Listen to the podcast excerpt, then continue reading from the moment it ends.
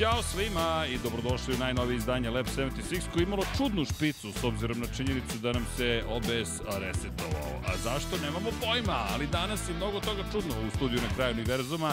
Imamo i živog svedoka Mihajla Avetija koji ne može da veruje šta se zbiva, ali Stavili smo scenu, jel tako? Stavili smo, učitali smo i novi intro i sve smo podesili, ali gremlini su u studiju, ne vredi. Sve smo dali od sebe, ali desilo se opet da se nekako vratila prošlost, ali to ćemo mi da sredimo tokom podcasta i da pustimo iz početka. Deki,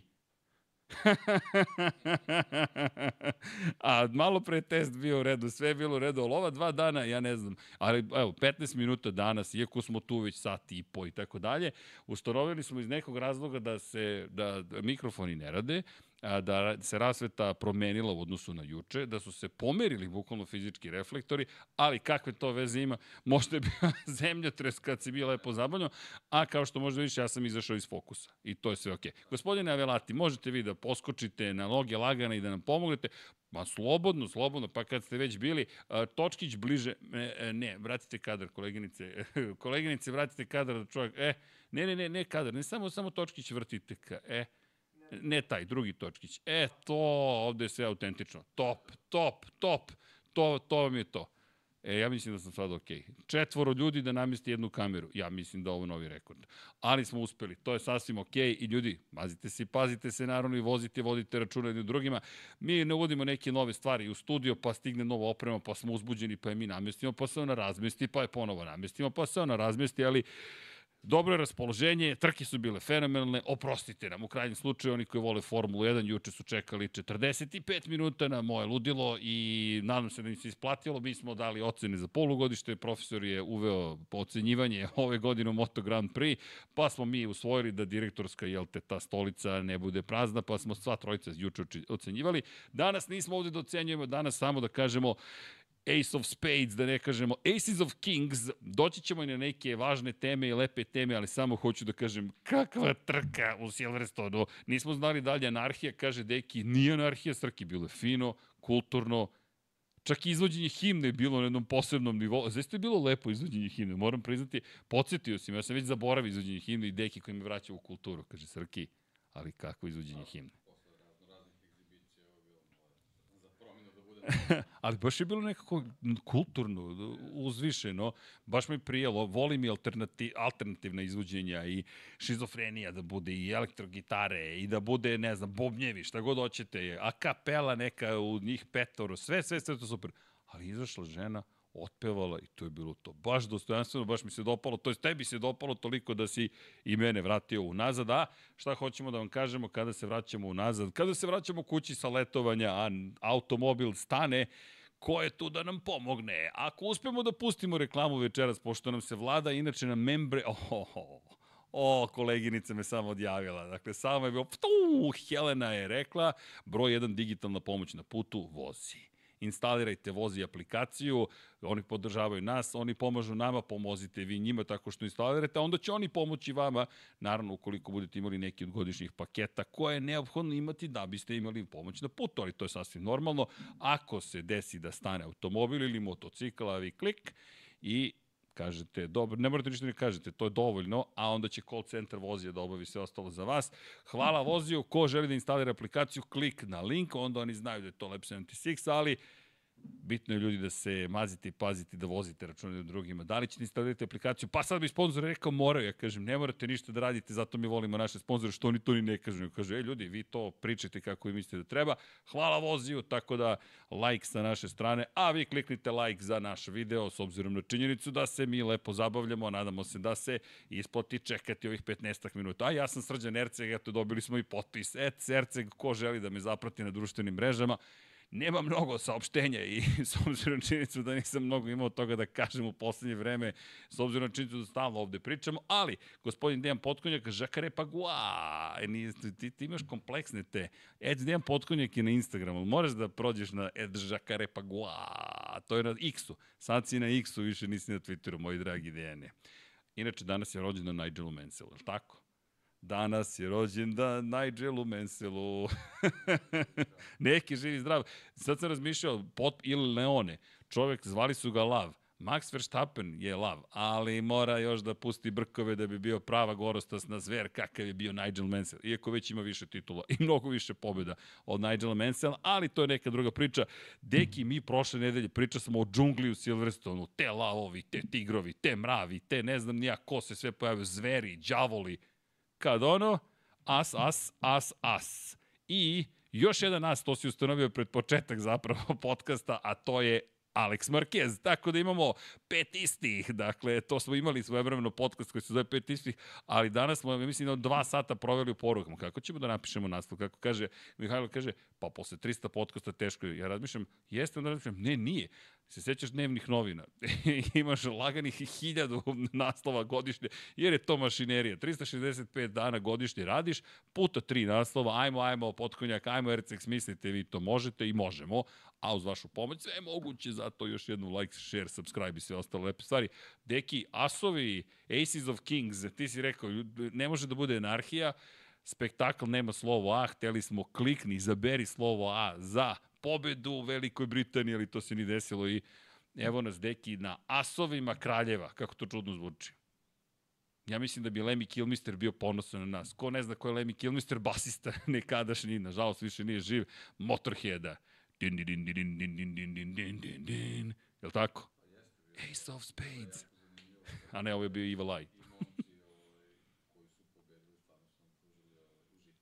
Baš je bio užitak. Dakle, od, odakle god da krenemo, Alex Marquez, prva pobjeda u karijeri u sprintu, nije na velikoj nagradi, ali prva, za Gresini veoma značajna.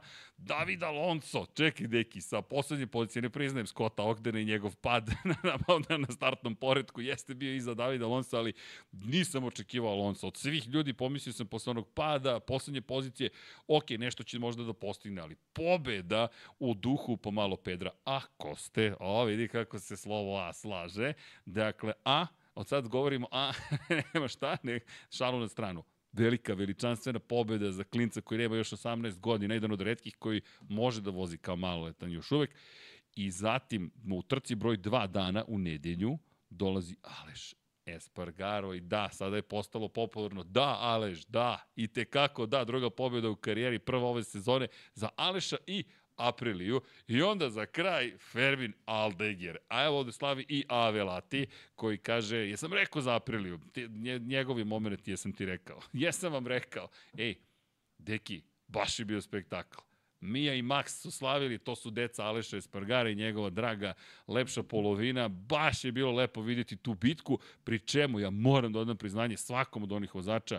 Deki, Silverstone, M izgleda kao da je nekako oversized, kao da je prevelikih razmera, ali ti gledaš njih u jednom spektaklu u kojem pada kiša, oni imaju gume za suvo i kažu nema problema, to vam je rešeno, sad ćemo mi to sve da završimo samo lagano i ne da su završili, nego su odradili fenomenalno posao. Ja obožavam, naravno, svi obožavam motografije, ali ovakav vikend posle pet nedelja pauze baš je bio kako treba.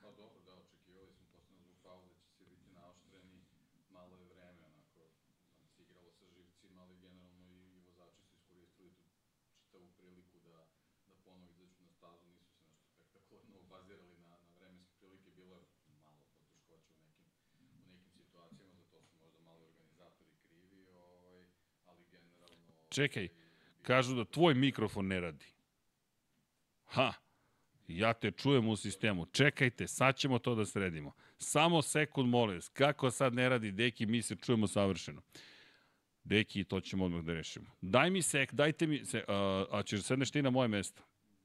Pa da bi te neko čuo, inače će da bude potpuna tišina. pa moramo tako. Dajte nam sekund.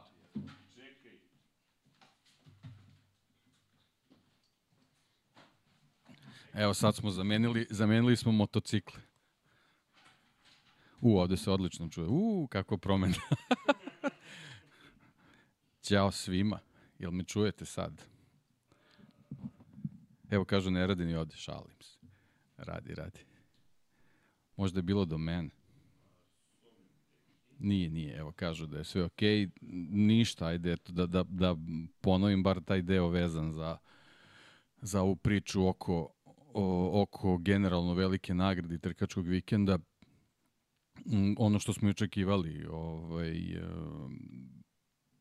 velika pauza, svi su bili naoštreni da, da ovaj, da ponovo, da, da, da, čujem. Da li publika čuje lupka?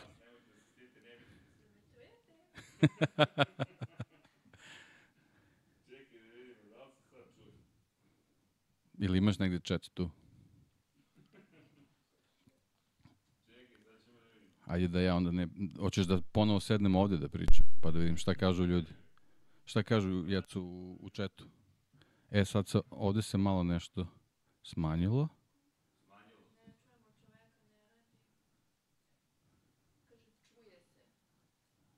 Čekaj, bolje da ja sednem tu da, da, da vidim da li, da li me čuju.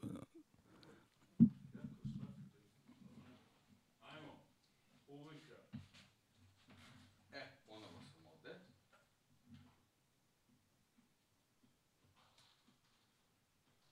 Da li se sad čujemo? Jel ima neke promene?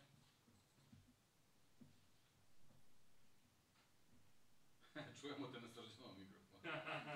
pa ništa, ajde, menjat ćemo mikrofon, ovaj, koristit ćemo isti mikrofon. Nemoguće, sve, sve pušte. Da. Ne znam, eto. Čekaj, ti si preamp četvorka. Dobro. Evo, sam, sam, u, sad se ništa ne čuje. Ja sad sebe ne čujem u slušalicu. Čekaj, čekaj, polako. Sada? 1, 2, da li se sad čujemo? Ja sad nemam sebe ni u slušalicu. Aj sad.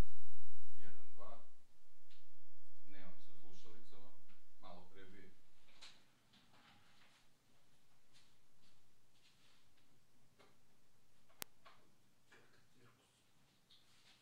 Aj sad, neki. 1, 2, da li se sad čujemo?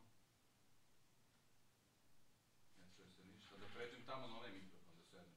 A, ajde probaj. Ajde da probamo to.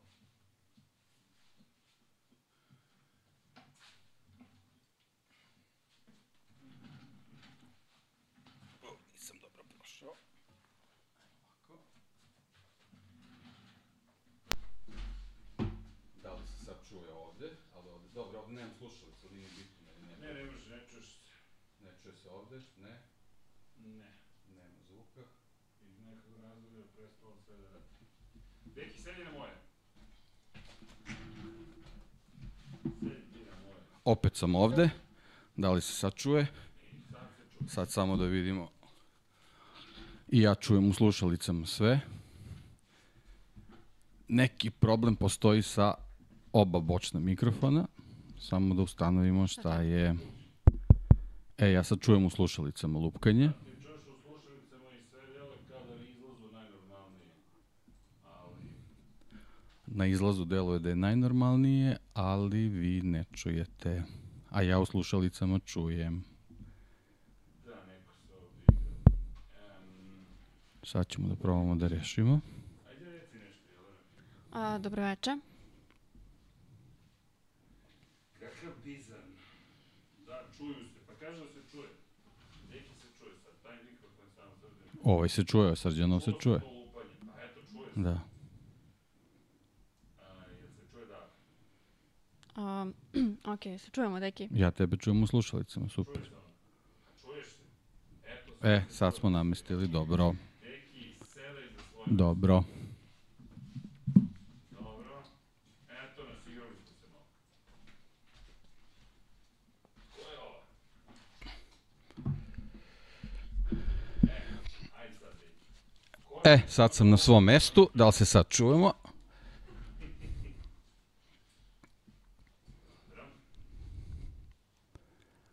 Jel to to?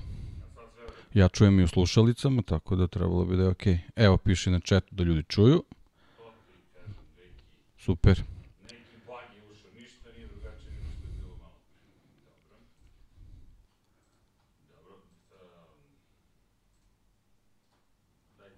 Srki je u neverici potpuno i šta se desilo? Da, ne. A i ovih dana očigledno bi nešto ne ide. Dobro. E, sad moja koleginici da stavim neke stvari. Fotografije.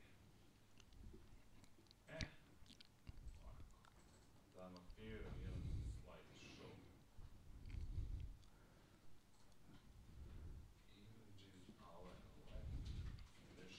Evo, Srki stiže samo da postavi neke slike i možemo da krenemo.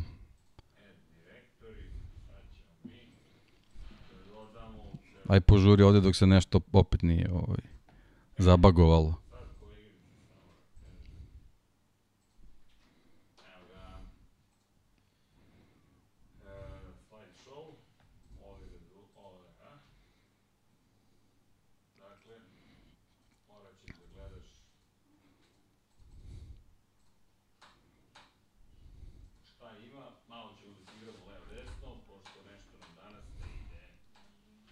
Imaš sve. Pa sad tu malo istraživanje. Kako? A, hvala. Dobro. Telefončić. Ćao svima. Ćao svima. Okej, jesmo sad uspeli sve da namestimo kako treba. Dobro, deki, čujemo se ovde, Odlično. čujemo se na YouTube. Pa dobro, davno niste imali zabavu e, kada je reč o Lab 76 ili ste možda imali sinoć zabavu, ali prosto ne mogu da verujem. Dakle, dobro, Iz početka. Gremline ćemo da pobedimo.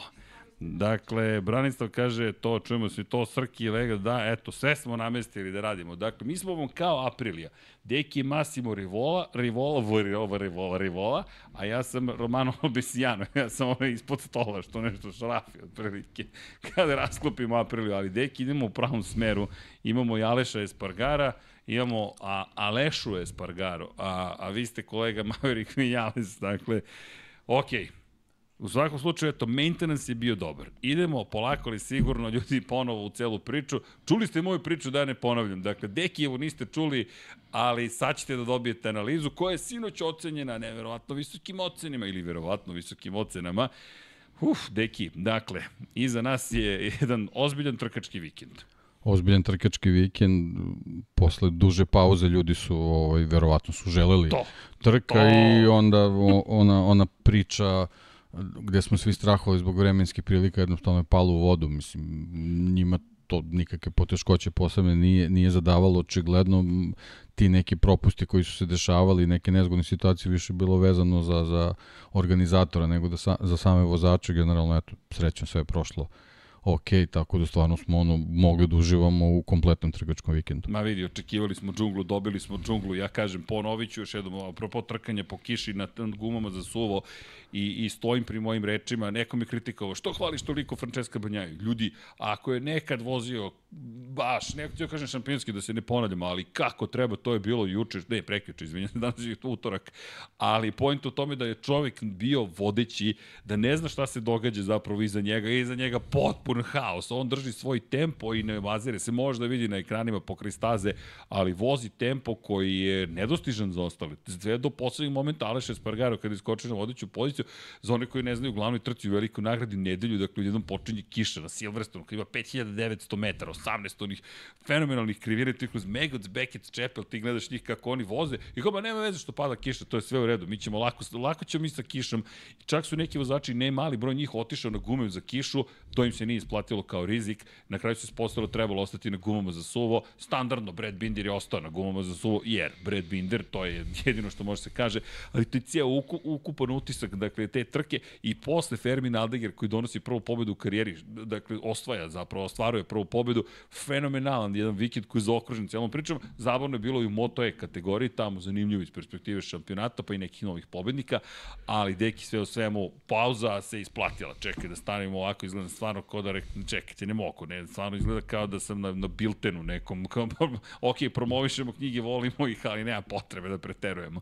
A to je i nazire se Ducati, koji nije bio pobednički motocikl, dakle, odavno se nije desilo zapravo od velike nagrade Amerike da nije pobe, Amerika, da nije pobedio Ducati i evo Aprilia druga pobeda u Ne, istoriji viš kako se, kako se istorija okrenula, kako je nekad bilo ovaj, kad krene kišica kao ja dobro, konačno će Ducati da funkcioniše, viš kako je sad A, reci. obrnuto došlo vreme. Pazi rečenicu, Da. nije pobedio Ducati, to je veliko iznenađenje. Nešto nije pobedio, nego njih nema nigde. Uh, pa, Kad pogledaš. Kad pogledaš, da, da, ali ko je bio tu? Ko je bio Da. tu? Kralj je bio tu. Francesco da. Banja. Mada u Pa u to je ono što mu je potrebno. Uh, bilo je onako... Pa dobro, očigledno da, da fokus je na glavnoj trci dalje i to mi je drago.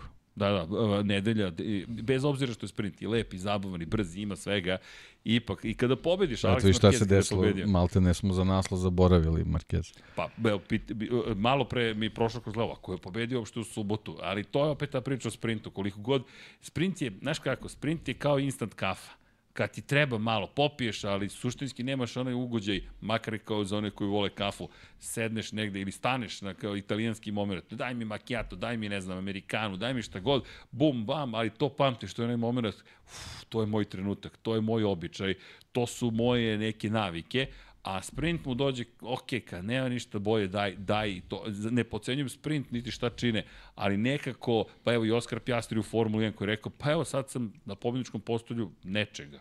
Ne zna niko da. gde da svrsta Pa eto, na tim priču. trkačkim stazama, eto, imali smo i Formuli 1 i sad u Moto Grand Prix baš prave trkačke staze.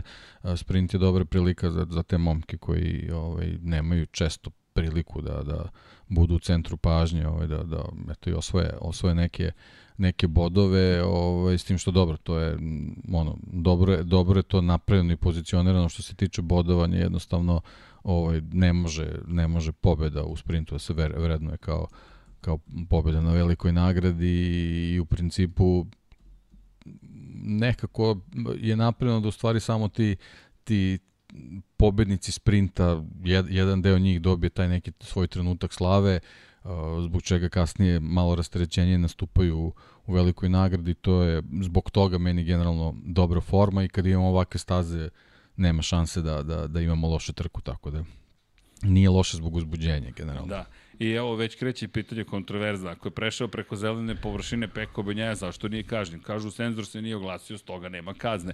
E sad ono što je moje pitanje, a sudi je čemu služi u celoj priči, pa ne, nije senzor se oglasio. Ako se oglasi, ja nisam na zelenoj površini, pa oglasio se. Kako god, ali, ali ok, to je deo zabave isto da, da komentarišemo zapravo i te situacije, no to smo znali da će se dešavati čim uvedeš senzor i takvu situaciju, dođeš do, do toga da kažeš, pa dobro, ponekad se, po tehnologiji, evo kao, se, kao danas nama, ovo mora da je Dorna nešto uradila, kad njoj nije radio senzor da nama studio takođe, malo po zariba, ali sve je okej, okay. drugari, i drugarice, naravno, sve je u savršenom redu. Inače, za oni koji se tek pridružuju, uh, zapravo ako ovo čuju, onda znaju da to on radi stavili smo, pinovali smo poruku. To radi od sedmog minuta, od manje više.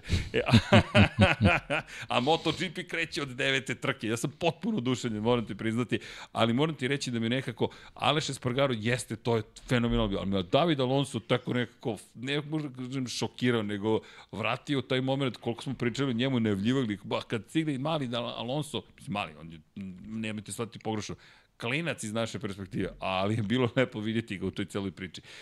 Ene, kada pričamo o, o, o, o ipak o Moto Grand Prix, moramo da ostanemo tu.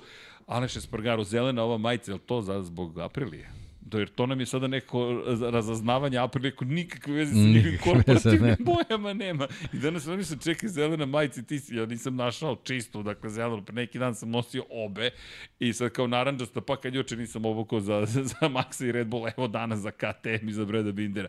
Ali ajmo da, ajmo, ajmo da ispoštujemo Aleša Espargara. Pazi, pet nedelja pauze, vraćamo se na stazu na kojoj prošle godine imao vrlo ružan pad na mesto na kojem je okončana njegova bitka za titulu šampiona sveta. Realno, taj pad je njega potpuno izbacio iz takta. Dakle, ono što se desilo u Asenu 2022. i moment kada ga je Kvartararo izgurao sa staze je incident, ali se završio jednom od najspektakularnijih trka koje smo ikada videli ravna crta po pitanju vremena koje je postigao. Tu majicu ćemo napraviti bez obzira kada, ali ćemo je napraviti što mora se napravi. I Aleš Espargaro koji u toj trci govori, ljudi, nemojte mi odbacivati, isključivati, dolazimo na još jednu trkačku stazu i ima vrlo ružan pad koji u potpunosti poremetio i tu i na Red Bull ringu i tako dalje i sada nekako simbolično se vraća na stazu Massimo Rivola, izvršni direktor Aprilia rekao ovo je naša staza i meni to bilo fenomenalno da čujem. Kaže, ovo je naša staza, da i Aprilia se tako osjeća. I ti si rekao, ja sam krenuo od Aleš, Alonso, Aldegar. Pričemu sam Alonso ubacio pre Aldegar, rekao Aldegar slabio u srednjoj klasi i Deki kaže, ne, Aleš i Aprilia i ovo delo je zaista da postaje nekako mesto kao Argentina gde možemo očekivati od Aprilije dosta, iako ove godine kiša nekako je poremetila Apriliju. Pa skroz. da, i pretprošle godine on bio, ako se sećaš, jeste, odličan, jeste. odličan na, na, na Silverstonu i zbog toga je ta prošlogodišnja trka ostaje taj žal za, za njom, ovaj, zbog tog pada definitivno je, je kad, kad, kad pogledamo razvoj dalje situacije u, u, u finišu prošle, prošle sezone, ta trka bila ključna da, da, da on praktično tu ostane bez, bez priključka i zbog celog tog incidenta koji se desio u Asenu ispostavlja se da je Silverstone prošle godine u stvari bio ključan Peku Banjaji u, u, u toj borbi za titul ili ono tog trenutka u stvari krenuo taj neverovatan finiš eh, gde Kiksa nije smelo da bude, nije ga ni bilo, a s druge strane rivali ovaj, Sparga, uh, Aleš Espargaro i Quartararo m, po, posle tog Asena nisu jednostavno mogli da, da se da se oporave. Aleš je je pao u Silverstonu, ima, ima je ovaj, puno problema da se pre svega fizički vrati u pravu formu, a Quartararo, taj dugi krug koji je dobio kao kaznu iz, iz Asena, ga je skupo koštao ovaj, to je praktično počeo da gubi taj, taj, taj korak, a imao je ogromnu prednost do, do, do tog trenutka koja je počela da se topi. Aleš Espargaro inače deveti bio prošle godine u Silverstonu, pa je bio šesti u Austriji, pa šesti u Mizanu, u Aragonu treći, tu se činilo, evo ga Aleš onakav kakav ga očekujemo, međutim u Japanu ona 16. pozicija, ali generalno Velika Britanija taj niz Peka Banja je bio fenomenalan prošle godine. Negde, iako je zabeležio četiri pobjede za redom, računajući Holandiju, dakle Holandija, Velika Britanija, Austrija i na kraju Mizano, došli smo do toga da zapravo niz počinje u Velikoj Britaniji. Sećam se, prošle godine smo bili fizički u Austriji da, i baš sam ga pitao, je to taj, taj trio trka koji moraš da, u kojima moraš da pobediš i on je rekao, ne bih tako posmatrao stvari, ali se tačno videlo da jeste to stvar koju mora da obavi. E sad, ove godine u šampionatu sveta kada posmatramo malo širu sliku, ja iskreno, deki, ne vidim da neko može da ugrozi Francesca Banjaju. Dakle, koliko god pričamo sada o Alešu Espargaru i fenomenalnosti njegove trke i najbržem krugu i činjenici da je bio zaista spektakularan, Aleš je sada šesti u šampionatu sveta. Ova pobjeda suštinski ne menja ništa. On se tek izjednačio sa Lukom Marinijem i mnogo je daleko od Peka Banjaje. Zapravo, 107 poena ima. Tačno duplo više ima Peko Banjaja u momentu. 107 za Aleša Espargara, 214 za Peka Banjaja.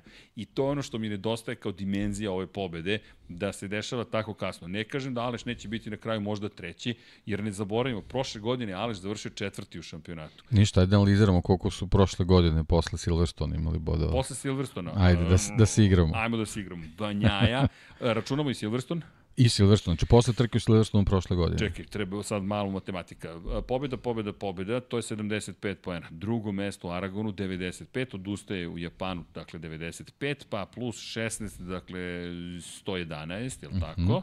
111 posle Tajlanda, pa plus 16, to je 127 u Australiji, pa sto, kako smo rekli, 127, pa 25 u Maleziji, to je 152 i deveto mesto u Valenciji je 7, dakle 161 poen. 161 poen od Silverstona. E sad, imamo i sprint ove godine, tako da, Da. ajde da dodamo Da, da, da. polovinu poena. Da, sprint malo, malo kvari. da ovaj, dodamo, znaš, Ne ide, da. znaš, ali e, ima nečeg. Mora da se izvuče koeficijent, ne može A, a tako. pazi sad Aleš. Aleš 7 poena u, Austri, u Silverstonu, pa, koji ćemo koeficijent da stavimo? Ja bih stavio 40% na, na, na vrednost velike nagrade. 41. Može 41. e, pa Dosadan sam s tim brojevima. Nisi, pazi broj. Mi imamo četiri asa plus jednog. Eto. Zato što je sprint, tako da je 4 plus Menjaj 1. thumbnail. Menjaj thumbnail i menjaj špicu nekako retroaktivno. Ajmo iz početka sve. Ajmo sve iz početka. Ali šalu na stranu, pazi sad Aleša, 7 poena u Velikoj Britaniji, pa dodaj mu 10 poena u Austriji, 17, pa plus 10 u Mizanu, to je 27, pa 16 u Aragonu, dakle tu smo na 41, jel vidiš, je li tako? Ne, nije 6, 43, pogrešio sam, sorry. Pa bez poena u Japanu, pa 5 poena na Tajlandu, Šta smo rekli, 40, 48, pa plus 7 za devetu poziciju u Australiji, dakle 47, a tako 55, hvala, 55, pa deseto mesto u Maleziji, to je 6, dakle 61 i to je to. 61 poen Uf, velika, ra- velika razlika. Ogroman, 100 poena više je Peko Benjajo svoje. Znaš, ceo, Da. ceo, ceo, ceo taj drugi Četiri deo. pobjede. Da, a pritom Peko juče nije Pa ništa, bio eto, znači Aleš mora četiri puta da pobedi do kraja sezone da bi bio tu negde. da bi bio tu negde. Ali pazi Peka umeđu vremenu. ali, Da. ali da Peko nema, nema seriju, znači to je, to je sad već malo teže, Malo sa, teže. sa ovakvim banjajom. Pazi, i prvi, drugi, prvi, drugi u prethodne četiri trke. Pri čemu Francuska, izuzetak, taj incident sa, sa Vinjalesom, da nije bilo incidenta sa Vinjalesom, hajde da kažemo da bi bio među vodećom trojicom najverovatnije. Ne znam da li bi pobedio bio drugi, ali peti neka bi bio, opet imaš neki pristojni rezultat. U Španiji je pobedio i onda imaš ono dva pada s početka godine. Ali u ovom momentu, bez obzira na loš sprint i na bizarnu situaciju sprintu u kojem nije osvojio poene, Banjaja, kada pogledaš te šampionske tabele, neko je prvi, drugi, prvi, drugi, prvi, drugi, prvi, drugi, tu je šampion, tu, tu nema šta da tražiš ako nisi na tom istom nivou. Ko je u ovom trenutku na tom istom nivou? Jorge Martin je bio četvrti, pa drugi, drugi, prvi do Holandije, pa onda peti, pa sada šesti. Dakle, polako ispada iz priče. Zatim, Marko Beceki, prvi u Francuskoj, pa osmi, pa četvrti, pa drugi u Holandiji. Taman pomisliš, aha, evo ga Bec. I iskreno, moram priznati da me Banjaja oduševljava mnogo više ove godine. Taman kada pomislim, ne, sad će Marko da mu uđe u glavu, jer Marko mu je rekao posle Holandije šta bi se desilo da je imao, jel te, pravi izbor pneumatika, sve uz psovku da je šokiran bio Francesco Banjaja ali Banjaju to uopšte nije po, po, poremetilo. U sprintu neki problem postojao, ali ti na kraju pogledaš i kažeš čekaj, Peko je taj koji nije pao, Marko je Beceki je pao. Za oni koji ne znaju, sto u krivini, videlo se da ima prednost na kočenju, ali meni deluje kao da je klasično opuštanje bilo u pitanju i da je jednostavno mislio da je trka dobijena mnogo pre nego što je uopšte bi ušlo u završnicu, kamo li nešto. Pa da, njegov stil vožnje je takav da, da, da, da taj finiš trke stvarno ovaj, može da bude veliki adut i moguće da, da je taj neki tempo koji su održavali mu je onako pokazao da, da je u stvari taj finiš ovaj njegov, međutim videli smo da da posebno zbog zbog vremenskih prilika koje su se pogoršale pred kraj trke jednostavno u, u tom trenutku uopšte nije moglo na, na taj način da da se gleda i ovaj Uh, mislim da da je i, i, i bio prilično iznenađen ovaj i razočaran tim, tim, tim odustajanjem. On je u nekim izjavama čak rekao da, da se dešlo ne, nešto jako čudno da u trenutku kočenja motocikl počeo stvari da ubrzava umesto da da, da, da, da koči, tako da ovaj, verovatno su, su već i tu prilike na, na asfaltu bile, bile drugačije, uhvatili su ga onako malo nespremnog i ono poslednje što je trebalo da mu se desi u ovom trenutku je da, da ostane bez bodova na velikoj nagradi, pošto stvarno uh, je i on uh, delovao da, da, da je izuzetno motivisan da nastavi istom tempu, da, da drži taj, taj priključak sa, sa Banjajom, međutim evo sad se onako da kažemo spustio na zemlju i vratio neku realnost. Uh, Tu je sad i ta nezgodna situacija vezana za rešavanje ovaj ugovora za sledeću sezonu, gde otići, šta uraditi, tako da tu postoje još neki dodatni pritisci s druge strane.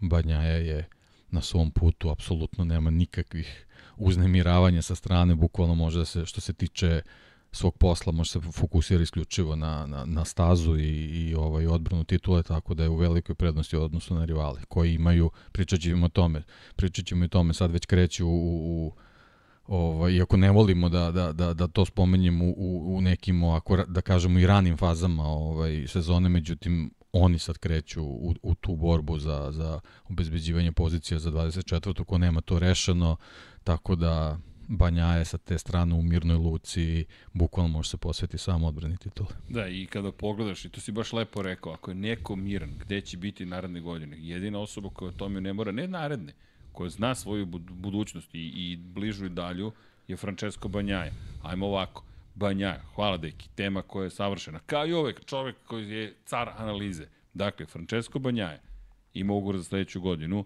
2025. 26. 27. Ducati nema šanse ljudi da se oprosti od Banjaje. Banjaja je u panteonu Odbranom titule, Ako odbrani titul, ma ne, ne. dokle do, god do, poželi. Do kraja karijere. Tako je, tako, dokle Bukvalno, god poželi može da ostane. bukvalno i ono što je bitno takođe, to je njegov tim.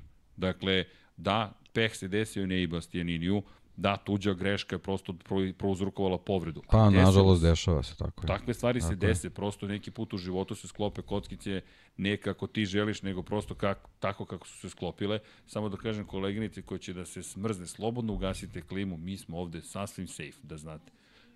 Prva osoba u kratkoj majici kratkih rukava koja je na mestu realizacije rekla sve je u redu. Inače, to je Helena, e, naša social media menadžerka ili ti kraljica društvenih mreža koja je koja, ja ne znam više ni šta izbacuje, to sam i juče rekao. Samo se pojavi neki reel i pitam se kad smo ovo izjavili. Ali smo izjavili. U svakom slučaju, kada pričamo o Banjaj, bukvalno, on je sada među bogovima tamo. Bukvalno bogovima. Zašto? Ako pogledate do sada, Casey Stoner i Troy Bayliss su kroz istoriju Ducatija bili apsolutno najpoštovani vozači. Casey Stoner kao čovjek koji je donio tu prvu titulu, veličanstvenu titulu, dugi niz godina i jedinu titulu u Moto Grand Prix. I kao čovjek koji uspeva da pobedi s onim Ducatijem, ne sa ovim. I pored toga, imate Troja Baylisa koji je tri titule osvojio na, na, na, na Superbajku u, sa Ducatijem i to na način na koji poštuju to italijani. Zaista, u Bolonji je uvek važio za jednog velikana. I sada imamo... I onda se na Moto Grand Prix i pobedio. Pobedio 2006. ono dvostruka pobjeda prvo istoriji Ducatija, gde je Loris Capirosi, fabrički, sezonski vozač bio na poziciji broj 2.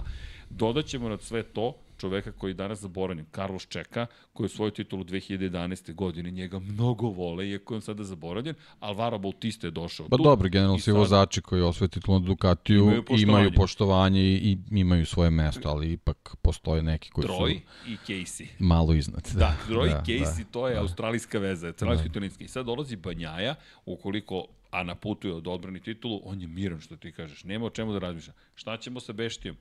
Beštija ima ugovor do kraja sledeće godine, ali bez obzira zašto se desilo, nešto se desilo, u ovom momentu Marko Beceki grabi ka toj poziciji. Nije Marko odjednom toliko bolji da ne je Bastianini, pa sad ja Marko je jedina zamena. Ali suštinski ovo je Markov trenutak, da je Marko završio ovu trku i da se bori za pobedu, nemamo o čemu da diskutujemo. Njemu moraju da otvore vrata. Ali, da li mu sada otvaraju vrata ili mogu da kažu pa dobro vidi, ajde sad Pa dobro, vidimo da tu postoji ta neka igra vezana i za pramak i, i, i to mesto, tako da postoji tračak neke nade za, za, za ovaj štab oko je ne Bastianinije da će on dobiti pravu priliku stvari sledeće godine, da jednostavno da postoji u Ducatiju razumevanje ovaj, za, za njegovu situaciju, opet s druge strane to može da proistekne upravo iz, iz toga što je uh, Banjaja na, na sigurnom putu kod odbranih titula i generalno ta pozicija drugog vozača možda recimo slučaj sličan Perezu, Red Bullu ne, i ne zanima toliko. Znači ovoga puta sve, sve snage su usmerene ka tome da, da dođu do toga da kažu mi smo odbranili titulu. I to je ono što ih najviše zanima, tako da možda po tom pitanju Enea Bastianini može, može da bude da bude pošteđen, ovaj, E sad, da li, da li se ta pozicija u pramaku gleda kao, kao ovaj, da kažemo, neko mini fabričko mesto, to sad ostaje da, da, da, da se vidi kako će pre svega ovaj, ekipa oko, oko Becekija da, da, da gleda na tu situaciju, ali, ali tu se pojavljuju ti, te, te neke priče gde, gde postoji ovaj, i ta neka opaska koja je stigla iz Ducatija da Marko Beceki mora što pre da odluče da li želi da ostane u jato Valentina Rosija ili da dobije fabrički Ducati, što znači da sigurno neće dobiti fabrički Ducati u VR46, što znači da VR46 možda i neće više ni biti sa Ducatijem. Tako Zašto? da to se sad da. Zato što gledaš gde možeš da dobiješ fabričku To se sad tako, tako, takva priča širi, a to je možda eto onako nisu hteli direktno iz Ducatija da kažu, ali kroz, kroz tu rečenicu onako preneseno svi mogu da shvate u stvari o čemu se radi. Znači ako želiš da budeš uz, uz Ducati dobiješ fabrički, znači možeš da dobiješ ili crveni ili I ili, ili pa dobro sad zavisi ko je sponsor ali generalno Pramak. Dobro, trenutno prima Pramak tako da, da tako da to je to je priča oko Marka Becekija koja se malo komplikuje zbog cele ove situacije u Silverstone i sada da dodamo ne zamerite nećemo pobeći od Silverstone ali suviše stvari se dešava. Čak su napravili kategoriju ti će se oduševiti Riders Market na na ovom Moto Grand Prix sajtu kojem dajem čistu nulu ovoga vikenda. Naravno da će ga oni naprediti ali ja sam potpuno poludio više izbacuju ti kao Craigslist jedan što bi bilo bolje da su ostali na nivou Craigslista, bukvalno jedna stranica gde piše ovde ćeš naći rezultate za veliku nagradu Velike Britanije. Dobro, gde su prethodne trke, gde su stare trke, inače imate trik dok još uvek važi. Kada kliknete da vam se otvori PDF za neki rezultat, Gore možete da vidite lepo URL parametre, FP2, FP1, GBR, RAC i slično i na osnovu toga ukucate i dobijete rezultate iz prošlosti. Tako da znate ili nešto što vam treba. Tako da, ko je vičan tome da u adresi promeni URL ili ti URI zapravo, ali nema veze, to možete da uradite. Eto, čisti mali trik. Da se vratimo ovome. Da, još jedna bitna stvar se pojavljuje. Joan Zarko je dobio ponudu Honda. Dakle, dobio je ponudu da ode u redove Honda. Kada pričamo o odlasku u redove Honda, za sada je to Lučiće Kinel Racing. Dakle, da zameni Aleksa Rinsa. To je ponuda koja je stigla iz Honda. Dakle, to čekamo kao odgovor gde Zarko kaže, ok, da li da napustim sada motocikl, to je s kojim mogu teoretski da pobedim, i da idem na motocikl koji treba da razvijem, o konačno on je rekao da je počestvovan činjenicom da ga je Honda pozvala.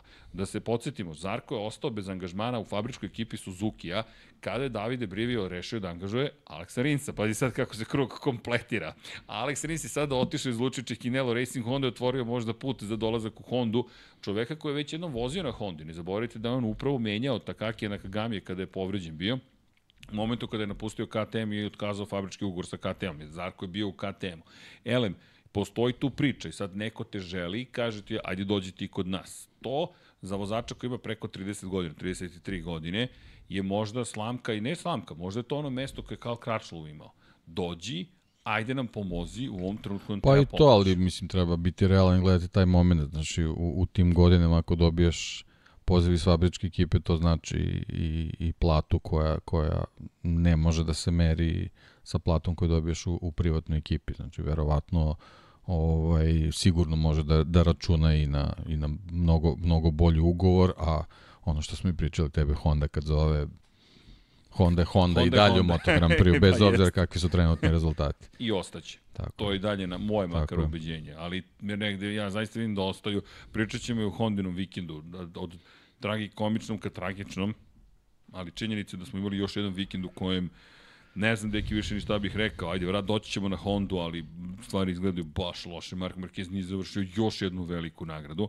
S druge strane, John Mir nije završio još jednu Ajde, ne pričamo sad o njima. Ali nije... samo da konstatujem. Pa dobro, ali, da, eto, da sam, samo da kažem da je drama bila iz te strane. Elim, što se tiče Joana Zarka, dakle, Joan Zarko, čovek koji je dobio priliku da, eto, ode u Hondu. Čisto da zakomplikujemo priču o Marku Becekiju i Joanu Zarku, ali delo je da to čisti put ka za Pa dobro, da, to je, to je u gledamo kroz, kroz, kroz sliku toga da, da Beceki ima možda prvi put u karijeri se sto, susreće s takvim situacijama da a, ima priliku da se bori za istorijsku titulu u, u konkurenciji vozača. Jer mnogi su probali u privatnoj ekipi to da urade i evo pos, poslednjih godina je to, blizu to je da, učestalo, da, da. svi su blizu, a on je sad nekako uh, već u prilici da, da, da, da čak i na tu borbu više ne gledamo kao, kao na nešto spektakularno, nego na nešto što se dešava što je jednostavno potpuno normalno se desi, međutim on sad dolazi u situaciju da umesto da se koncentriše na to šta se dešava na stazi,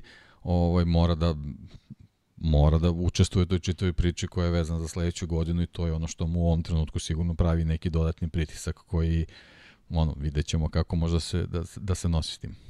A posebno loš rezultat u Silverstonu sve komplikuje gde ti treba da budeš među pobednicima, zašto? Brza staza, rekao si, volim ovu stazu, to je moja staza i posle uspeha pa, u Asenu... Apsolutno bio među favoritima za, za, za, za pobedu. Pazi, u sprintu kada pogledam, da. e da, ako možete, koleginice, imamo u slajdovima, slide show, imamo i krugove Becekijeva iz sprinta.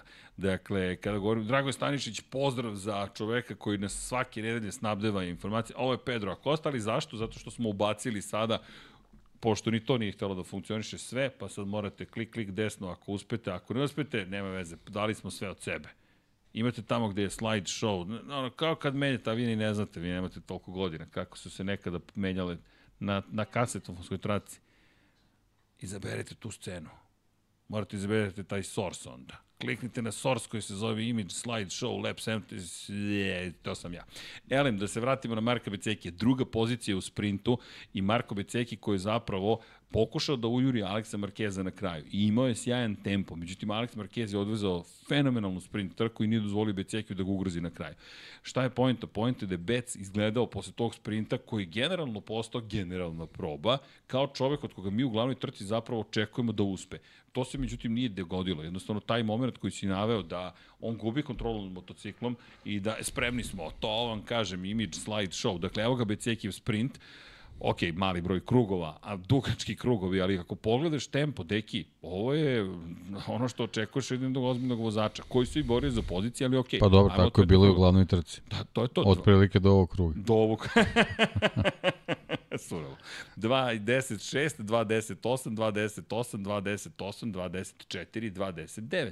I on je u ovom krugu 2 10 4 stvarno pokušao da Aleksa Markeza sustigne, nije mu pošlo za rukom. Ali, kažem, generalna proba i delovalo je da će ovo biti ta trka u kojoj prati Banjaju, napada na kraju i stavlja do znanja mogu da te pobedim. Ali Banjaja, ja pripisujem ono takođe Banjaj, jer Banjaja je fenomenalno vozio. Banjaja je tako vozio da ostali svi koji su iza njega se izlomiše ne bili ga sustigli. Samo jedan ga je čovjek na kraju sustigao i pobedio. Pri tom si prvi opipao štazu u, u baš onako nezgodnim uslovima I sam izjavio da u nekim trenucima nije mu baš bilo sve jedno misli ovaj, da, li, da li da popusti, ali dobro, to je sad onako neko, njegova džentlmenska priča generalno, mislim da je u svakom trenutku vrlo dobro znao šta radi, ovaj, a, a to neko njegovo dodatno šampionsko sazrevanje pokazao i tokom sprinta.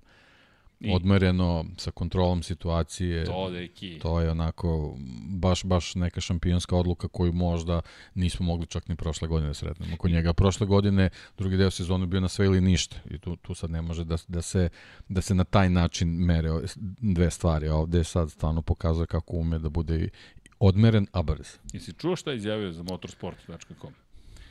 Citiram zasigurno najteži deo vikenda je bila sama trka, jer tu je naravno prosto to osvete pojene. Ali nisam razmišljao o tome da bilo kome pokažem dakle, da, da ja mogu da ne napravim grešku. Ne razmišljam o, te, o tome da pokazujem potencijal. Ja savršeno znam šta ja mogu da uradim, šta naša ekipa može da uradi, šta Ducati može da uradi. Tako da je moj posao samo da radim što je bolje moguće, da se savršeno pripremim za trku i da nemam nikakve iznenađenja u trci. Ovo je nešto što se promenilo u odnosu na prethodnu sezonu. Radimo na tome u treninzima, da imam sjajan osjećaj u samoj trci i ponekada kada vidite poziciju u samim treninzima, vidite da nisam među vodećima, da sam pozadi, ali to je zato što koristim stare gume kako bih se prilagodio da. onome što me Ali dobro, to, je, to si ti najavio pred Silverstone, to, je, to može da bude taj način kako smo pripremili za trku, može da bude problem sa ovim novim pravilima i sa ovim jako malim vremenom vre, za pripremu, plus kad dođeš na stazu gde su promenljivi vremenski uslovi, onda može da se desi da priprema uopšte ne prođe kako treba, ali on je vrlo pametno sprint iskoristio za sve ono što nije mogo da iskoristi ovaj, vreme u treninzima za pripremu, on je sprint dodatno iskoristio za to, usput osvojio neke bodove i ovaj, ono što se meni tiče jedan onako baš šampionski trkački vikend za, za Banjaj. A bio je drugi. Da. A bio je drugi, a pazi, a baš je šampionski vikend. Ja, ja moram priznati da mu odajem zaista veliko priznanje što se tiče Aleša Espargara. Samo se razumemo. Ljudi, ono je spektakl. Dakle, on je čovjek rekao, bez obzira odakle bih startovao, ja sam bio ubeđen da ću pobediti. Bio je 12. na početku trke. Dakle, on je poslednji bio u Q2 delu kvalifikacije. Delo je ti, evo opet propuštene prilike za Apriliju. Opet neka situacija. Međutim, po kiši su bili dobri. Maverick Vinales mene oduševio zaista što, što je po kiši bio na pobedničkom postolju u sprintu. Okej, najzad da dobijemo Maverika u raspoloženju koje negde očekujemo. I pohvali, skidam kapu, slušalice, šta god treba, za svaki napad u kopsu, ljudi, preticanja koje su oni izvode, deki, u kopsu, ono se prosto ne radi. Dakle, ono ne treba, ono treba zabraniti. Zabranjeno preticanje u ovoj krivini. Čuvena krivina u kojoj je Lewis Hamilton imao kontakt sa Maxom Verstappenom, mesto kojim punim gasom sada u modernoj, savrenoj Formuli 1 prolaziš, gde oni moraju malo da ipak puste gas. Ko, ne znam ko tu koga nije pretekao. Maverick Vinales malo preagresivno protiv Jacka Millera u glavnoj trci, ali generalno, kada pogledaš, Vinales skidam kapu, pogotovo što je kiša i on je rekao, naša Aprilija ne funkcioniše po kiši obično, to funkcioniše samo u treninzima. Sad je funkcionisao u trci, Sav je bio nastavnik. Ne, mislim, sjajna trka. Počeo za, za čitavu Apriliju, mislim, generalno ekipa, tim, motocikl vikenda, ne, ne znam kako bi ovaj, šta je, šta je preče, šta je važno i šta je prava odrednica. Ovaj, generalno, kad je krenula kiša i Miguel Oliveira je konačno pokazao šta, šta smo izgubili u prvom delu sezone, ovaj, ja sam ga stvarno video kao nekog ko, ko je možda trebao da zauzme čak i mesto koje Marko Beceki u ovom trenutku ima uh, na šampionskom na, na, na, na tabeli šampionatu, ovaj, posebno zato što uh, nema sad više priče da, da da je hendikep što si na nekom starom motociklu, ako je taj motocikl bio dobar prošle sezone, ove godine možda može da bude i bolji sa svim parametrima sa kojima ekipe raspolažu, nažalost povreda ovaj, ga je sprečila jednostavno da, da bude uključen. U principu najviše uh, su ispaštali uh, Enea Bastianini i Miguel Oliveira kad, yes. kad, kad se sve sabere. Ovaj, tako da ovaj, mnogo mi je drago što se on tu uključio u priču. Raul Fernandez je nažalost ovaj, naj, najslabije Aprilija ponov, ali eto i on je, ja sam pratio malo neke njegove krugove, onako on je sasvim, sasvim dobar tempo imao, ali ovaj, nije, nije uspeo da, da, da i on to materializuje sa nekim, nekim većim brojem poena, ali, ali tako je, ali, ali, on je, ali on je u bodovima i ja ne mogu da se otmem utisku ovaj, što se tiče tog samog vrha, da nije bilo ovaj, Breda Bindera ja mislim da bismo imali 1, 2, 3.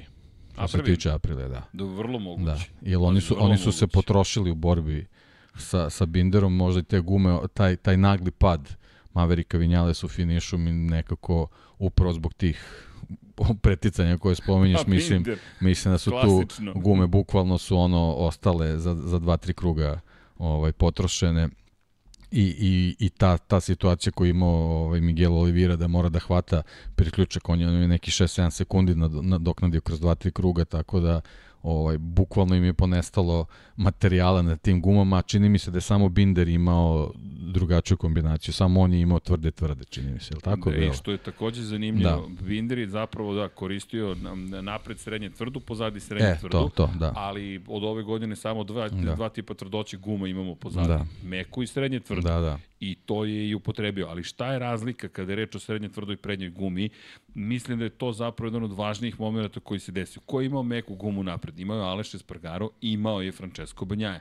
Miguel Oliveira, meka guma napred. Ko je imao, inače KTM troši više tu prednju gumu, pa je tvrdoća bi, uvek nekako ve, veća zapravo, to je tvrđa je prednja guma u odnosu na ostale, ali... Ali je potrajala zbog kiše. I deki još jedno da. novo pravilo, mere im pritisak. I to je, da. I Jean Zarko Dodatni je to problem, rekao, da. da je on imao poseban problem zbog toga što na kraju je morao da vodi račun o tome da ne padne ispod maks, minimalnog da. dozvoljenog pritiska, gde ti sada dolaziš u situaciju da zapravo moraš i kako da povedeš računa o tome da pritisak ne padne previše i dolaziš u situaciju da zapravo moraš da izabereš tvrđu gumu i ti odatle da kreneš, što ti negde poništava stvari na koje si se navikao, a Binder, ne znam koju veštinu on posjeduje da upravlja onim motociklom način na koji upravlja, ali on svoje radio. I taj izbor gume mislim da je bio mnogo važan i mislim da Binder klasično, da kako bih to rekao, bom, ne, ne bombarderski, nego nekako, baš je hazarder bio. Idemo, ali mislim da je bio svestan da on nema ritam, da on nema taj tempo. Jer Aprili su meni bile...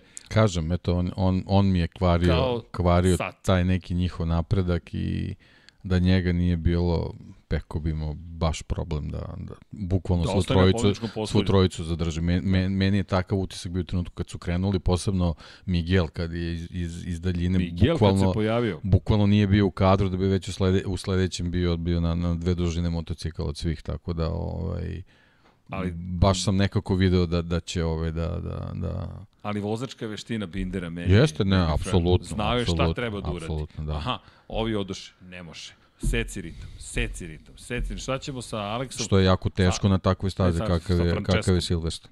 Uh, da. Ali to je lepota, da upravo, pa Megoc Bekec, oni su se deki napadali na ulazu i Megoc Bekec, konačno Aleš Espargaro gde je povukao potez? On je povukao na ulazu Megoc, ljudi, dakle izladite iz Kopsa i vi ste na punom gasu, na, na, onoj, na onoj livadi, na onom aerodromu, bukvalno aerodrom, ideš, ideš, ideš, i ide brza krivina u levo. Taj ulaz, pogotovo Megoc, je, je veoma značajan. Zašto? Vi ste gotovo potpuno ispravljeni. Nema tu obaranja motocikla na 50 stepeni. Ne, ti tu moraš da kao baletan uđeš, pa da odeš u desno, pa onda da ga oboriš malo više, usporiš, pa onda još dodatno usporiš, pa brzo da dovoljno otvoriš gaz za čepel i da izbiješ na, start, na, na pravac kod hangara. Ali ulaz u Megoc, kako se povukao konačno i Francesco Banjaja, oni su i komentarisali na kraju taj moment, fenomenalno. Mada ima izjava, znao sam da mm, je najhrabriji vozač među nama Aleš Esparga, ono je bilo i na hrabrost. Deki, ono je baš bilo i na hrabrost. Ne samo na veštinu, i, i, i još veće oduševljenje. Ali to je Ben Binder takođe iskoristio prethodno. Ne, ne, apsolutno, apsolutno. Izvolite. Mislim, bil- bilo je vrlo jasno da on jednog trenutka ne treba da povede zato što to ne, jednostavno ne bi mogao da, da, da udrži, ali zato sve oslo što radio vrlo pametno i i ovaj, već možemo da kažemo u njegovom stilu, nije sad, sad više to nije nikako iznenađenje, mi bukvalno znamo šta će on da uradi u takvim situacijama. Uh, Brad Binder, opet skidamo kapu, da. znali smo da ovim uslovima će biti uopšten, ali mislim da si baš lepo kao i uvek rekao i analizirao, uradio je svoj posao. Tako dakle, je, ovo nije tako je. rezultat samo KTM-a, ne.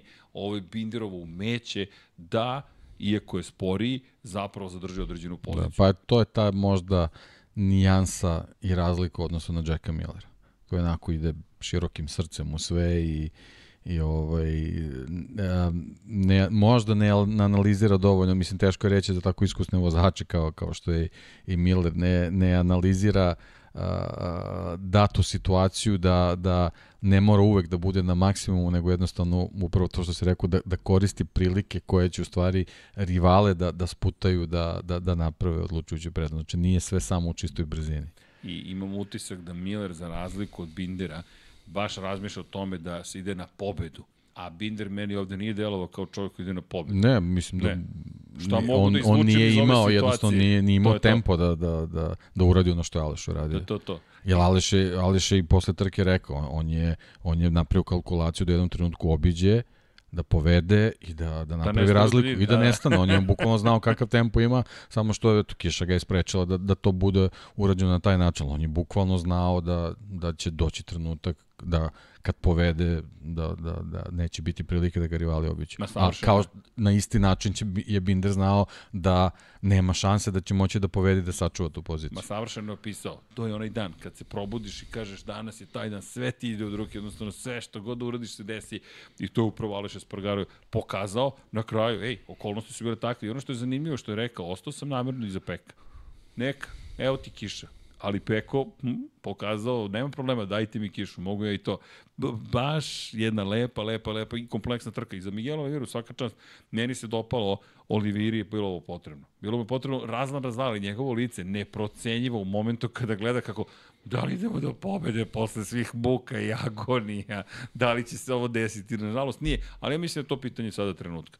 Sledeća kiša, Ovo je, ovo je samo da je pokazatelj da je Oliveira ono, prevazišao te povrede, sad je samo bitno eto, da ga sreća posluži da tako ostane i dalje, da jednostavno ne bude više umešan u, u tu neku situaciju, ali to je ono što si uh, ovaj, i malo pre rekao, ključan faktor je da izađeš i te, iz te sredine kolone, jednostavno da, da, da, da, da budeš u trkama što je moguće napred, ja sam ono i prošle godine i prethodne godine spomenuo famozna prva tri reda, jednostavno moraš moraš nekako da, da, da budeš tu, da dobro startuješ i da jednostavno smaniš verovatnoću da, da će ovaj, neko da, da ti priđe sleđe, da to obori ili, ili bilo šta slično uradi.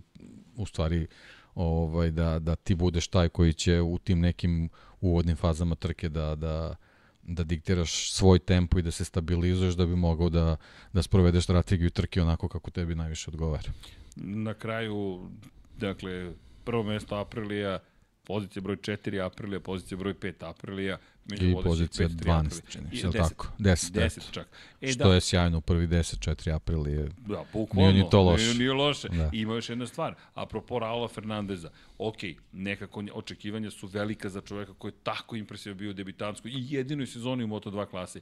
Ne zaboravimo, pre samo dve godine on se borio u svojoj debitanskoj godini u Moto2 klasi sa Remy Gardnerom za titulu šampiona sveta Moto2 kategorije. I bio je najtraženiji talent te klase. Da. Nismo spomenjali Pedra Kostu, pričali smo o Raulu Fernandezu. S tim što evo i on se sad pominje u nekoj priči da, da postoji mogućnost da to mesto bude slobodno. Ne znam da li si to video, ovaj, izjavio je da ovakav Moto Grand Prix u, kakav je, u kakvom je ove i prošle sezone ga praktično ne zanima. Uh, opcije su Superbike koji mu nije onako sad nešto spektakularno bitno, a čak spominje da postoji mogućnost da se vrati u Moto2. Tako da ovaj, m, verovatno u sledeće trku 2 3 možda ćemo dobiti tu odluku da li će Raul da prelomi i da li će nastaviti ovo mučenje, jer ovo je mučenje za njega, znači van serijski talent koji ovaj, ima dobar motocikl, sad vidimo po, po Silverstonu da, da, da su njegovi, da kažemo, klubske kolege, sva trojica, ovaj, ovaj, jako dobri s tim motociklom, a da je on opet prilično daleko od njih. Kada govorimo o opcijama, dakle, apropo Superbajka, Joan Zarko je takođe rekao da njemu opcija takođe nije Superbajk. Dakle, u ovom momentu niko ne želi Superbajk. Odlazak u Superbajk je odlazak iz Moto Grand Prix. Tako je. Odlazak u Moto2 klasu, tu si negde gravitiraš, tražiš neku šansu, postoji možda neka mogućnost, možda će neko reći, ej, možda nisi zapravo dobio pravu priliku. U ovom trenutku zanimljivo mi je, ali moram te priznati da mi se dopada iz nekoliko razloga. Dakle, prvo što je nesvakidašnje, dakle, volim da vidim, ok, šta će se desiti.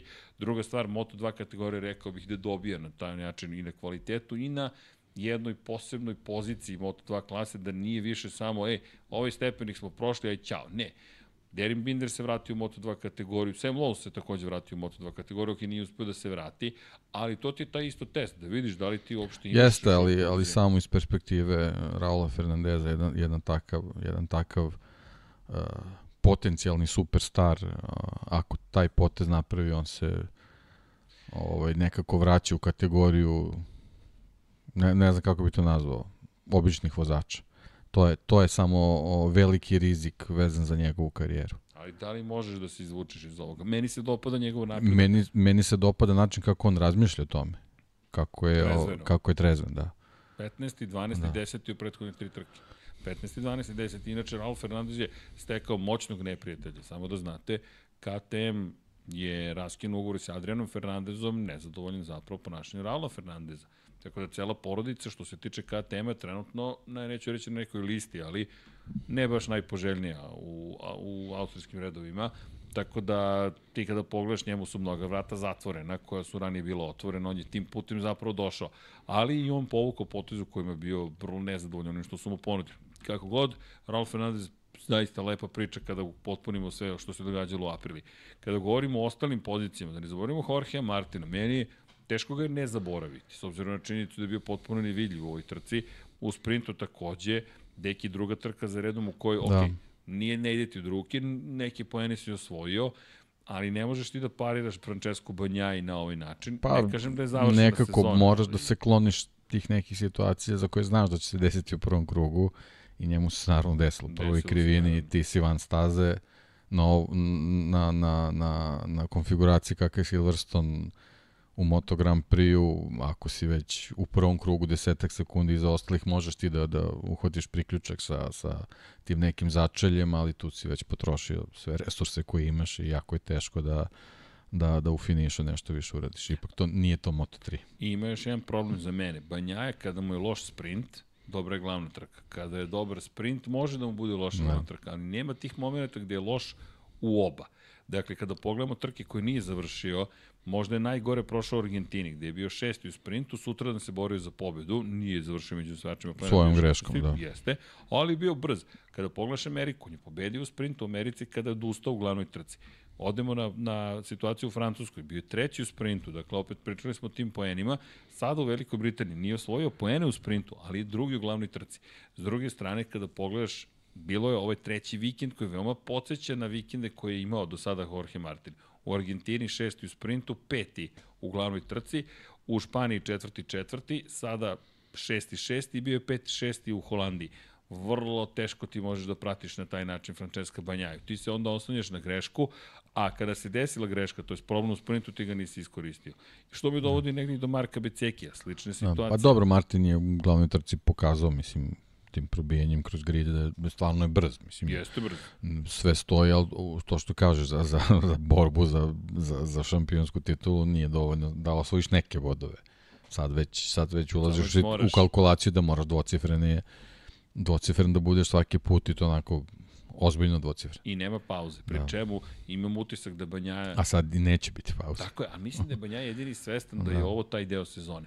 I mislim da prošlo pa već je prošao kroz to. Tako je, da, to zna da je ovo taj trenutak. To me potiče na stare godine. Imam utisak kao da su se promenila vremena i na taj način koji deo sezone je ključan.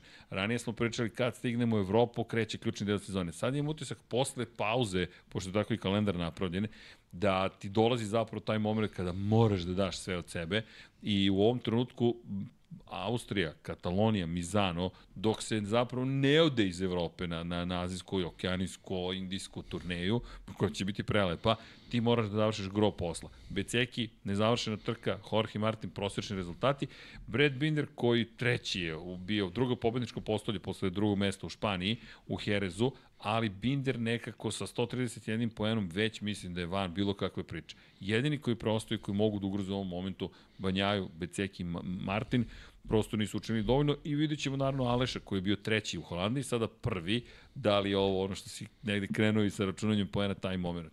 Inače, Luka Marini završio na sedmoj poziciji, čisto da spomenem i Luku Marini. Luka nekako se stabilizovao na tim pozicijama, nema, pok, nema pomeranja, jednostavno deluje, deluje, ne znam, kao da je dosegao maksimum i kao da jednostavno sada trenutno drugi dolaze, uspevaju da dolaze do države čak i ovim promenjivim okolnostima uz rast, zve, ajde da kažemo, zvezdanog sjaja Marka Beceke. Da, pa vidi, surovo, surova je konstatacija, ali je takva. Znači, ne računajući Bastianinija koji praktično nije ni vozio ove sezone, ovaj, Marin, od Marinije samo Dinđan Antonio loši na Ducatiju. Sad kad pogledaš i Marquez ima pobede u sprintu i, da, Alex ima i puno dosta, situacija. dosta puta je bio u mnogo dobrim situacijama koji eto zbog nekog spleta nesrećnih okolnosti nije nije ovaj uh, realizovao kroz poene da da bude mnogo bolji u, u, ovaj, u aktualnom delu sezone, a opet s druge strane kad pogledaš Marini uz te neke solidne rezultate, dosta grešaka na stazi bilo, uključujući taj sprint u kojem je povredio ovaj Eneu. Eneu, onda onda ona ona situacija na Le Manu bilo je bilo je dosta dosta dosta grešaka i dosta problema tako da kažem ja bio u ovo, u ovom trenutku kad bismo pravili tu neku analizu da kažemo od sedmorice vozača Ducatija, ovaj da ne računamo Eneu, on je on je broj 6 što je što je što nije što nije bilo očekivano da će tako da bude. Da, i ajde što je šesti, nego što poeni ne govori, znaš, nisi ti blizu vodećih, pa sad kažeš, nego on je na 107 poena, dakle on opet ima isti broj poena da. kao Aleš Espargarok sada,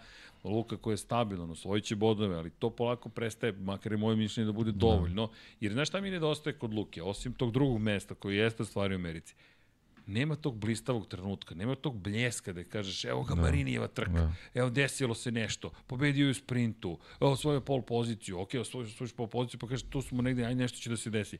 On kako čovjek osvoji pol poziciju ili bude dovoljno brzo u kvalifikacijama, on nestane na startu trke uvek ima neka, neka, neka situacija. Kako, kako god bude brz, Beceki bude brži. Pa da, da, da, to, to ti to Ali to je u stvari veliki problem, da. E, jeste, da. i sad već postaje tu velika pa, razlika znaš kako, kvalitetu. samim tim, ako, ako Dupa, Ducati već Beceki postavlja ultimatume gde, šta i kako, jasno ti je koji mi je u fokusu.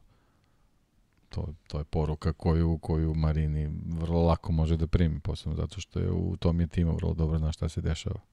A onda ima i Jorge Martina i i možda I Eneu, Morbidelija. Pa možda i Eneu koji tek treba da se podigne, tako da baš je, baš je nezgodna situacija. Iskoristio bih priliku, Franco Morbidelli je dobio otkaz u Yamahi.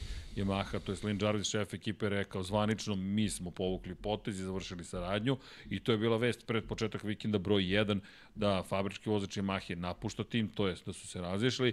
Rekao inače i sam Franco na pitanje ko je povukao potez, kaže to je pitanje za Lina Jarvisa i opet taj nekako osjeća se loš odnos između njih dvojice i cela priča zaista mi deluje problematično, moram ti priznati.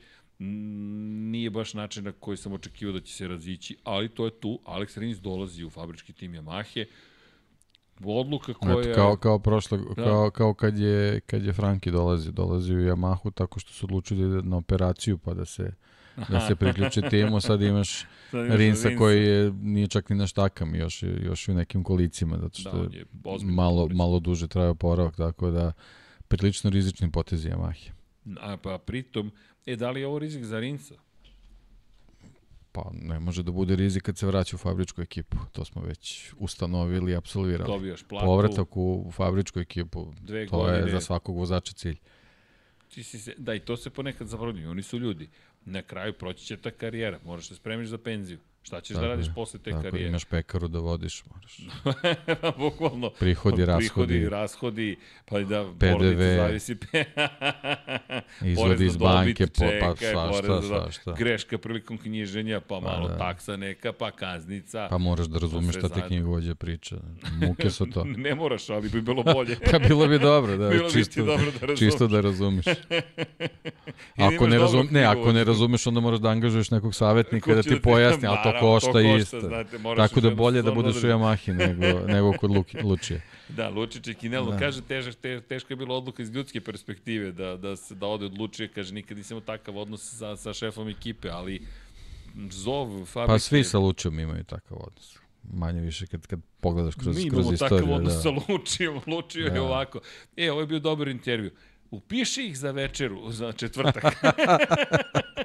I ti kao, čekaj, pa bukvalno to je bila situacija tamo 2012. E, imali smo u četvrtak e, intervju i on kaže, ej, upiši ih za, za, za, za 100, a on u zamku, vreme sponzora sa svih strana, on u zamku napravio večeru, ceo Lučić i Kinelo Racing Team, velika nagrada Italije, Mugello, mi dolazimo, ono, sveće razvučene dolaziš ti, bakte nisu sveće, stoji ti, do, do, sve ok, zašto? Pa Lučio se dopao intervju, bili smo mu simpatični i kao to, to je to. I odeš i lepo se zabaviš sa Lučićem i Kinelom, tako da Lučio ima taj jedan duh tih gazda. Znaš, gaz, sam gazda te ekipe Moto Grand Prix. Te priznam da to volim.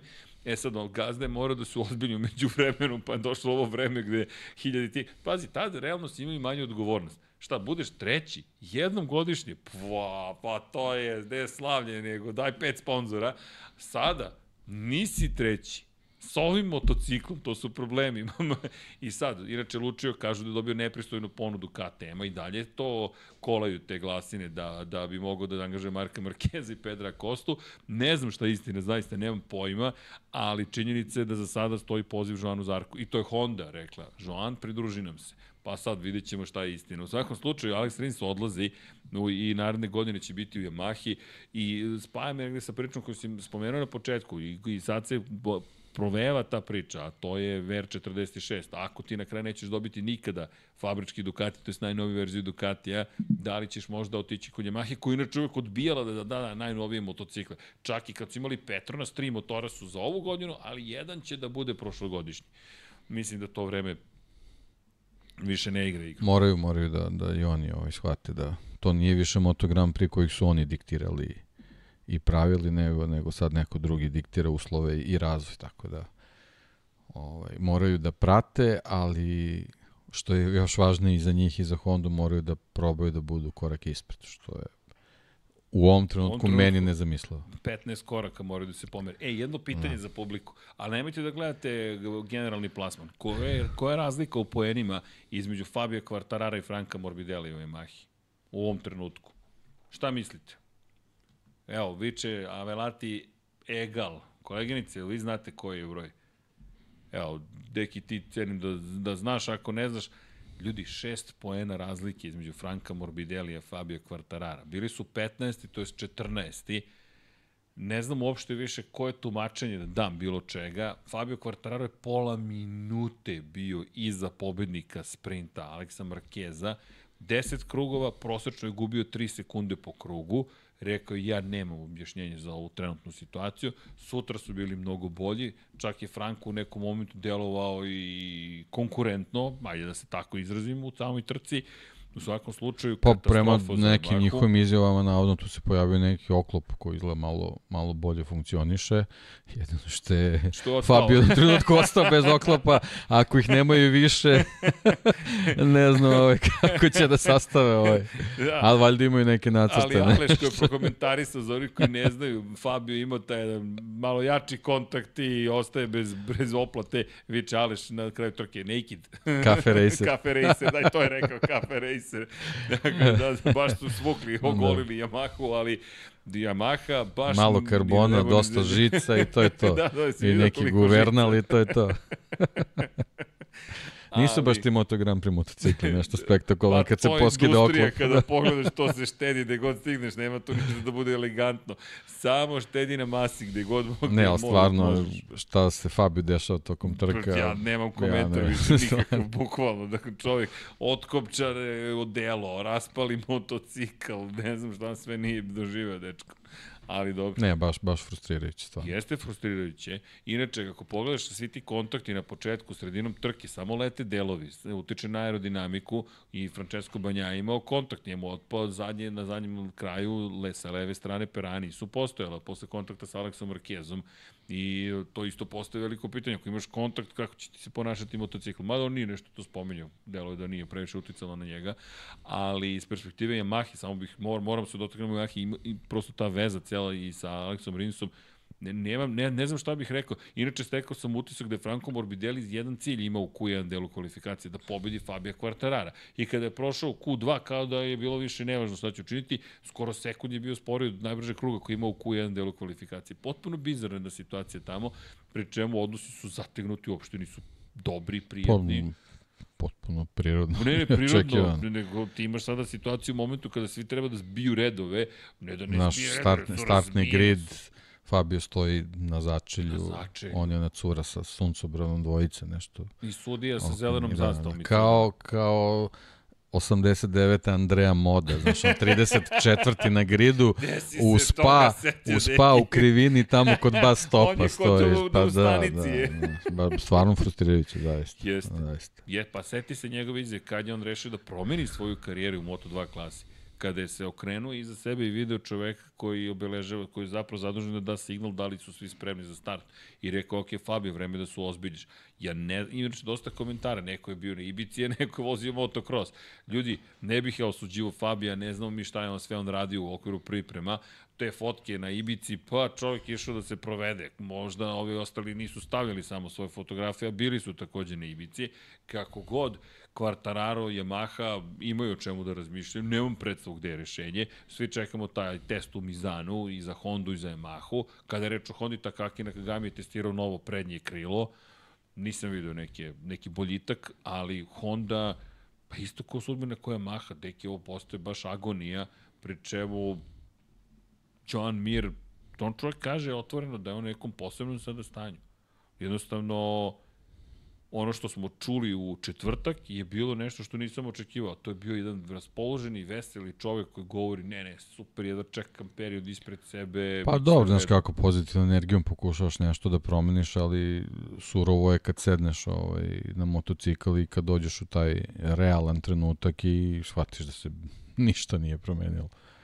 Znaš, okej okay da, da, da ti bodriš sebe na neki način, ali ovo šta se, šta se dešava vozačima Honda stvarno je ako surovo i prema njim. Pa vidi, ne znam ni kako bih ovo nazvao. Zaista po, počinje počinje da, da, da biva ne znam koja je prava reč. Počinje da biva, nije grotesno, zaista cirkus. Pravi cirkus ovaj sada postaje. I, i, i loše izgleda jednostavno na sve strane. I jednostavno kada pričamo evo o Kvartararu da, da se vratimo na njega, on je čovjek rekao, taj kontakt sa Luko Marini je, on kaže, ma to čak nije ni, ni, ni, to čak nije ni greška. To je jednostavno problem s kojim se oni suočavaju. I on je rekao, kaže, kada se mučite toliko da preteknete nekoga, da jednostavno to se događa i Marku Markezu, toliko ste na granici, toliko pokušavate da, da uradite nekih drugih stvari koje inače ne biste radili, da na kraju dođete u situaciju da jednostavno se dese stvari kao što se ovo desilo. Da. Kaže, ja nisam napravio grešku, ja sam jednostavno tražio previše od toga. To se dešava Miru, Markezu, Kvartararu. To je, to je jednostavno taj neki, neki moment od, kojeg oni ne mogu da pobegnu zato što su jednostavno takvog takvog takmičarskog kova da, da jednostavno neka čak i nesvesno možda ulaze u te situacije iako se verovatno trude da ih maksimalno izbegavaju, ali to je jednostavno ta situacija najviše od svega je ovaj onako za sve i, i, i ljubitelje Honda i navijače naj, naj, naj, najviše frustrira Mark Marquez koji vidimo da to više nije taj, taj Marquez nego jednostavno čovjek koji pokušava da, da, da opstane na, na, na tom motociklu. Potpuno imamo drugačijeg čoveka u poslednje dve trke. E, Kada pričamo o, o opstanku, ajmo ovako, što se tiče kvartarara, Fabio koji je rekao, ljudi, tu smo gde smo, možda sam mogao čak i neki pristojan rezultat da ostvarim, ali nije, ne, možeš, ne mogu da preteknem nikoga. S druge strane, Mark Marquez je rekao, pazi sad ovo, da je on zapravo stekao dodatno samopouzdanje koji je izgubio pred veliku pauzu, s obzirom na činjenicu da je uprkos inače incidentu sa Enejom Bastianinim, imao incident sa Enejom Bastianinim, rekao je osmostruki svetski šampion zapravo da je ovo trenutak kada je on srećan da se osjeća dobro. Meni, meni su potpuno bizarne izjave i posle sprinta, ajmo, ajmo za početak sprint. Mark Marquez koji pušta sve vozače da ga preteknu, kreće da prati Joana Mira, kreće da prati drugi, kaže ajde da iskoristim priliku kada sam već ovde da ispratim i Mira, da vidim s čim se on muči na Hondi, da vidim i sa ostalima kakav je odnos, gde se on osvrće, gleda iza sebe, pušta, pokazuje Miru, pretekni me. Pa dobro, to je taj trening koji nemaju. To, pa, može, njemu, njemu sprint sa, pa da. sprint sa, sa trenutnom situacijom apsolutno ne znači ništa zato što je ravno fantastici da će uzeti neki poen u sprintu i onda meni, meni je taj rezon potpuno okej. Okay. Evo, zanimljivo da, da, da su sve izjave mega pozitivne. I Marquez koji kaže da je on zapravo stekao samopouznanje, ali još nije uspeo da postavi osnovno podešavanje motocikla. Možda, možda taj gest u sprintu nagoveštava da je odlučio da ostane Honda. Pa, i to ali isto, znaš šta, to isto ta Honda, priča, da. ta Honda, ta Yamaha, mislim, stalno taj moderni Moto Grand Prix nekako poredimo s Formulom 1. Mercedes je u pola sezone promenio bolid. Možda je rešenje da jednostavno ovaj baciš u smeće, da ga uništiš kao što Suzuki uništio svoje šampionske, da kaže nemam ništa i da, i da kreneš bukvalno od početka da, da, da praviš motocikl. Ne, mislim, ne, ne znam šta drugi, drugi recept može da bude. Očigledno da, da prepravke nečega što što ne funkcioniše ne radi. Mislim i i preduzimači nekad govore da da se više isplati srušiti neku staru zgradu i napraviti nešto novo nego restaurirati. Jednostavno možda je možda je to recept i za njih jednostavno ono što je što je i, i Mercedes uradio. Jedan koncept koji te odveo na potpunu stran, stranputicu gde ti u jednom trenutku shvatiš da, da ne postoje više poboljšanja koje mogu bilo šta da, da urade, nego jednostavno vratiš se, da priznaš grešku, vratiš se na, na neki koncept koji, koji pokazuje da, da može da funkcioniše okay. i onda probaš njega jednostavno da, da unaprediš. E sad, da li pratiš rivale, izvini, zato što je Mercedes ispratio Red Bull. Ovde vidimo da Honda ono što priprema liči na KTM. E sad, zanimljivo, KTM kada ulazi u, u Moto Grand Prix je kopirao Hondu, sada Honda kopira KTM, vremena se prosto menja, sve to ide u krug, ali apropo Markeza, mislim da su mnogo bitne izjave, da ih treba pratiti. Zašto? Često može samo da se svede bez ikakve analize, a loše motor ne valja, idemo dalje, tako da. Ne, ovo je mnogo važan vikend, jer bih pamtio te izjave negde na nivou Jorgea Lorenza. Ne kažem da će se odjednom pojaviti Marquez koji pobeđuje ili Honda, ali pratimo razvoj i njihove izjave. To nisu ljudi koji izmišljaju to što pričaju, to su vrlo ozbiljni vozači. I sad, njegova, njegova priča kaže da sam se osjećao loše u nedelju, kao što se osjećao u subotu u sprintu, ja bih isto uradio. Išao bih na začelje i to je to. Međutim, osjećao sam se dobro u nedelju i zato sam pokušavao da budem agresivniji. Inače, pad koji se desio na ulasku Meguca sa, sa, sa Eneom Bastininim je rekao da je splet nesrećnih okolnosti, ali i tu ima zanimljiva, makar za mene priča. Slušaj ovo, kaže, u momentu kada, kada sam pao, kiša se pojavila. To su stvari koje se dešavaju. Ranije, kaže, bih ja rizikovao na kiši. Sada sam rešio da ne rizikujem i Bastianini me pretekao. Dakle, pustio sam ga praktično. Međutim, napravio je grešku. Kaže, nisam čak ni pokušao agresivno da vozim. Sam naišao na, na kišni deo staze. Međutim, ono što je meni zanimljivo, vraćamo se sad na, na početak trke.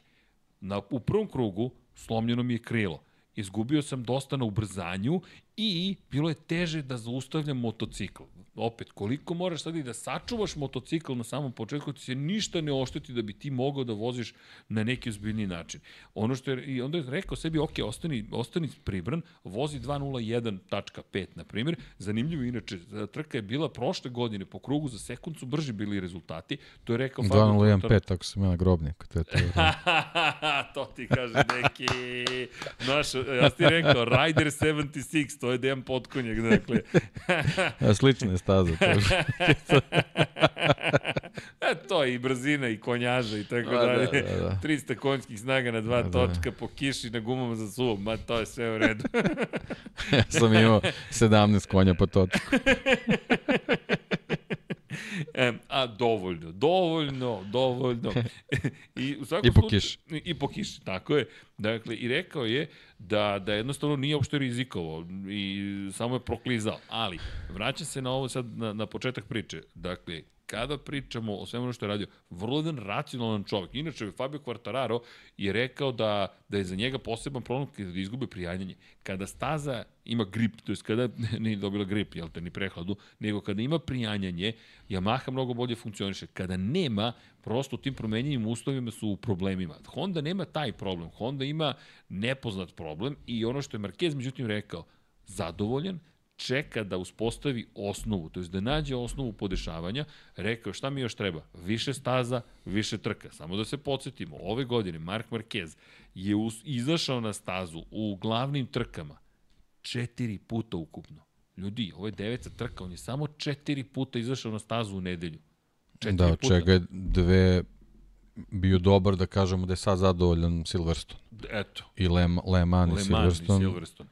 Eto. To su dve trke. Kad ti Da. stižeš uopšte da bilo šta uradiš, a nemaš te, testiranje Šta sad, trebamo opet da mu damo vremena? Ne, ne, pa vidi, bojim se da vreme teče.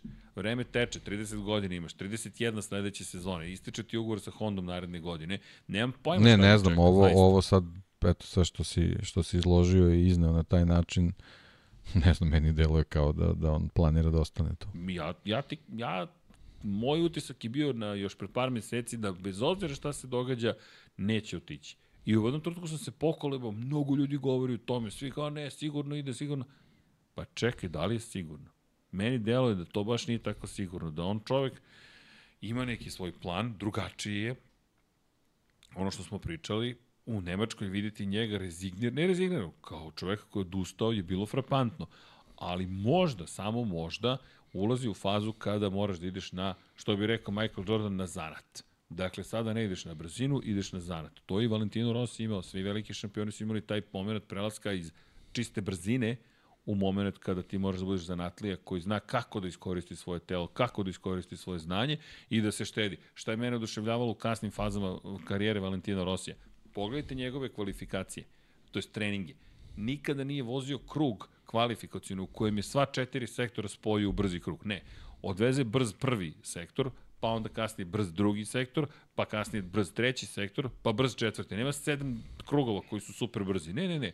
Ja moram se štedim, ovde sam naučio prvi sektor, sad sam naučio drugi, treći, četvrti i onda pokušam to da sklopim. Pri čemu njemu format Q1, Q2 nikada nije odgovarao. Ali dobro, to je neka druga priča. Samo kako mudrost mora da dođe do izražaja. Da, evo, ovo je sad možda taj prelom- prelomni period za Markeza da računamo Nemačku, gde možda eto, dobijamo nek, neku novu, novu ličnost Možda. koja onako, naravno, prinudno mora, mora da, da se prilagođava situaciji, ali da vidjet ćemo da li je da li je i u toj, i u toj sferi taj prirodni talent da, da će moći i onda se prilagodi toj novoj situaciji koju će sam sebi da nametne. Inače, kada pričamo o, o, o, o pozicijama, još uvek čekamo tu jednu završenu trku, tako da nemamo, nemamo čak to što je izašao na stazu i Le Mans koji hvalimo nije stigao do cilja. I tu je izletao sa staze.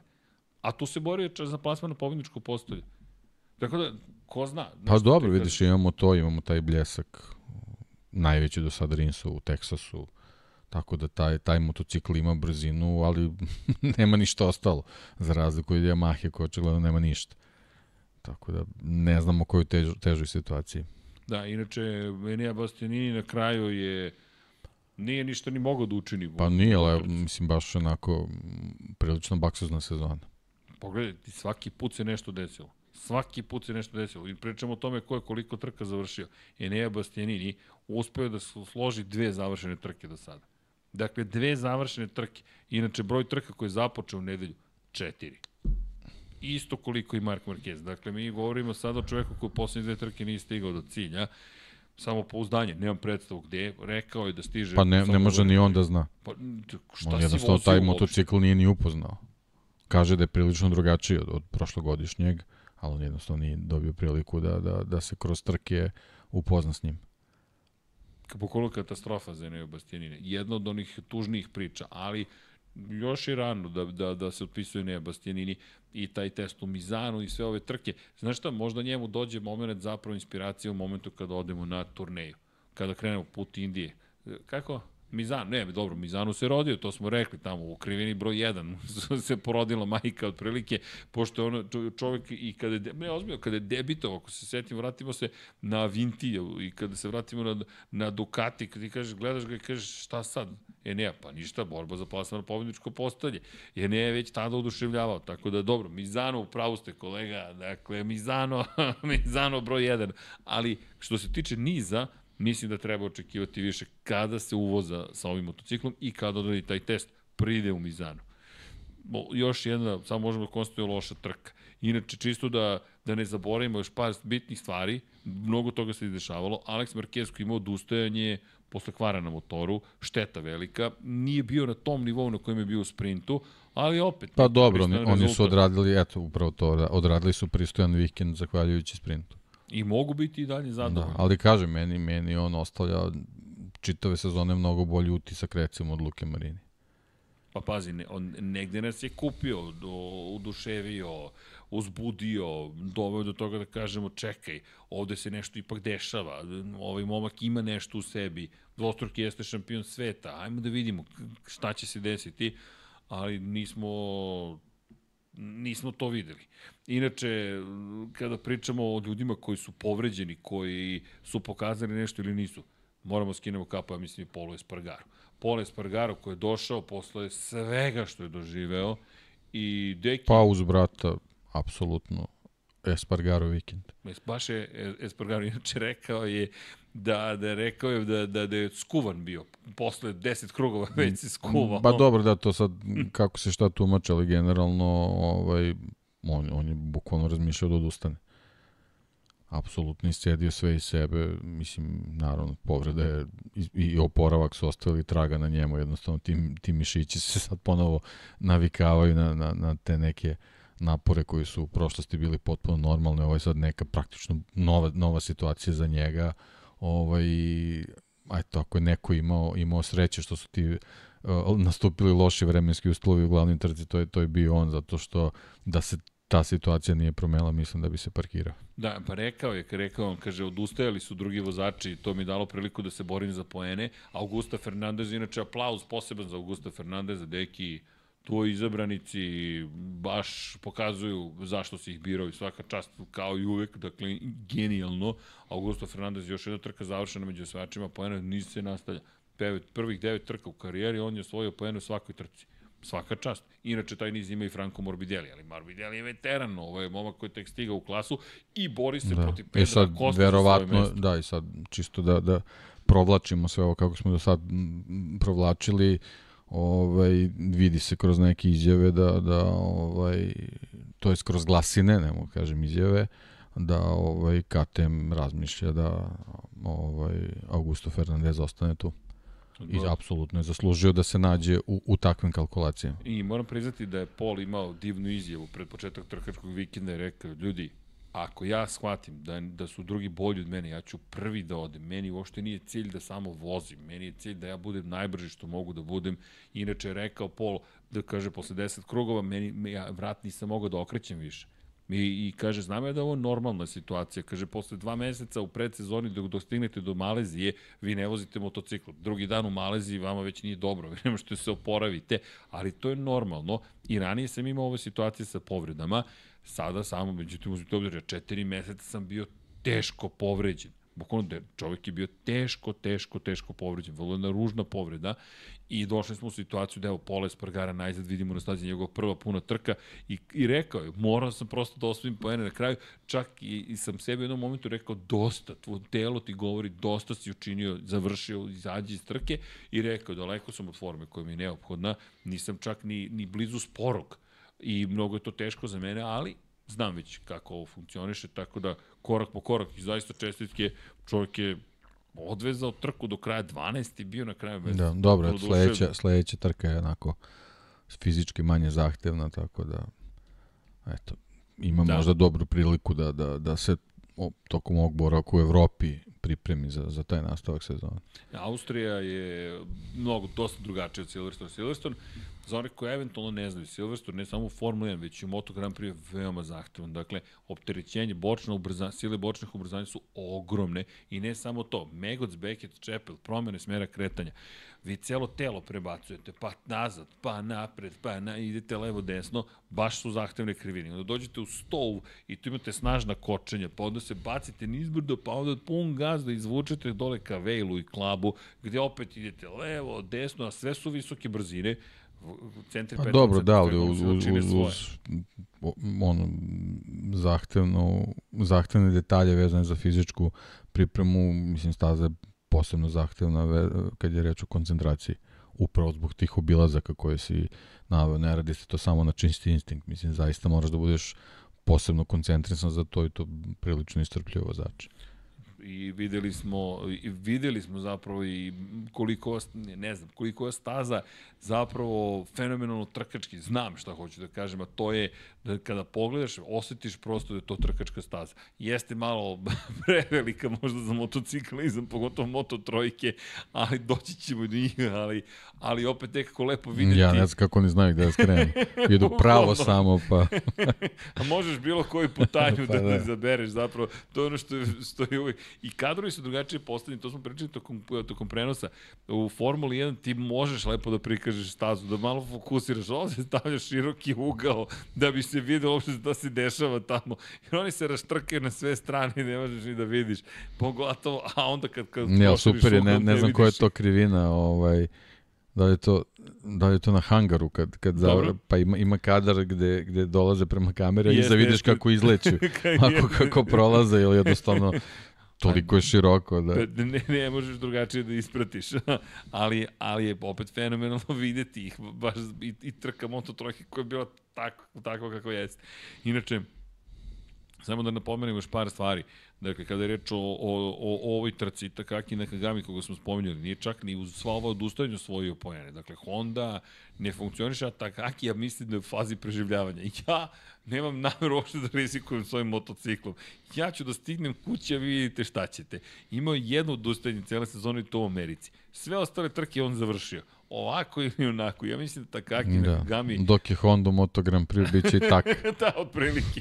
Pa vidi, a i ogura kao da ne jedan teže mot, da Jedan motocikl je rezervisan. Pa da, jednostavno stavlja do znanja da da je takav. Da je bukvalno. Bolje da je on to, da. da to, I taka radi svoju. Treba da testiram, ja ću da testiram, da rizikujem neka hvala.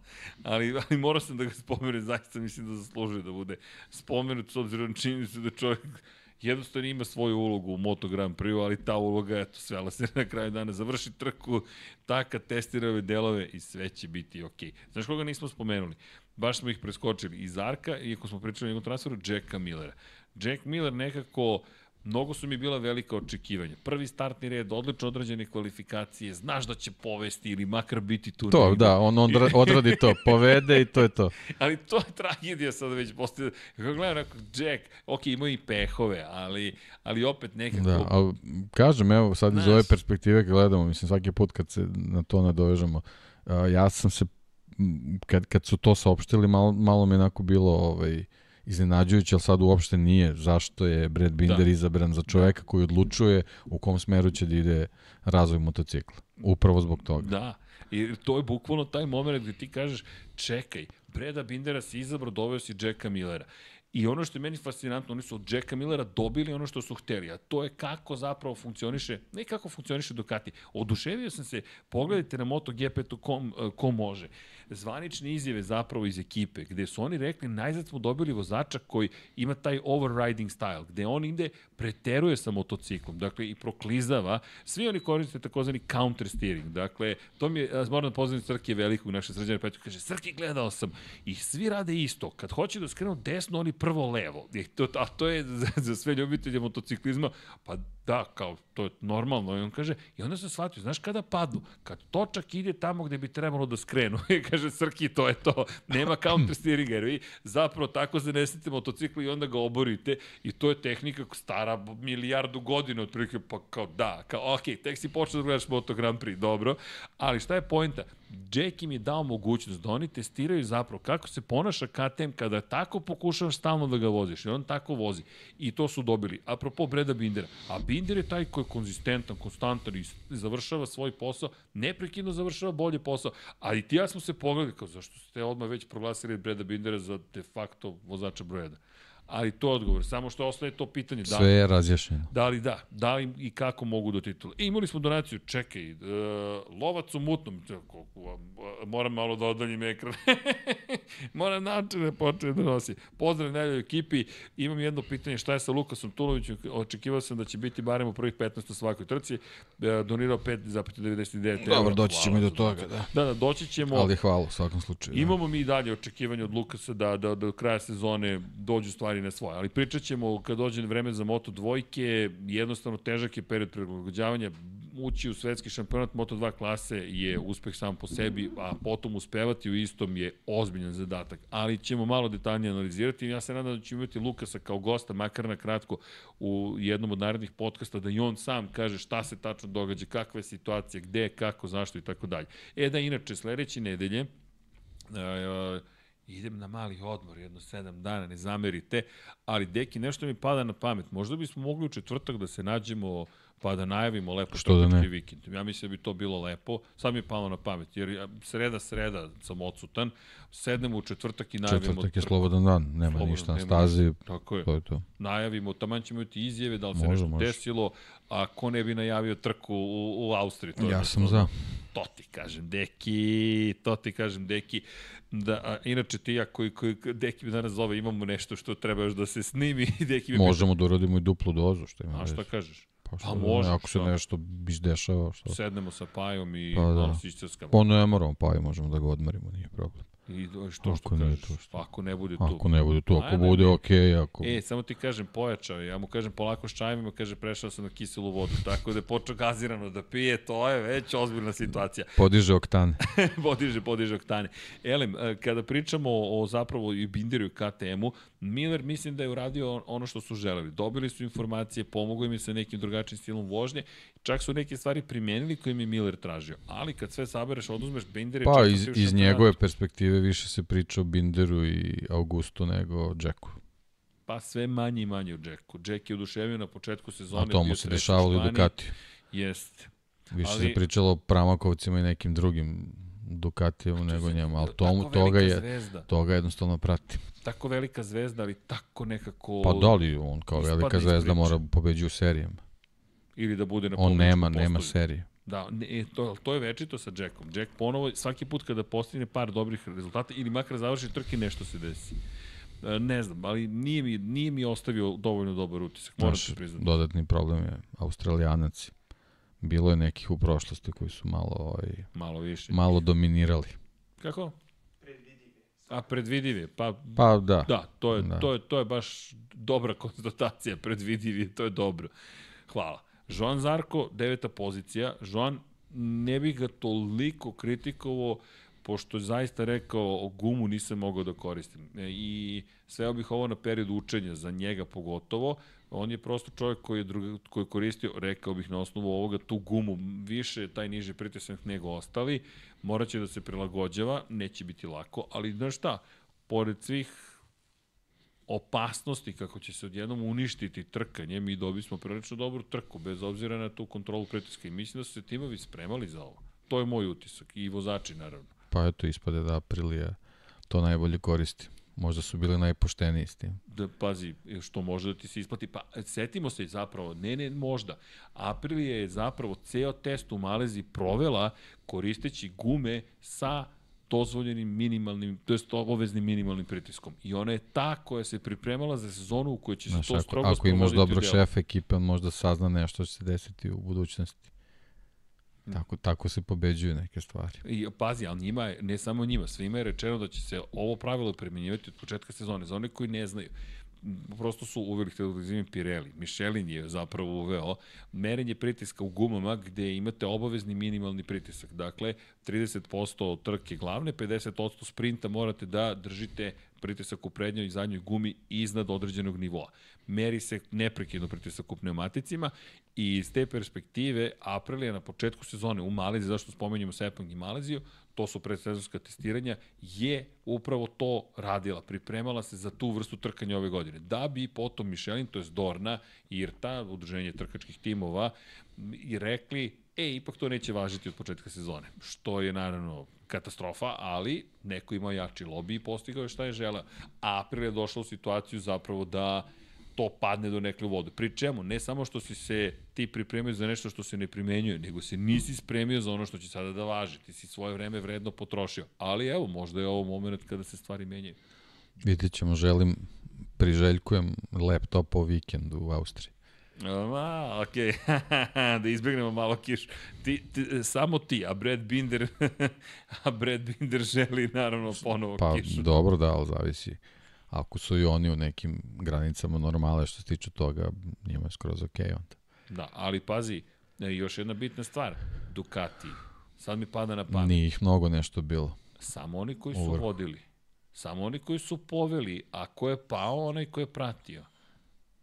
Hmm, čekaj, Svi ostali čekaj, su čekaj. bili daleko. Svi su bili daleko. Onaj ko je vodio, nije imao problem. Zašto je pojenta u tome ko je vodio? Pa onaj ko vodi ima hladan vazduh ispred sebe, to jest ima hlađenje vazdušno, može da bude toplo vazduh, ali vazdušno hlađenje funkcioniše.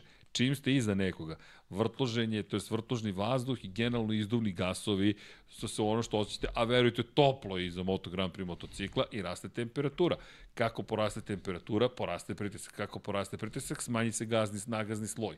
Kada se smanji nagazni sloj, ti imaš manju površinu koju možeš da prođeš kroz krivinu, kočiš, a i dodaš gas, mada manje utiče na, na zadnju gumu. Me, pre, prednja guma je problematična.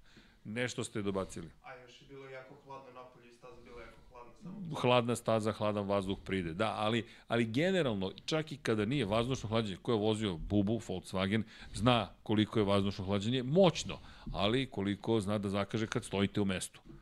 Kad ste u Grčkoj negde, na primjer. I odjednom nešto kuva. Kuva. Zašto se koristila destilova voda? Da se ne pretvori u kamenac, ali to je već nekad sa deseta priča. Idemo dalje. Pa se, se sećaš kad ideš da kupiš destilovanu, ono, mama te poželi, idi kupi destilovanu za peglu, da, da, da se ne bi stvorio kamenac. To sad ni ne znate o čemu pričamo. Ali idemo dalje. Elim, u svakom slučaju, Zarko, sačekao bih tu po pitanju Zarka, možda sam milosrdniji nego kod nekih drugih, ali imam utisak da je na njega to baš, baš onako ozbiljno uticalo. Da li smo nekoga zaboravili, Deki, u celoj priči? Samo sekund. De, Deki je negde nestao. Nešto se desi. Aha, nisi ugurao u struju, samo si bacio kabel. Da, to nam se dešava ponekad, nama starijima. Da dođemo ovako, Sad je. Okay. ba, a, ukrčimo stru, strujni kabel u računar i bacimo ispod stola. I neće sam da se zakači. Uključio sam da. se u struju.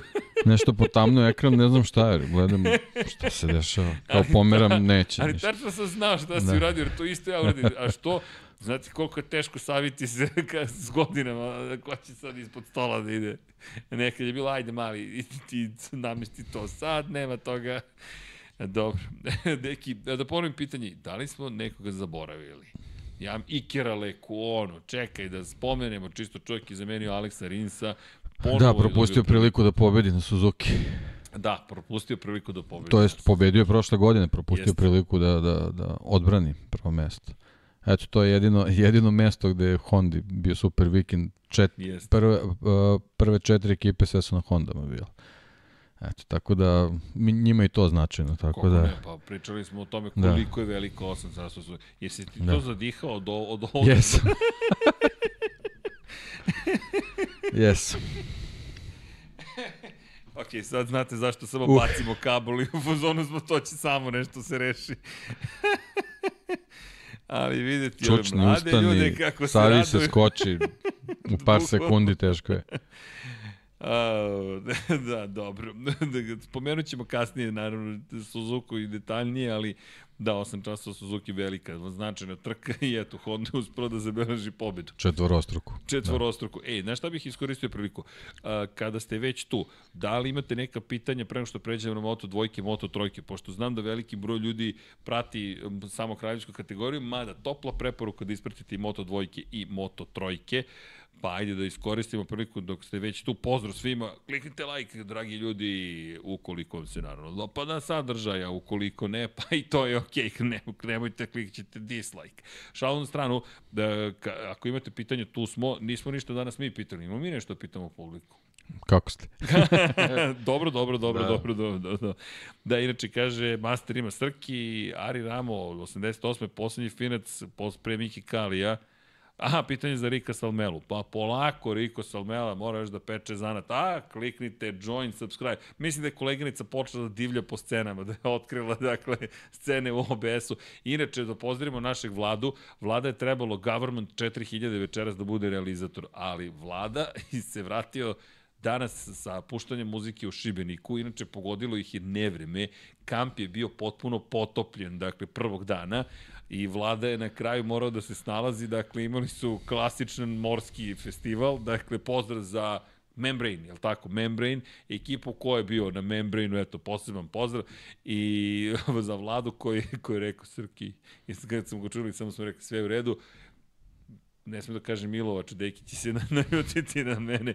Ja pitam, jes, jel može večeras? Kaže, ma uskačem, pomažem. Gde su ostali? Pa nisam imao srca miksa koji je do 3.47 nameštao studio. Dakle, šalim se, ovde su bili jutro i baki i braki. Ali, ako imate pitanje, samo udrite. E, Jel ima neka nova knjiga da je završena? Deki, Deki je uzeo stvari pod svoje, tako da ba, prebacit ću na Dekija. Šalim se, neću još na Dekija. Samo se smeška, mudro, ali bez brige. I kako ide fantazi? Jao, fantazi, pa Deki. I da li su nagrade bolje ove godine? Pa dođite prvo da pokupite svoje pehare. Sad ću da se iznerviram. Čekaj. Gledaj sad ovo. Deki, preuzmi. A ideš po pehare. Idem po pehare. Ostalo je koliko? 7 komada, 8 komada. Pehari. Sve ću da ih naređam. Evo ovako. Treće mesto u MotoGP fantaziju. Ovo je prvo mesto u MotoGP fantaziju. Ovo je drugo mesto u MotoGP fantaziju. Znači ovo je MotoGP, niko Dakle. nije uzeo. Evo ovako. Pehari su tu. Ovo je prvo mesto Moj, ček, ček, ček, ček, ček, šta je ovo? Imali Stani, smo stani. Adam GP, znaš A, da ovo je skočio. 21. Ne, ne, Ovo je ne, 22.. 21. Bestijanini Ovo je 23. 22. Dakle, Ovo je, znači, zlato i srebro za ovako 22. postavljam. Da. Dakle, ovde ovako. Ovo je bronza za Evo 21. ga. A to je verovatno Ovo za je Suvi 22. potok, treće mesto, Lab 76, b- 22. Eto, znači, bukvalno je samo uzeto srebro za 21. Evo, E, samo srebro To za je, to je 22. 22. Sva tri su 22. Da. Okej, eto. Mi smo nagrade pripremili. Sad samo još da pobednici, publika, vi dođete po njih. Znaš ko mi je inače u fantaziju? A mogu ja da pročitam? Aj, molim te. Po principu čorave koke, samo sekund. ja, mora da si zadovoljan. Neki Čekaj, Miguel čekaj. Oliveira, nešto će sad... Samo Beceki, Beceki mi je napravio Ne, problem, Ceki ali slušaj, slušaj, slušaj, slušaj. Jel mogu da ti Molim. pročitam? Evo ovako. Pazi ovo.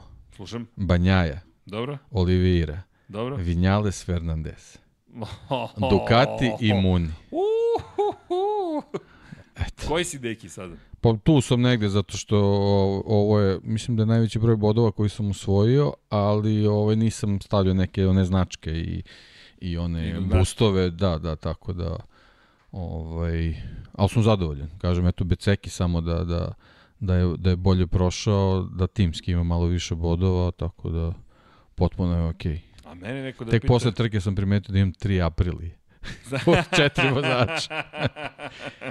Dobar izbor. Da. A pazi meni, Luka Marini i Marko Beceki su mi zlatni vozači. Zašto sam Luku stavio, nemam predstavu, ali dobro, nešto sam se tu zaigrao. Luka, odobio si otkaz. Ja sam tu i dalje na, U duhu na, Helmuta na, Marka. na tom nekom Dakle- 400 to mestu, pošto sam u jednom trenutku ovaj, bila je trka gde sam zaboravio Oliviru i Fernandeza da, da zamenim, pošto Olivier je bio povređen, a Fernandez je mislim bio nešto, neka operacija bila, nešto šta je bilo, tako da sam imao dvojicu vozača koja, koji nisu funkcionisali. Da, mislim da je Le Mans bio. I onda je Vinjales izbacio Banjaju. Da ja, to je to. I to je bio kraj moje To je sezone. to, to, to. To je kraj moje sezone. Inače, kaže Branislav Dević, ja sam bus stavio na beca. Propo. I jao. Da, da, da, Da. da, da. Ali eto, pa čekajte, sad tražite pare. Evo, tražimo mi vama pare. Dakle, ne mogu da verujem. Dakle, Jelena samo ide po scenama i šta nađe, ajmo klik. Najnovije izdanje, 4976 dinara, rezultati zaključno sa poslednjom trkom prošle godine.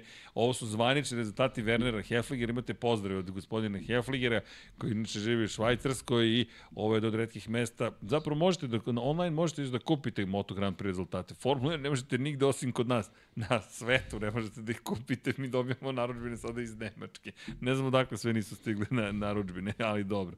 Inače, Zlatan Stajić kaže, da li možete kratko pusto kako se najbolje pripremiti za Moto Grand Prix vikend na Red Bull ringu i doživjeti trku. Helena, evo, obećavam, uradit ćemo to. Daćemo vam uputstvo, e, možda to snimim negde na plaži nekoj, je to u redu? Summer Edition, snimimo telefonom ili nešto, eto to. Da, da šta mi je rekla? Kad ćemo početi da pravimo thumbnailovi koji su social media friendly?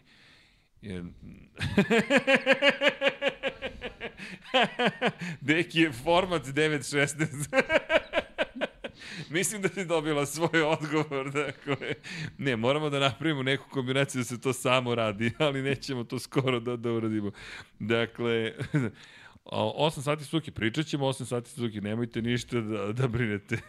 Meni kaže, prvo se slupao Alex, a onda ide i Beci. E, nisam rekao ko su mi srebrni vozači. Alex Marquez i Augusto Fernandez. Tako da, bar sam u sprintu bio dobar, ali da, sve je okej. Okay. Ne, Augusto redovno, boc, boc, Dobro, ja se nadam da su sad ovaj, malo su ovaj, vrednosti porasle, pa će moći nešto da uradim. Prošli put nisam bukvalno imao, imao neku mm, neki, ne, ne, neku lepezu da mogu da, da zamenim. Baš mi, da, baš mi je nezgodan izbor vozača bio. Ali nema veze. Inače, evo da odgovorimo na, na, na, na par pitanja, ali pitanja su za, za, za Moto Trojke, za Leopard i za Pikerasa, da li su potpisali ugovor.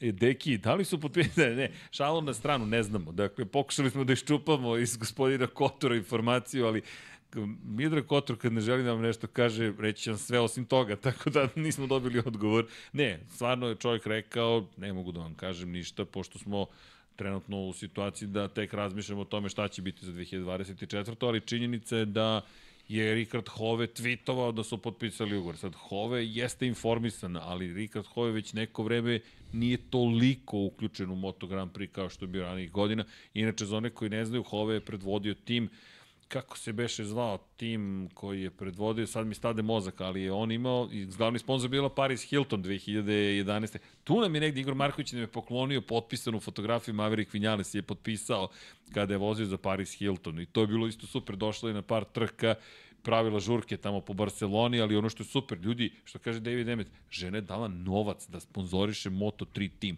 Niti imala predstavu šta sponzoriše, ali neko nju ubedio da je to super i pisalo je Hilton, Pariz i bilo je super, Em je došla, Em se lepo zabavila, nama svima bilo super, jedna ekipa imala pare i to je to. I tako dalje. E, znači, potpisao. Ne, ne, zaista ne znamo da li je potpisao. Ne, ne, to, da, a, a Deki danas troluje. Dakle, kakav si, ne mogu da verujem šta radiš. Ali Sam dobro. ništa rekao. A ja kad sam imao Apriliju kao tim nisu mogli da budu ni do šeste pozicije u trkama, pa desi se to ponekad. E, Elem, dakle, nisam video pitanje. Ne, ovde sad svi fantazi. Ljudi, fantazi imate link u opisu videa, ko ne igra. Pehari vas zaista čekaju. Dakle, mi smo našu reč ispunili. Napravili smo pehare. Sad kažu Adam daj... GP Racing. Da, Adam je nikad se nije pojavio, če ne znam. Sad ćemo javno da ih prozovemo. Ja, ne, sad, ajmo sad svaki put Bogdan da prozivamo. GP. Bogdan GP. Suvi potok, izvolite gospodine Potkonjak. Hvala. Dakle, minus dobijate za neuzete trofeje. E, Hajduci i Uskoci pohvali bili su ovde. I Hajduk i Uskok, šalim se, bio je. Karl Marx. Bestijanini 23. Pa, pa, pa zar best, beštiju da ostavite? Dakle, trofeji su tu. Neko je tražio pare. Nema para, ima priznanja. Ljudi, mi tražimo vama pare. Patreon.com kroz Infinity Lighthouse da bismo ostali ne znam. Ali i ovo smo, evo, i ovo smo napravili od vaše podrške. Tako da, zaista nije šala. Ispunili smo obećanje. Elem, kada pričamo o Moto Grand Prix, imate pitanjica, pitanja, Izjava, izjava Dixona predobra, čovjek je iskren na pulcu da priča iz duše, E, ne znam sad na koju se odnosi, ali to je to. Dobro, ljudi, mi prođe smo ceo Moto Grand Prix, bilo je Bilo je uzbudljivo, za dve nedelje smo na Red Bull ringu, fenomenalno, jedva čekam, to će biti... Smo zaboravili nekog, nismo. Pa ne, ja mislim da zaista nismo. Ajde, ovako iz glave, mislim da nismo. Možemo da pohvalimo, dakle, da je, a e da, Aprilia uz Hondu postaje još jedan pobednik uz Ducati, naravno tradicionalno. Dakle, KTM čekamo pobedu i čekamo Yamahinu pobedu. Da. Yamaha, ovo mislim da treba konstatovati, Yamaha jedan plasman na pobedničko postolje cele sezone, treće mesto u Americi, na istoj toj trci pobjeda Honda i to je jedini plasman na pobedničko postolje u glavnoj trci za Hondu i Yamahu. S druge strane, Aprilia, ovo je već treće pobedničko postolje, drugi su bili u prvoj trci sezone, Vinjales inače, da u Portimao, treći u Holandiji Aleš, sada pobeda Aleša, na niz se nazire, ajmo da sačekamo tri trke ako budu, na, budu ovakve, to je već zaista niz. KTM dva puta na pobedničkom postoju, druga i treća pozicija, oba navrata je Binder to postao, ili tako? Binder je bio drugi u Herezu, ako se ja dobro sećam, da. I Ducati, koji nikada nije bio ispod pozicije broj 2. Nikada nije bio ispod pozicije broj 2. Je li Binder bio na poziciji 2 u Španiji? Jeste, jeste. Dobro se sećam. A još jedna stvar, za timski šampionat. Zanimljiv mi je zato što su privatnici tu zaista dobri. Prima Pramac Racing 295 poena, Muniver 46, 274 poena i onda tek dođe Ducati Lenovo koji je zapravo Pa dobro, jedan vozač. Banjaja, pa da, Da. 242 poena. I Ali onda poenta, tri, Ostali. tri Ducati ekipe. To između ostalog. Tri italijanske, tri Ducati i onda dolazi KTM na poziciji broj 4, sada je Aprilia na poziciji broj 5. Mislim da, da je to bilo, ne, ni čak ne, ne, ne, ni neizvesno nije bilo. Aprilia koja sada već zaista počinje da osvaja poene. Monster Energy Yamaha 124 poena, šesta, Gresini je sa 112 poena na sedmoj poziciji, pa Lučić Kinel Racing, Gas Gas fabrički tim Tech 3, pa Crypto RNF Data i onda Repsol Honda 20 poena posle 9 trka za Repsol Honda. Ne, Bukvalno Jedan trkački vik, trkački vikend, deki. kad se sabere. Kad se sabere, da njih dvojica završe peti i šesti, to ti je 21 poen. Da budu peti i šesti samo, ništa drugo. Pa to je bio na jedan sprint, je li tako? Pa e, imaju 11. poziciju koju je zauzeo na početku sezone Joan Mir. John Mir, Samo da, da. znaš, Mir Da, je da, završio tu jednu da. trku. Zatim treća pozicija u sprintu u E, Portimao to, to, za, to. za Markeza. Markezov peta pozicija u Francuskoj u sprintu i Markezov sedma pozicija u Mugello u sprintu. To su ti poeni. Dakle, ukupno 20 poena, od kojih je pet osvojio Joan Mir, to na početku sezone, i Mark Marquez je skupio 15 bodova.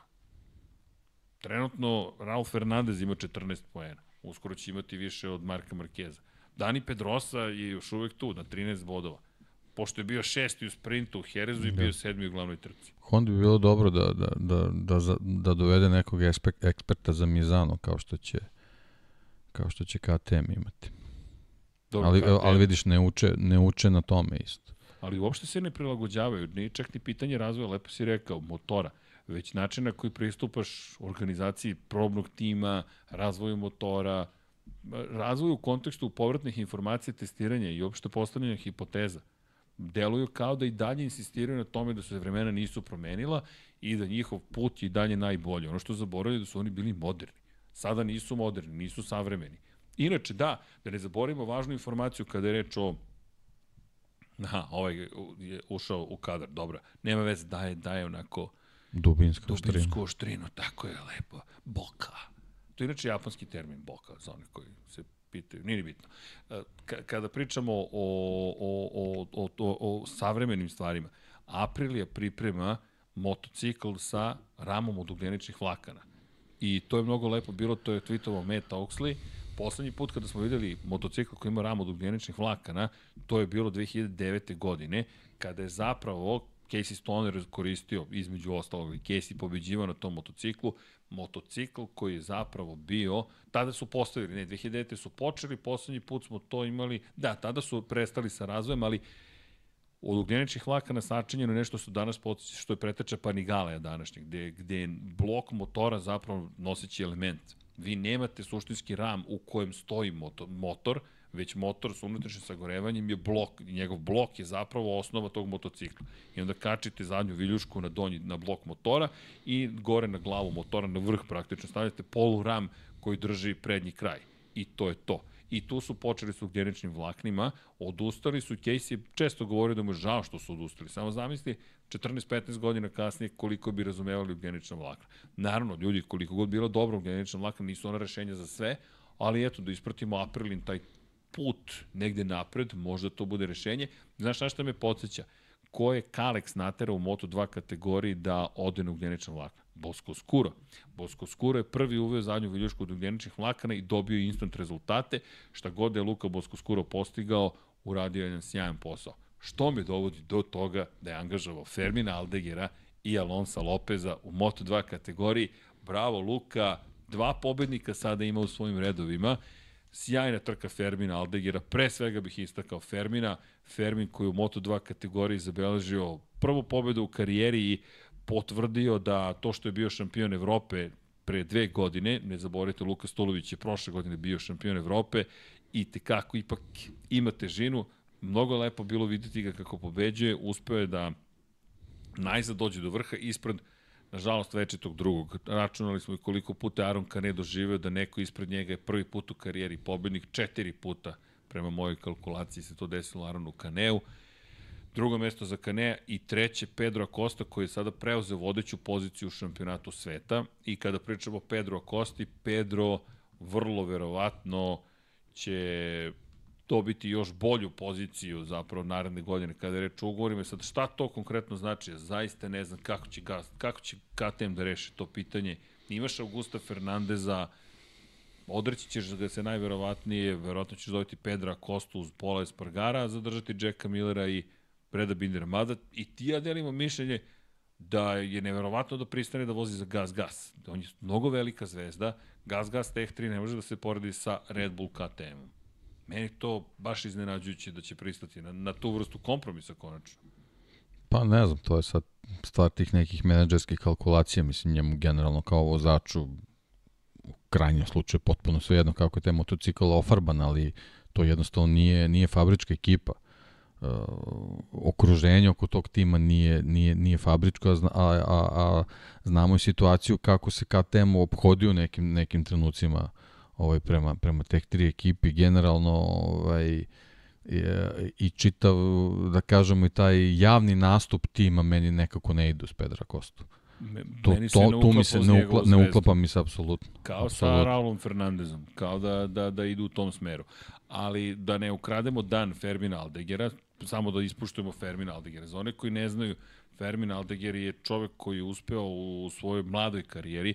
Aldeger je momak koji ima tek 18 godina. On je ove godine postao punoletan. On je u aprilu, 5. aprila ove godine napunio 18 godina. Ima jednu fascinantnu karijeru iza sebe. Dakle, 2018. i 19. godine smo imali priliku da ga gledamo u kupu talenta Evrope. To jest, pratili smo, ne, ne mogu da kažem da smo gledali. I zauzeo treće mesto u šampionatu, nije pobedio ni jednom. Imao je jedan čudan niz od sedam trka u kojima nije stigao do cilja u prvu debitanskoj sezoni. To je bilo pre pet godina i delovalo je kao, wow, od ovog momka ipak neće biti ništa. Na kraju je došao od toga da naredne godine bio na poziciji broj 3, da bi potom 2020 prešao u Superstock, dakle prešao u 600 kubika, evropski šampionat, koji se inače organizuju u okviru FIM-ovog e, šampionata brzine, CEV popularni, da ne kažem da to nekadašnji šampionat Španije, koji se održava uz sadašnji Junior Grand Prix i koji vrlo pažljivo pratimo. Inače, paralelno se voze trke Superstoka 600 i Moto2 kategorije u okviru šampionata Evrope. Tako da ste samo na različitim motociklima i tu možete da vidite čudne situacije. Ne znam, Kalex koji koristi naravno standardno Triumph, onda imate neku Yamahu tamo u pozadini 600 kubika klasičan štok. Dakle, nije super sport, ali je u suštini modifikovani motocikl koji je ulični motocikl R6. Elem, na Yamahi on momak postiže sledeće rezultate, ovo će deki oduševiti, pobjeda, pobjeda, pa šalim se, šest pobjeda za redom, zatim je bio drugi, pa peti, pa dveja druga mesta i još jedna pobjeda. Prva pozicija 246 poena. Momak je imao samo, dve, samo jednu trku koju nije bio na pobjedničkom postolju, tri druga mesta, sve ostalo su bile pobjede. U 11 trka, 7 pobjeda. Naredne godine ostaje na tom istom mestu, seda na Bosko Skuro, zanimljivo, ne na Kalex, Luke Boskoskuro, za oni koji ne znaju, Luka Boskoskuro je nekadašnji italijanski vozač koji je napravio svoju fabriku, Speed Up je nazvao i dugo se zvao Speed Up, a onda je rekao ne, ovo će se zvati Boskoskuro, kao Ferrari, i na Boskoskuro ramu, to je šasiji, Fermin Aldeir postiže gotovo neverovatnu sezonu. To je to je neverovatna sezona. Pobedio je u svim trkama koje su održane do desete trke sezone, jedna je otkazana, deveta trka, to je druga trka u Aragonu, Pobedio je svaki put. Samo je na poslednje dve trke u Herezu i Valenciji bio na poziciji broj 2. Ukupno je osvojio 265 poena, iako je maksimum moguć bio 275. To je bilo 2021. godine i Fermin Aldeger je potom došao u svetski šampionat u motociklizmu. Inače, te sezone Alonso Lopez je u prvih šest trka bio na poziciji broj 2 iza Fermina Aldegera, jednom je bio treći, pa ponovo drugi, pa ponovo drugi, onda je pobedio dva puta na kraju sezone. 226 poena za vice šampiona. Luka Stolović je te godine bio na poziciji broj 3 u šampionatu Evrope. I obojca stižu u Boskoskuro prošle godine. Prvo Fermin Aldeger, koji ulazi u one duele sa Celestinom Vietijem u Argentini. Vieti ga je upropastio bukvalno psihički, ali to je ta škola vožnje nema odustajanje i Fermin dugo se nije oporavio, pre čemu Alonso Lopez prošle godine na pola sezone stigao u Moto2 kategoriju i odjednom počeo da, da dominira i ekipom, da otima praktično poziciju koja je nekako trebalo da pripadne Aldegeru, dve pobede, jedna u Mizanu, jedna u Australiji, a u Francuskoj je došao umesto Romana Fenate koga su neslavno otpustili u Bosku Skuru i dolazimo do ove godine gde očekujemo da Alonso Lopez da se bori za titulu, Lopez, međutim, podbacuje po tom standardu, nije loš daleko od toga, ali kada sve saberemo i oduzmemo, prva pobjeda ove sezone za Bosko Skuro, Fermin Aldeger, i mnogo lepo odvezao, vidjet ćemo da li zaista neki novi početak, čak i da nije, ovo je trenutak koji se pamti. U Silverstone si prvi, svaka čast. Pa ne, treba pre svega odati mu priznanje što je apsolutno iskoristio priliku da rivali nisu bili na nivou na kojeg smo očekivali. Tako da, iz razno raznih razloga, tako da ovaj, i to je odlika velikih vozača da možda u nekom trenutku je osetio da nije ni njegov dan, ali kad vidiš kako drugima ne, ne ide, onda ti moraš da prigrabiš svoju priliku. Pedro Costa je, videli smo posle trke i dalje osjeća posledice da, da. povrede Ovaj, o, osim, osim što je, da, osim što je na, na, na, na štakama generalno, ovaj, videli smo kako jedva čekao da, da, da izuji čizmu, da, da, da, da malo ohladi tu nogu. Kane, ne znam, ja, to je to je u jednom trenutku stvarno delovalo kao da je čovjek potpuno indisponiran, kao da, da krene da razmišlja o, o nekim ko zna kakvim stvarima, ko zna šta sve ovaj, projektuje u svojoj glavi, jednostavno bukvalno sam sebi predstavlja uh, predstavlja rampu do te toliko čekane pobeda i na kraju krajeva i sami posle trke izjavio da, da će pre svega morati na psihološkom planu da radi. A tako i deluje. Da je zaista tako. Vidi se da on ima brzinu, da, ali samo da jednostavno jednom trenutku se dogodi neka, neka rampa, da, da, da on nije u stanju da, da dobar tempo koji ima u, u ovoj utrci da, da nastavi da, da u tom tempu vozi kad ostane sam na stazi. Jednostavno to, to kod njega iz nekog razloga ne može se desiti, stvarno mora da, da radi na tome.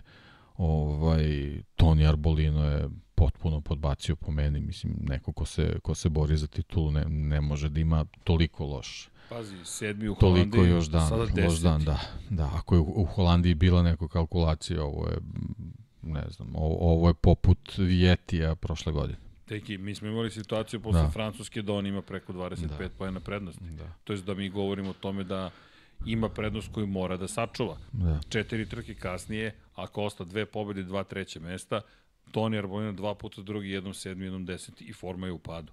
Da. I forma je sve više u padu. Da, dva poena samo je prednost Pedra Koste. Da. Toni inače bio najbrži na testiranjima, Moto dvojki su testirale, ali bez obzira na sve to... Pogrešan dan. Da, pogrešan, da, bukvalno, da, to, to, pogrešan dan. Ali, opet se vraćamo na tu priču, ja i dalje, zaista sam bio ubeđen da on mora biti agresivniji protiv Pedra Kosta. Pedro Kosta, taj vrsta vozača, ne, ne, bez kompromisan, agresivan, va- veoma brz, da. brz, nametljiv i ti dođeš u situaciju da dozvoliš sebi da ispustiš takvu prednost. Posebno u trenutku kad je Akosta povređen. Što je tek posebna priča. Čekaj, imaš Velik, prvo velika je stvar, čovjek radi pol poziciju, ovaj, ali ok, jedan, da, jedan jedan krug je krug, lakše je. izvesti, ali voziti ovaj trku tempo, videli smo da on stvarno ume da, da vozi tempo, jednostavno je jako teško, posebno na Silverstonu, gotovo nemoguće, a vidi se da je nemoguće. A da. pazi sad ovo, po, povrh svega, to je leva noga. Ti da. menjaš brzine levom nogom. Ti koristiš tu nogu mnogo više. Desna noga Ali to su odlike šampiona, on, on zna šta i u takvoj situaciji mora da uradi. I uradio je. To je ala Jorge Lorenzo i da sad ne spominjem ko je sve vozio povređen na taj način. Ko, ko nije, ali Da. da. pogledali Lorenza najviše pamtimo Tako po je, pitanju da. štaka. I, Tako da to je to, onda, onda britanski vozači, Sam Lowe's, uh, Jake Dixon, ono, kako ti utisak za Jakea Dixona? Kažnjen je Derin Binder za incident, ali meni je Da. kao trkanje. Kao pa jeste kao incident. trkanje, ali bio onaj, onaj snimak od, pozadi, jednostavno Binder je držao svoju putanju ne obazirući se na drugi. Okej, Ima taj moment, taj nastavak rečenice, da. Da, taj Mislim, sve je okej kao ti voziš kao super, ali ima nešto, moraš da se prilagođavaš uslovima na putu, A, što bi rekli knjige. god ti Da. se desi, ti si kriv. Da, tako je, tako. Ali, ali generalno Jake je ovu priliku morao da iskoristi iz, iz više ovaj, aspekata, pre svega zato što ono što sam je pričao pre trke, on je po meni, a vidi se i na ovoj trci, ovaj, videlo se na ovoj trci da po meni je veći kandidat za Moto Grand Prix od Toni Arbolina. Ovaj, I on je sa dobrim rezultatom u Silverstonu svoju poziciju debelo ovaj, mogao da, da, da popravi. Sad posle ovoga ne znam, mislim, ne, ne vezano samo za trku, nego jednostavno jako loše kvalifikacije, greška, pad, to, to u takvom trenutku sezone na, na mestu koje, koje je tvoje, mislim, ti, ti si tu, kao što su italijani u Mizanu, oni i Low su u Silverstonu, znači jednostavno pola tribina Ti navija za tebe. Tako je, tako da ovaj propustio je stvarno veliku šansu i, i mislim treba da bude ljut na Bindera, ok, ali mislim da pre svega treba da bude ljut na sebe. To je ono što je ovaj malo izjave su onako malo bile preterane po meni, ali dobro, to je taj adrenalin i to sve. Pa okej. da, ali ne možeš ljude da nazivaš tako raznim imenima, Da, bez bio- obzira jeste. I Binder ima neku svoju predistoriju i Znam, znamo... ali nije ta da. vrsta incidenta. Binder ok, Da. ali nije Binder išao, Binder je gađao teme krivine. Dakle, nije Binder odjednom otišao Ne, ne, sve stoji, mislim, možemo sad da analiziramo, ima Ne krivice, da sve, nije. jako je brza krivina i tako dalje i tako dalje, sve, ali ti si svojim kvalifikacijama sebe doveo u, u poziciju da budeš tu, ti si treba da budeš kod Akoste, ne, ne tu. Tako da, svašta tu nešto krug, ima. Pa poništen Tako krug, je, morao si tako da je. ranije postojiš bolje vreme. Apsolutno, apsolutno. da moraš na- za, za, ti, ti moraš da budeš gospodar na svojoj stazi. A nisi. Ti si taj koji postavljaš uslove u Silverstonu, ne, ne da, da, da zavisiš od nekih sudijskih odluka. Ja imam problem sa tim, da to je tvrda vožnja. Dakle, okej, Da. kriv, kriv, Derin Binder, proglasiše ga i u redu je, ali da, da je Binder ulete u njega, pa je on napao, pa je sad napravio nešto nepromišljeno, što mu ne bi bilo prvi put u karijeri. Sećamo se kako je Fođu izbacio iz duela sa Pedrom Akostom u Portugalu pre dve godine. Tako je.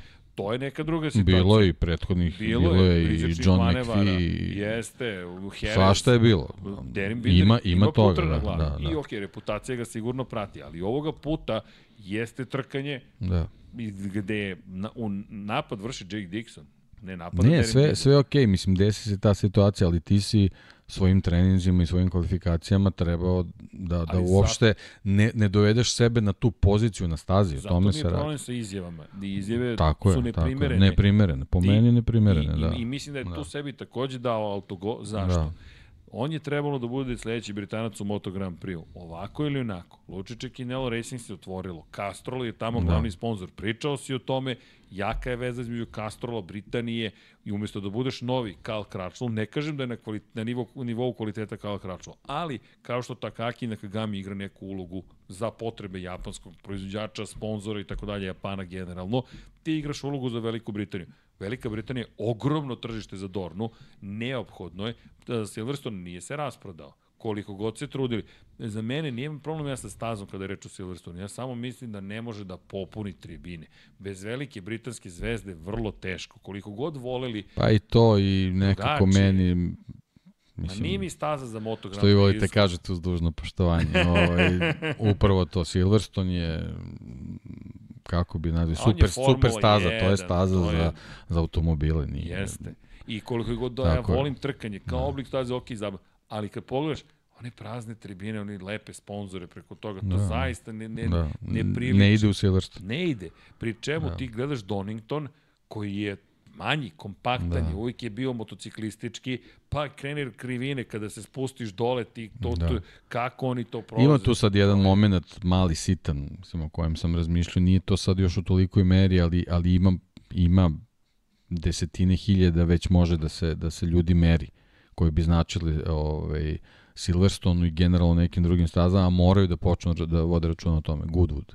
Goodwood, tako mnogo je. je. blizu bio, mnogo ljudi želi da bude tamo i onda posebno sa ovom, ovom plejadom vozača koji su bili ovaj, vezani za, za, za, za Moto Grand Prix general mot- motociklizam tamo, mnogo njih je poželalo da budu na, na, na, na Goodwoodu i jednostavno eto ta neka finansijska situacija eto nažalost ne, ne dozvoljava da, da, da mogu svi događaji da se isprate.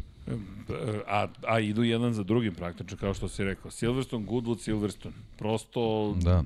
jedno, je u mesec i po praktično si imao Formulu 1, imao si Goodwood, imao si sada Moto I da ne zaboravimo, imaš aktuelni britanski superbike šampionat, koji je priča za sebe. tu ljudi mnogo vole da koji je odu. priča za sebe. Ali zašto, i moje mišljenje, kada pričamo o, o britanskom superbajku, kada pričamo generalno o takmičenju, to je mesto koje za mene označavaju vrlo specifične staze. Dakle, mi kada pričamo o, o evo, čitam ove godine kalendar. Dakle, gde ti odlaziš kada je reč o, o voda za mene? Ma, vi ste divan čovjek, hvala vam. Ovo na vezu sređeno, hvala, hvala za podršku. Dakle, gde idemo? Idemo u između ostalog, kada govorimo o Silverstonu, posetit ćemo Silverstone, jel tako?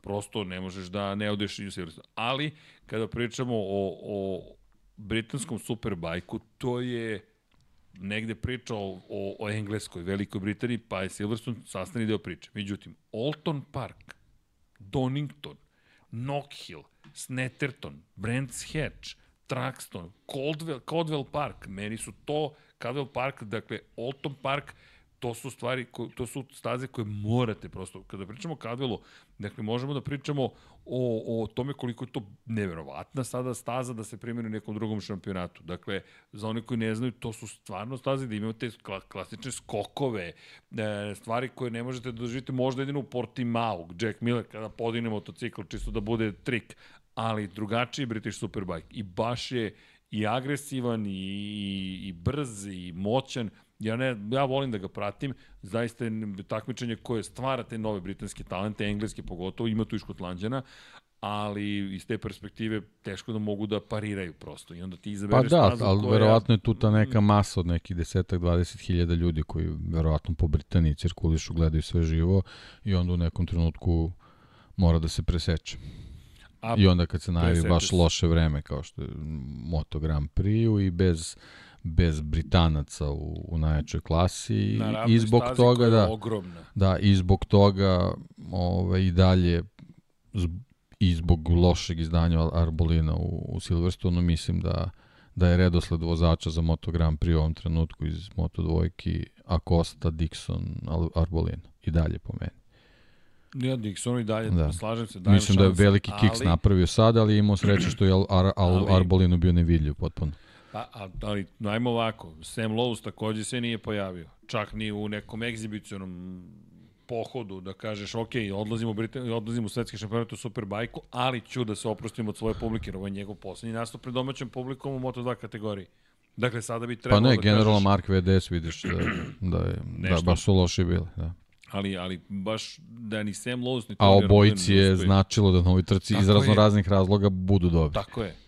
Sam, ok, možda Da. je već čovek u svetskom šampionatu u Superbajku, ali Pa sam dobro, ovde ali očekivao ipak ovo je, oproštaj, ovo je tvoja publika. Tako je, to je, to je neko mesto za inspiraciju. Gde ćeš kakve ako veze nećeš ima, ovde? Tako je. Ali znaš ko je bio inspirisan? Zaista sve pohvale. Kritikovao sam ga dosta. Joe Roberts. Joe Roberts koji je jedan od izjava ključnih i ko to kamera uhvatila slučajno praktično, kada je rekao imao sam problem u prvoj krivini i onda sam rekao ne, nećeš biti agresivan, ova četvrta pozicija posle svega što se dešavalo 2023. je puna kapa i Amerikanac je stvarno završio čovjek na poziciji broj 4 posle mnogo, mnogo loših rezultata i baš se sećam kad smo najavljivali da smo rekli najbolja pozicija je 12. mesto. Šta da očekujemo više od Joe Roberts? Ej, bom, evo ti ga Joe Roberts kao poručen za, i za sebe i za Ital Trans najzad neki rezultat koji liči na ono što smo očekivali od Joe Robertsa, da, daleko u šampionatu, 17. pozicija, ali moram da ga pohvalim zato što je zaista lepo odvezao ovu celu, celu trku i pomalo podsjetio na to što, smo videli u njemu i kada smo pričali o tome, ok, možda će imati šansu i Motogram i dok je dobio tu ponudu, Aprili odbio je, mislio je da će drugačije stvari se razvijati, ali ne, ne znam da li je ovo reset, to je ču- čujno pitanje, ali makar na dan Joe Roberts ličio na, na, na vozača koga se može očekivati dosta. Manuel Gonzalez me više oduševio, moram ti priznati, međutim. Iako, znaš zašto?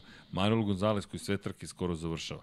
I Manuel Gonzalez koji, obratite pažnje na Manuel Gonzaleza, ne bih analizirao sve vozače Moto2 kategorije, ali mislim da Manuel Gonzalez zaslužuje da se spomene pošto ima nešto u tom momku što se i kako je došao do Supersport titula u 300 kategoriji, zaista duboko verujem da možemo da očekujemo sve bolje rezultate Manuela Gonzalesa. Mislim da će on biti ne iznenađenje, ali da će biti možda najstabilniji vozač, to je već ove godine pokazao, s obzirom na činjenicu da sve trke završava. A u Yamaha VR46 kampu je, pa Master kampu, pa eto, čisto da negde ga spomenemo. Što se tiče, kada smo već spomenjali Bosko Skura, Fermin Aldeger najzadeo ta prva pobjeda u karijeri, vidjet ćemo da li ga pomere negde, Alonso Lopez s druge strane, druga nezavršena trka. Inače, jedan, vidio sam jedan od komentara, nisam stigao sve da pročitam, ali pitao sam se šta je to lično između Alonso Lopeza i Pedra Koste. E, dosta odgovora, pa možda nije lično, možda prosto mlađi je Pedro Acosta, ali Pedro Acosta je mlađi od mnogih, pa ne reaguju tako na pojavu Pedra Kostija. Zaista mislim da tu postoji neki rivalitet koji mi još nije potpuno jasan. Nadam se prvom prilikom kada budem ponovo na stazi da ću uspeti da otkrijem o čemu se tu zapravo radi, ali kako god Alonso nije završio trku i drugačija sudbina u odnosu na prethodnu godinu. U momentu kada jedan uspeva u Bosku skuru, drugi ne uspeva, nekako ne mogu da sklope, pa čak ni da stvore rivalstvo jedan protiv drugog. Idu gore dole. Međutim, Lopez je to peta pozicija u šampionatu. Inače, deki, a Costa Arbolino ostaje jedina priča kada je reč o, o tituli. Dixon ovde imao tu šansu da se čak i u tu priču uključi. Dakle, i borba za titulu, i pred svojim publikom, i za Moto Grand Prix, i još je pride pokazao da ne ume još uvek da komunicira s medijima u situaciji koja nije zahvalna. Da, možda je to super, ja baš je iskren to tako ne funkcioniše. Pa dobro, da, Moraš se baš je, baš je bilo da, grubo i ne znam. Neprimereno je. Ne, neprimereno za, za takav vrhunski šampionat. Da. Posebno što izjava nije došla u trenutku onako baš Nije... adrenalin, par Ne, minuta. smirio već. Ti si već ohoho, prošao celu priču i pritom monolog traje. I, I onda u traje nekom trenutku ti, ti bukvalno je podizao priču da bi u jednom trenutku tako lupio glupost da, da ono, stvarno ne vidim razlog zašto to radiš. Kao da, da pokušaš time da opravdaš sebe. Pa tako to je je baš, izvučalo. baš onako detinjasto. E, u svakom slučaju ima nešto da uči. Ima baš, baš ozbiljan posao ispred. Ali šta, kažem, mislim da i dalje broj 2 što se tiče Moto Grand Prix. a šta ćemo sa Aranom Kaneom? Pa ne znam, eto, kažem, sam je rekao, on je na kraju ovaj, u, u Park Fermeu rekao da, da, da je ključna stvar da mora da, da, da, da poradi sa ličnim psihologom. Jednostavno, to je to verovatno u trenutku kada, kada povede, ne znam šta se desi, verovatno krene da razmišlja o nekim stvarima o kojima u tom trenutku ne, ne bi trebao, dolazi do dekoncentracije, srećom ne završava se svaki put padom, ali promena tempa je neverovatna. Bar je svestan. Da. Bar je svestan. I ono što mene fascinira, ej da, ljudi, to nismo spomenuli neko vreme, ali ta bitka sa anksioznošću ili Pa jeste, da, neurozama da, ili da. čime god je velika bitka. Svi ih vodimo na ovaj ili onaj način. Zašto to spominjem? Pa to smo pogotovo prethodnih godina više spominjali. Ove godine smo malo upali u mašinu iza kulisa, ali ne smo to, evo i nama se to dešava. Da. Pre, izgorimo, deki zna šta sve u jednom momentu smo radili, baš je velik, ne mogu da kažem pritisak, to je zadovoljstvo. Pa da, ali nije tako- samo to, mislim, naš, u principu ljudi e, teško je ti u, u komunikaciji s nekim s kojima si svakodnevno, a nisi 24 sata recimo vezan, niko ne može da zna šta se nekome dešava u nekim određenim drugim situacijama s čime mora se bori tako dalje i tako dalje. Mislim, Aron Kane je generalno mlad čovek i on se susretao sa dosta problema i odbacivanja zbog onih svojih tetovaža, sad eto da ulazimo konkretno te, te neke, neke primeri, niko u principu ne zna kako se on bori s tim i, i, i koliko mu je teško da se izbori, posebno ako nema podršku iz nekih određenih krugova i tako dalje, tako dalje, tako da ovaj, jako, je, jako je teško da na više frontova ovaj, uh, uspeš da se, da se izboriš sa teškim situacijama, a posebno kad se baviš vrhunskim, vrhunskim sportom i, i, i kad su u, u nekim trenucima na koči javnosti uprti u tebe. Mislim, ne, ne, ne bore se svi na isti način s tim, tako da ko zna šta i njima sve prolazi kroz glavu. Mislim, jako je važno biti pre svega mentalno stabilan, da, da ti možeš da budeš koncentrisan, da, da izvezeš sve te trke do kraja. Ako postoji iole, iole negde neki, ne, neki problem koji, koji ne možeš da prevaziđeš, to može da, da, da ti ruši ovaj, tu kompletnu tvoju pripremu za trku i on očigledno da se ti sa time i dalje i dalje susreće iako meni deluje da da da ima priličnu podršku u ekipi da da da jednostavno svaki njegov postupak a, ovaj on on iskoriste da stanu iza njega tako da ne, ne znam ne znam gde gde leže ti problemi al kažem kad je sam to izjavio onda je verovatno i svestan da na čemu treba da poradi eto hrabrujuće ako, ako je ako može da prepozna gde je problem nadam se da će da će poraditi na tome jer definitivno brzinu ima samo je potrebno da veže tih 15 20 krugova eto konačno karijeri da da da da da možda i on probije tu tu psihološku barijeru i da da i njega dobijemo u nekom mnogo boljem svetlu. Potreban nam je još jedan vozač tog tipa. Postaje večiti drugi, to je, zaista može da postane problem, navika, kao što si rekao. Inače, samo želim da iskoristim priliku ljudi, vodite računa zaista jedni u drugima.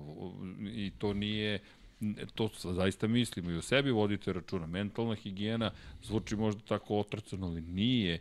Moramo da se pazimo. Dakle, vreme je žestoko, tempo je ne, nemilosrdan, neverovatan, nemate više ni osjećaj samoće nikada, dakle telefon samo zvoni, neko obaveštenje, društvene mreže, nešto se dešava, malo vremena za sebe, malo vremena za drugare, drugarice, za neku, neku zabavu. Evo, apropo pitanja za Red Bull Ring, potrudit ćemo se da vam mi ispričamo šta mi mislimo da treba da uradite, pravila za stazu su često slična i ista gotovo, u svakom slučaju Red Bull Ring je jedna od najbolje organizovanih staza, ali šta hoću da kažem, nek vam taj izlet na, stazu bude ta oaza, neko je lepo rekao oaza mira. Kada sam to čuo da, da neko doživljava Lab 76 na taj način, meni to bila najlepša stvar koju sam ikada čuo, zato što to je nešto što može samo nas da raduje. Zaista to je lepo čuti, ali samo hoću kažem, eto, Aron Kane me oduševljava što je javno to izjavio, jer njegova rečenica će otići mnogo daleko. Ako je on spreman da kaže, u očima i pred očima javnosti da iznese slabost svoju i da kaže moram da pričam sa psihologom, da poradim na sebi, meni to fenomenalno. Da, vrlo iskreno i onako stvarno dečački. Da, da, dečač, da. šarmantno. Vidi se, ne, vidi se da ga, da ga to pritiska, stvarno, da. stvarno. Znači to sad već nije na nekom nivou tog sportskog razočarenja, kao eto nisam prvi, nego, nego jednostavno on, on shvata da tu postoji neki problem i Uh, zbog svega to što je rekao, ja, ja stvarno pomišljam da je recimo tokom same trke on počeo da da da, da, da jer ne neverovatno je kako mu tako je neverovatno kako mu je tempo pao, da. I samo ovako. Odjednom vidiš svi su oko njega, a ali ono što je pohvalno, Ali to je opet izvini, to je sad paralela to su te veličine šampiona. Yes. Oni jednostavno ne, ne dozvoljavaju da ih bilo šta poremeti. Ma ne razmišljaju o tome, ne, oni razmišljaju na drugačiji način. Evo, pogledaj, pogledaš Pedra Kostu, koji, koji Kako? ko zna sa, sa, sa kakvim hendikepom vozio. Mislim, mi znamo kakva je priroda te povrede, ali svake, svake od takvih povreda su individualne.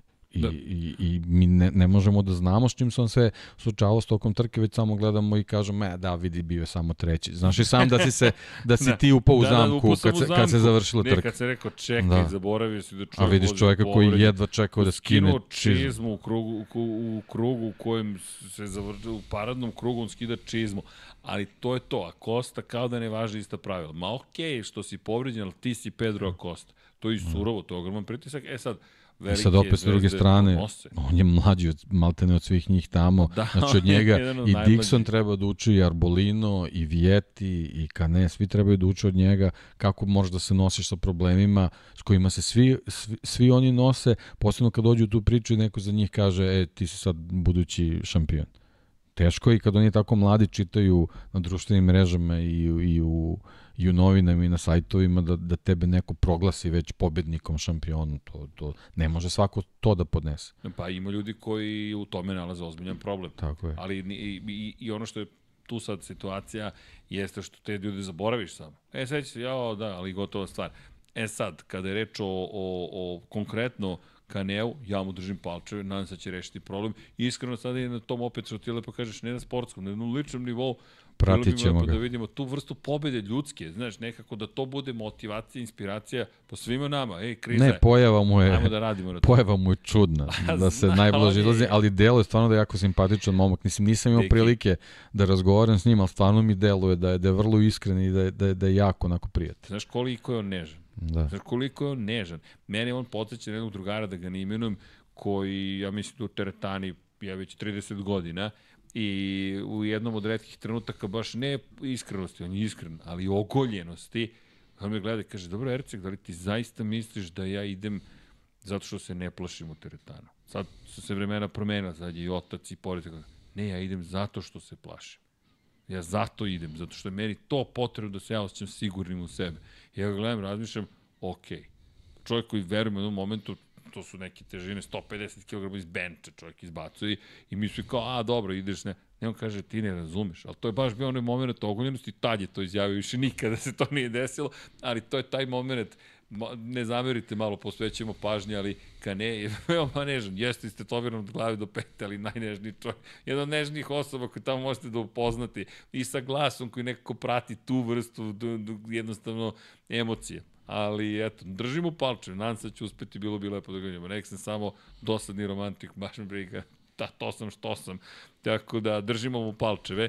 Kada je reč o ostalima, Filip Salač počinje malo da popušta, hoću da ga istaknem, potpisao ugovor s Mark VDS Racingom, ali Filip kao da, kao da se vraća u stare neke vode. Priprema se za 24. da, da, ali, ali to je opasnost. Filip me prijetno iznenadio. Filip, kroz istoriju, e, Filip Salač nikada nije skrenuo pažnju na taj način na sebe. Dakle, ja, mnogo mi se dopada što kao neki predsednik, hajde u krajnjem slučaju i ovog regije šire u smislu istočne Evrope, imaš, nemaš tako mnogo vozača sa tih prostora. I sad dolazi momak koji ničim nije skrenuo pažnju na sebe do sada. 24, jednom je nastupio, 24. je bio u Brnu 2018. Potom je vozio punu sezonu, bio 23. Na kraju sezone je bio peti. Kaže, što idemo Filipe? Osmi otvori sezonu, odustane odustane. 25. odustane, 12. 20. 18. i sve se nekako tako poremeti. 21. bude u šampionatu. Zatim menja iz Honda, pređe na KTM, iako je u Francuskoj bio drugi te sezone, 16. u šampionatu. Prošle godine stigne, bude drugi na Tajlandu i kao, ok, tu nešto ima. I sad ove godine, pol pozicije, dobro na 7. 5. i 9. drugi u Francuskoj, 7. 13. u Nemačkoj, odustane u Holandiji, sada 13. napusti Gresini, ok, ambicija Mark VDS Racing, Ah, držimo palče u svakom slučaju. Ajmo Filipe, ovaj krajnje navijački u smislu čisto da i deca iz ovog regiona kažu čekaj, Ajmo, Fićo. desiti. Ajmo Fićo, bukvalno. Ne, pazi, Acosta Španija, Arbolino Italija, Dixon Velika Britanija, Kane Španija, Alonso Španija, Salač Češka republika, Aldeger Španija, Lowe's Britanija. Do sad sam sa izuzetkom Češke spomenuo tri nacije, od kojih je 75% su Španci, Somkir Čantra, koji predstavlja Tajland, zatim Manuel Gonzalez, Španija, Celestino Vieti, Italija, Albert Arenas, Španija, Ayo Gura, redki Japanac, Sergio Garcia, Španija, Barry Baltos i Belgija, to je tek, sad pričam za sebe, Jeremy Alcoba, Španija i sad kreće ostatak sveta, Joe Roberts, Amerika, Boben Snyder, Holandija, Derin Binder, Južnoafrička republika, opet Denis Fođa za Italiju, Luka Stolović, 21. Nemački, da odgovorimo na pitanje šta se dešava. Pa ništa se ne dešava, prosto još nije našao tu formu koju želi, kažem, zvaćemo ga da nam on ispriča šta se tačno dešava, ali moj utisak je prosto da, da je ovo svetsko prvenstvo, ljudi. I da ti sada moraš da nađeš načina kao i ekipa, jer Dinavolt, ne Dinavolt, izvinjam se, Liqui Moly Intact Grand Prix ima Derina Bindera, Lukasa Tulovića. To je ozbiljan tim kada pogledate na papiru, ali nemojmo zaboraviti, Derin Binder je Novajlija u Moto2 klasi. Dakle, bez obzira na sve što je do sada postigao, to je čovek koji je Novajlija. Kada je reč o Lukasu Tuloviću, jeste bio šampion Evrope prošle godine, ali kada pogledamo Lukas šta je radio u Moto2 kategoriji, imao je jednu punu sezonu 2019. godine. Ljudi, to je bilo pre četiri godine kada je vozio svetski šampionat. I to u ekipi koja nije bila toliko konkurentna u Kiffer Racingu, potom je proveo nekoliko godina u Moto E šampionatu, zabeležio jedan triumf i sada se vratio. Ali ovo je neki novi početak i iskreno ja tek očekujem dobre rezultate, možda sam samo subjektivan, ali eto, na, mislim da je najbolje da pokušamo Lukasa da pozovemo sledećeg četvrtka ukoliko bude raspoložen sve staze da nam se javi, da li snimljena izjava ili generalno i da kažemo Lukase, ajde ti nam reci, šta, šta se zbiva, gde, kako, zašto, koji je problem, jer to su zaista detalji i sitnice u Moto2 kategoriji, ali eto, bit će lepo da, nadam se, čujemo predstavnika svetskog šampionata u Lab 76 to bi bio, ajmo da neka to bude plan, da ne, ne odgovorimo mi tek tako, nego da, da, da čovjek kaže sam o čemu se radi. Dobro, pišemo Lukasu Tuloviću, da vidimo Lukase, kad će pobeda da padne, kad će da se radi. Inače, kada pričamo o, o, o nacijama, dakle, posle Lukasa Tulovića, čisto da spomenem, Matija Pazini koji je italijan, Sean Dylan Kelly Amerika, pa Torres, Gomez, Španija, Španija, Van der Gurberg, ponovo Španija, Španija, Španija, imamo Senu Agiusa koji predstavlja Australiju, Kazmu Danila koji prelaze Maleziju, ali na šta nemamo, deki? Nemamo nikoga ko predstavlja Kolumbiju. Ali zato imamo jednog Kolumbica u Moto3 kategoriji. I to kakvog Kolumbica, najbržeg makar na trenutak u Moto3 šampionatu sveta, dami i gospodo, David Alonso, Novajlija koji ove godine, iako smo od Jose Antonija Ruede očekivali možda da bude taj, je zapravo rekao ovo je moja godina. Inače, momak koji je osvojio Red Bullov kup Novajlija 2021. 2020. osvojio kup talenata Evrope. Slični rezultati kao sa Ferminom Aldigerom, ne možda toliko dominantan, ali momak koji je zaista na sve strane bio, vozio juniorski Grand Prix Moto, Moto3 šampionatu, dakle bio za, na gas gasu, pa potom ostao na gas gasu, to je kod Jorge Martineza Spara i naredne sezone, pošto se nisu otvorila vrata ka svetskom šampionatu i ponovo bio sedmi. I negde sam tu počeo, ne da sumim, nego kažem, nje, Jose Antonio Reda mi deluje bolje kad sa 27. pozicije, 20, ne, 28. pozicije do samoga vrha David Alonso potpuno neću da kažem navijački, nego istorijski za mene, podsjetio me, čekaj, Kolumbija, odmah u glavi, Juan Pablo Montoya. Koliko jedan kolumbijac promeni istoriju i način na koji posmatraš celu jednu naciju. Šakira. Šakira, o, o, deki. Ovo ako ne bude real. Dakle, ovo da se razumem, posluđat ćemo se. Žalim se, naravno. Ali, da, ali Kolumbijac na vrhu, inače momak rođen u Madridu, ali nema veze. Kolumbijac je i lepo, eto, vidite ga, inače bio drugi u Španiji ove godine. Tako da nije ovo prvi plasman pobjedičko postolje, ali pobjeda je pobjeda. Pri čemu, deki, kako trka, dum, dum, dum, dum, Ma ne, strana. mislim, dešavalo se, imamo primjer Koste, na primjer, kao poslednja pozicija naravno. iz pit, sa pit lane i tako dalje i tako dalje, ali, ali meni je fascinantno kako je brzo uspeo da... U tri kruga on je bio, pri čemu šokirao sam se kad sam shvatio gde je, čekao je dečko bio poslednji. Oni su išli svi široko, on je išao usko i prošao. Nemam pojem. Moguće. Moguće. Na kraju Ali dobro, to staza omogućava, mislim, zaista, toliko je, toliko je široko, toliko je prostora da ti, ako, ako ti legne krug, stvarno svašta možeš da, da, da uradiš. Ovaj. Ali Jaume Masija, na primjer, to nije uspeo da uradi. To sam htio da ti kažem. Da. Imamo tri velike teme. David Alonso kao pobednik, prosto kao čovek koji je zabeležio prvu pobedu u karijeri i kao neko koji je jasno stavio do znanja koliko je brz i talentovan. Druga tema, svetski šampionat, zapravo pod tema u okviru toga, Đaume Masija, neko je rekao, pa dobro ima još neki vozač osim Đaume Masije. Da, ali šok je bio zaista veliki. Đaume je pobedio u Holandiji u trenutku kada se čini da ulazi u tu bitku za titulu šampiona sveta trubimo o tome da mu je ekipa ponovila 1428 puta. Đaume samo završi trku. Ništa drugo, samo završi. Ne smijem da zamislim, moram ti priznati, dopisivali smo se, dopisivali se sa, sa, sa, sa Mijom i kažem čestitam pol pozicije, sve super, hvala, dobro lep dan, tr, sve, okej. Okay. Završila se trka, šta čovjeku da napišem? Napišem. Pa ne videlo se njihova reakcija u garaži katastrofa, bukvalno. Ne, ba, baš me zanima kad se smire strasti kako je to prošlo. Jel, jer, Tacuki još, je, ovaj... Još je pao i Tacuki. Sona rano i tako. Tako je. Tako da, iz te perspektive, ali Džame Masija, i nije ovo samo zbog Midraga Kotora i Leopard Racinga, ovo je podsjetnik na 2020. Ma Leopard je trkački raspoložena ekipa i, Jest. i jednostavno vozači moraju da idu u 100. Nema šta, ali Neverovatno. Ne, pazi, ti imaš prednost. Duga je trka, ovo nije staza na kojoj to radiš. Uslovi su promenjivi. Cijelog vikenda imaš teške zaista uslove. Imaš situaciju u kojoj si u vodećoj grupi. 15 punih krugova u Moto3 kategoriji. Da.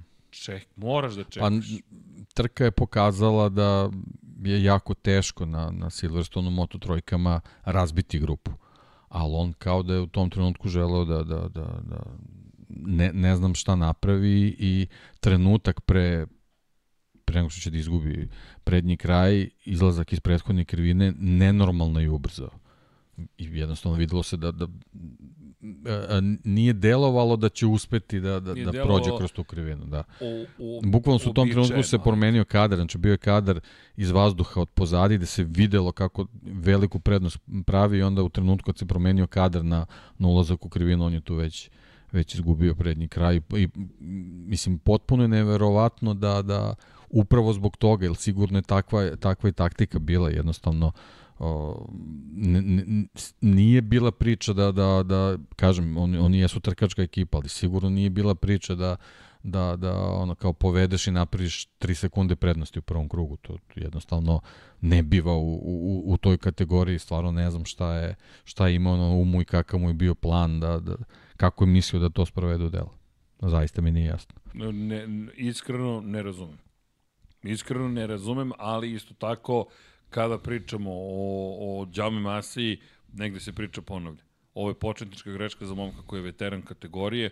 Nisam siguran šta, šta ovo znači za njega i iz perspektive toga šta ga čeka, ali činjenica je da u ovom trenutku Đaume Masi je sebe doveo u situaciju da može samo da se nada da će u 11 najpreostalih trka nekako se ponovo otvoriti situaciju. Ono što je problem je ono što smo pričali o Kaneu, psihičko stanje posle ovakve trke. Nemam predstavu kako će biti. S druge strane, Daniel Olgado nije bio savršen dan, ali treća pozicija za vodećeg u šampionatu sveta, 16 poena, hvala lepo, doviđenja. Ko pobeđuje? Neko ko mi nije rival u šampionatu sveta i Ono što je takođe bih istakao, Ayumu Sasaki, koji je završio trku na poziciji broj 2. Siguran sam da će uskoro doći pobjeda Ayumu Sasaki. Drugi, treći, drugi, drugi, drugi.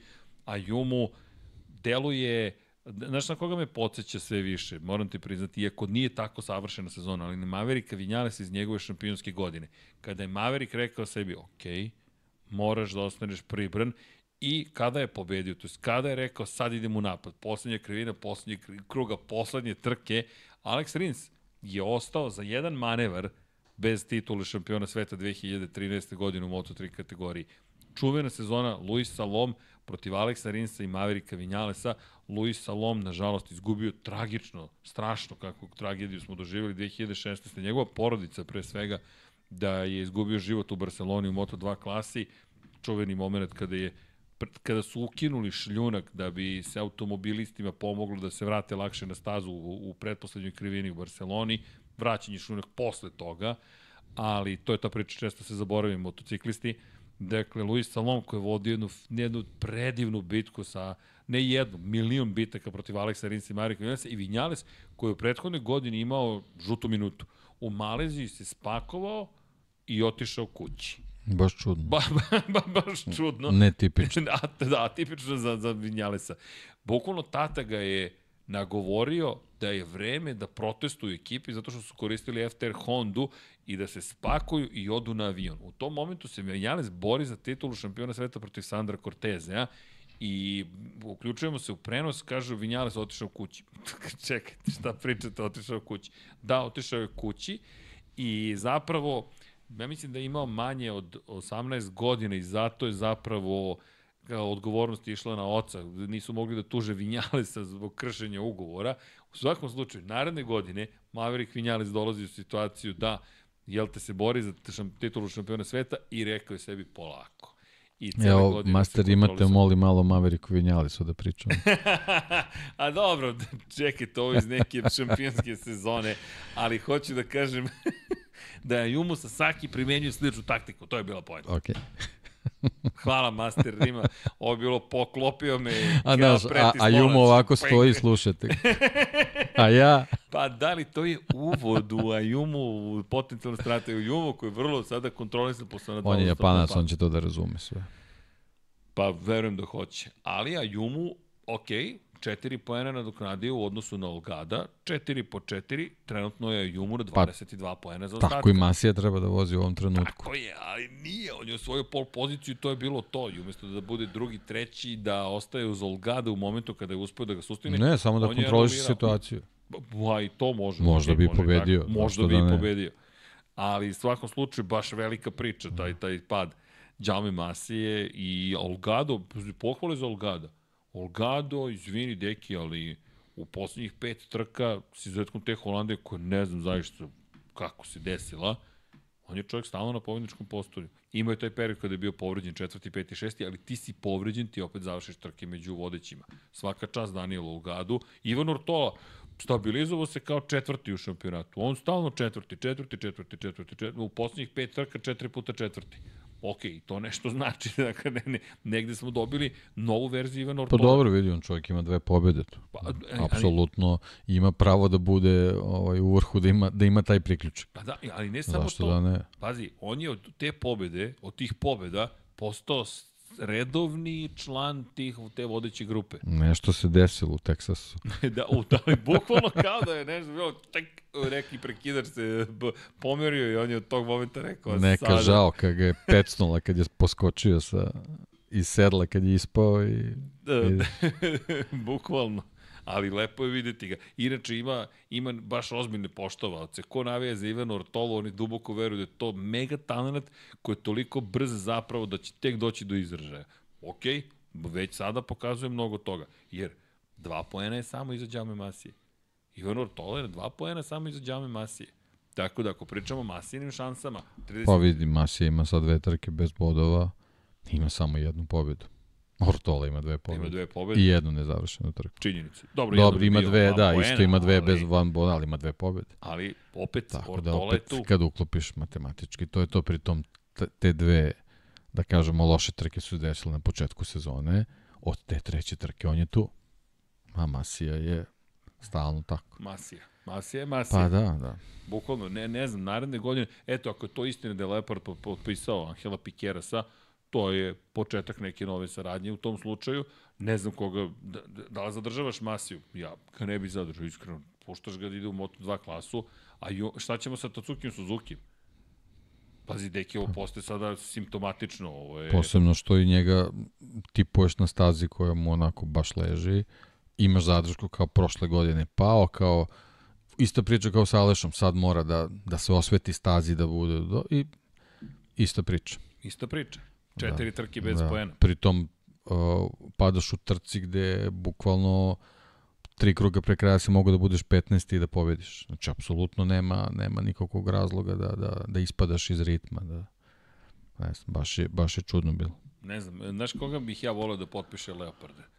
Ko, iskreno, ne znam iz kog razloga to mislim, Scotta Ogdena. Ja mislim da Scott Ogden bolji nego što pokazuju rezultati. Ali možda je to samo moja fascinacija nekim njegovim rezultatima, jer mislim da Vision Track Racing ekipa nije ekipa koja može neke stvari da ti pokaže i ne mislim samo zbog ove druge pozicije koja mogla da bude pol pozicija da napravi tu veliku grešku pao, ne znam da ste to ispratili, ali Bi, ah, katastrofa, nije ni bizarno, dešava se to vozačima, krug za zagrevanje se, kreće se u krug za zagrevanje i kraj. Ali Scott Ogden deluje mi da ima neku brzinu u sebi, možda grešim. S Denim Kentom su osvojili titul, ko zna. Kako god, propuštena prilika i apropo priče o Britancima, još jedan Britanac koji zapravo imao neuspešan vikend. I ni Dixon, ni Lowe's, ni na kraju Scott Ogden koji je bio tako blizu toga da oduševi publiku. Odbranit će nam, tako što ćemo reći da su imali tremu. Ima, ovo, imali su trem. Ne, to ja tako ne mogu da prihvatim. Ali dobro, ima vozača koji zaista je teško nastupaju pred svojom publiku. A šta ćemo onda sa Nigelom Mansellom koji, ili još uvek, ili nije, prošao mu je rođendan, koji... izvini, deki, izvinite, Helena, izvinite, čekaj, ti. Ali dobro. Dakle, mi imamo situaciju Nisi da... brkove nosio juče. U novembru. Da. Ali, Moraš i 8. augusta. mogu i... Mogu. Pa kako da ih pustim samo na Pa osnovu? zalepi. Pa ja imam malo kupi neki, kupi neke mensalove brkove. Menselovi brko. Ili da nosiš onaj karirani kačke. I onda to nosim ovako da radimo podcast. Hvala, kako ovo je bilo bezobrazno. A ovi kako se brzo hvataju pore, odmah kao je kamera gde. Ej, da, da, da ne pobegne misao. Dakle, Scott Ogden, ok, propuštena prilika, ali znaš ko nije imao sreće ovoga puta, ali stvarno nije imao sreće, Denis Ondžu. Dakle, Alonsov manevr za prvu poziciju u stovu zapravo dovodi do toga da Alonso malo samo pogrešio. U tom momentu Ondžo koji ide u skretanje sa spoljne strane, to je bio njegov manevar, mora da koriguje putanju Pa 11. dobro. pozicija. Dešava, se. Dešava se, posebno kad je takva grupa. Ba. Baš je teško ovaj,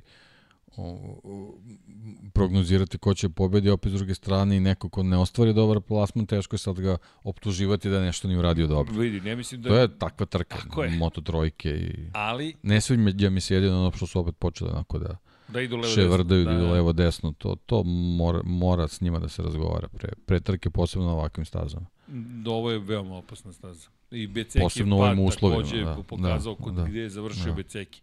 Da. Ja uvek se setim Šumahira i Mihael Šumahir koji je imao prelom obe Da. noge kojom brzinom izletao u stovu. Kada to nije I izletanja, izletanja na treninzima, navodno zbog trave na, na stazi i, i Ne, ne, ono što je Alex to, Marquez da, rekao, da, to da, je da. stvarno neprihvatljivo, rekao ko neko regionalno takmičenje, ne svetsko prvenstvo. A to nisam vidio, A, nisam lepo obratio a pažnju. dešava se Britancima to. Moraju, Aj. moraju da vode računa o tome. To je taj moment British Superbike. Da. volimo ga, ali malo siroviji. Malo je siroviji, s tim što Dorna, Moto Grand Prix generalno to ne sme sebi da dozvoli. Ali apropo greške, ne greške, ne, ne, Denis Ondžu nije napravio grešku, prosto taktika koja Tako, pa da. nije donala željen rezultat. Ali I to spada problem? u trkački incident. Tako je, ali drugi, prvi, treći je bio prethodni tri trke. Ta manje je krenuo taj niz i sad pazi, osvojiš samo 5 poena, 99 bodova. Da je bio na poziciji 4, 13 poena, to je dodatnih 8 poena. Ti tačno imaš poena koliko ima Ivan Ortola, ti si tu uz Đaume Masiju. Možda ne smanjuješ razliku odnosu na Olgada, zamisli tek da je pobedio u ovoj priči Ondžu. Dakle, Ondžu ima dodatnih 20 poena na sve ovo. To je 119 poena, on je izjednačen sa Sasakijem. I to je neki drugi šampionat. Tako da manevr koji deluje tako jednostavno, mislim da je baš skupo košta Deniza Ondžua, ne pocenjujem ga, mislim da će Ondžu biti veoma opasan u Austriji, ali samo konstatujem da ta 11. pozicija, da nisam jel te, komentarisao, to je da nismo pratili trku, pa, a, pa, loša, ne, ne, ne. Samo prosto splet okolnosti. Splet okolnosti, da. Da, Diogo inače Moreira, da ga ne zaboravimo, je danas takođe bio brz na testiranjima, priča se da otišao u Ital Trans, ne znamo da li je to istina ili nije, ali ništa posebno ponovo nismo dobili, dakle, negde same old, same old, neka Da. da. stara priča postaje već sedma pozicija, što iznenađenje, pomislili smo možda dugi odmor mu da neku šansu, ali opet, ni to se nije dogodilo. I David da, da, Munoz- bu, da bude novi početak sezone, ali nije. Nije. David Da. da. Munoz, samo bih ga dodao još u celu priču, pošto je bio povređen, oporavio se dva peta mesta za redom, ok. Prosto ide svojim Da. nekim putem, David Munoz, ne znam da li bi istakao još nekoga, Kolina Viera, eventualno najbrži krug trke za Holandjanina, zašto? Pa zato što je neočekivano da Colin Vier bude toliko brz u celoj priči. I da, moram da, da istaknem Romana Fenatija, kad ta će pobediti ove godine Romano Fenati, znam da se ponavljam, ali to je samo pitanje trenutka. Mizano, Mizano, to, to će da bude moment. Pazi, ne, kako? On je ne. To, to, to. ali pazi, u jednom momentu Romano, baš izgleda, čekaj, prvi je, u, prvih tri, u prvih pet borba, dobar je bio Romano Fenati. Ok, na kraju deseti, ali Lepa jedna trka za Romana Fenatija. To je moje mišljenje, bez obzira na sve probleme. I da, i još jedan važan moment koji uopšte nisam ispratio tokom trke, to je David Salvador. Zašto? Salvador ima ugovor sa Leopard Racingom zapravo. On je na pozajmici Cip Green Poweru. Šesto mesto za Salvadora je važan moment u trenutku kada padaju i Sasaki i Masija i kada se otvara ta priča da li će angažovati nekog drugog. Suzuki. Salvador, Suz, kako? Suzuki Masija. Šta sam rekao? Sasaki. A Ne, ne, Suzuki, izvinjam se, Suzuki i, i Masija. Dakle, misliš vreme je da se... Ne, ne, nego da bude precizno, da, bude mogu precizno, ljudi da prate. slažem Se, da. slažem se. Dakle, Suzuki koji pada i to je najbolji rezultat sezone za Davida Salvadora. Misliš da će Salvador- obojicu u paketu? Da. Pa pazi, Salvador je Novajlija.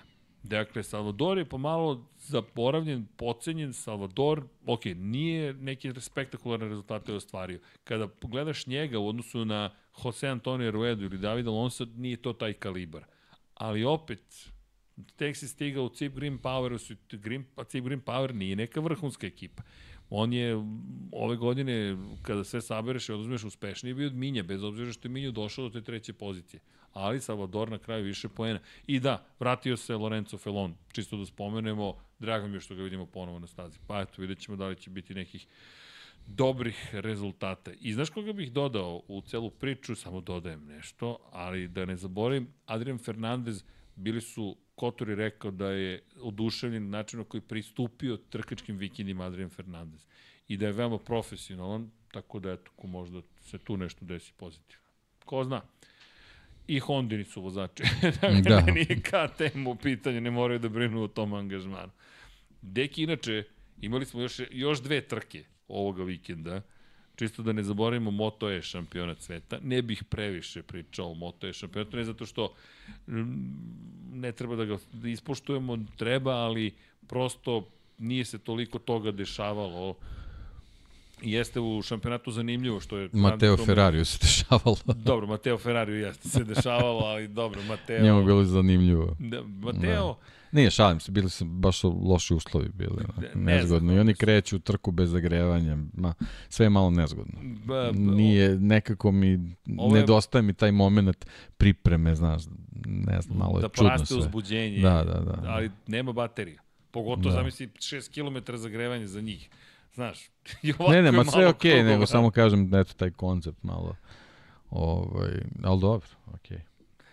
Za one koji eventualno ne znaju, dakle, kada reč o, o, o Moto2, o Moto E, izvinjam se, trci, pet krugova.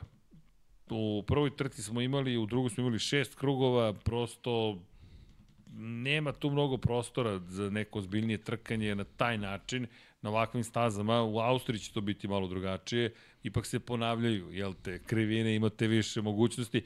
Ovde baš je drugačije. Naravno, Ari Granado uvek me podsjeti na tebe, Pa. ali Trkačka staza, on je tamo najbrži vozač, najviše bodova uzu iz obe trke i to je to. Da, da. A, i inače, Da. da. pohvalimo Krandija Krumenahira, švajcarac, prva pobjeda u karijeri u svetskom šampionatu. Zašto? Pa Randi je davno nekada bio velika nada KTM-a, još u eri kada su u 125 kubika učestvovali i to je eto taj neka, neka uspomena, pa eto to spominjem često kad je Krumenahir u pitanju, baš je bio klinac kad je u Kataloniji stajao na pobjedničkom postolju i to je bilo daleke 2007. godine. To, to pamtim, pošto je to prva, u stvari ne znam da li to razlog zašto pamtim, ali se sećam, to mu još je Kojame i Randy Krumenher, to mi je prva sezona kada sam komentarisao zapravo svetski šampionat u motociklizmu i nekako taj moment, ta scena sa 16 godina Krumenher koji se penje na pobjedničkom postoju bio super. Sad, 16 godina kasnije, se, se dobradi Randy Krumenher beleži prvu pobjedu u karijeri. Lepo je u svakom slučaju bilo videti. I kada je reč o drugoj trci, u drugoj trci pobjeda za Matiju Kasadeja, koji je najzad dočekao ove godine da proslavi pobedu. Matija koji imao i pol poziciju, gde su ga beše kaznili? U Nemačkoj? Ne, u, u, u Asenu. Jel tako? U Asenu su mu oduzeli bili zapravo prvo, prvo startno mesto, ali tu mislim da je Kasadej mogao mnogo toga da postigne. U svakom slučaju u šampionatu, Jordi Torres koji je bio peti, četvrti i dalje ima prednost od 15 bodova, polako se približavamo kraju šampionata, tri trkačke vikenda do kraja, Pa Austrija, dobro, ima šest, znam. trka, šest trka, nije malo. Ima puno da se vozi, Da. da. to, to, to je činjenica. A KSD je eto pobedio na 124 pojena, sumnjam da će baš ugroziti Torresa, mislim da između njega i Ferrarija zapravo glavna bitka između Torresa i Ferrarija, a ostali da prosto se bore za svoje pobjede. Garzo je možda mogao boljim trkačkim vikendom nešto da učini, ali nije mogao protiv klubskog Da. Ferrari samo ima problem, ovaj, on ili pobedi ili je prosečan. Ovaj, tako da mora to malo da, da promeni, jer na taj način nećemo biti dobar zbir. Nisam baš siguran da, da će uspeti napraviti sad neku seriju, da u šest trka zabeleži 3-4 pobede, ovaj, ali ali ko zna, Ali, mislim, da, Pošto dešava se se poslednja to. trka vozi da. u Mizanu, to su dve pobjede Da. za Mateja Ferrarija, tako da tu, tu, Da. tu računa na prednost. Da, inače čovjek koji je prvi put ove godine uspeo, svetski šampion je nekadašnji Moto E klase, da pobedi van Italije. To mu je, to mu je uspeh ove godine, prvi put u karijeri to uspeo. Kada je u Francuskoj slavio pobedu, onda u Holandiji zabeleži dvostruku pobedu. Tako da eto, počeo je malo da menja. Nešto se menja, ajde da vidim, ajde da vidim. Pa ajde da vidimo da, šta će se desiti. Dobro, prva sezona u kojoj Ducati proizvodi elektromotocikle, pa eto, neki noviteti. Dobro, pitanje za Dekija. Sad sam, sad sam o, da li je Pikeras imao jaču konkurenciju ili Pedro Acosta?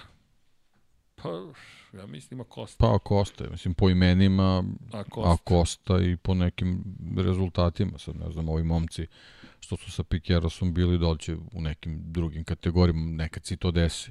Jednostavno, ovaj, kad, kad odu više kategorije, ovaj, nekako njihov talent dolazi do izražaja, a- izražaja ali, ali deluje mi da, da je Akostina generacija ipak bila onako ozbiljnije. Pa pazi, Izan Guevara, Xavi Artigas, to su ljudi s kojima se borio zapravo da. Da. Pedro Costa. Pedro Costa u tom kontekstu mislim da je imao bolju konkurenciju. Ko zna, možda je to i bolje za Pedra Kostu, u smislu da je, zahvaljujući tome, možda i stasao ovakvog vozača kako je stasao. Jer ti moraš njih da pobediš. To je samo ajte, neko viđenje stvari.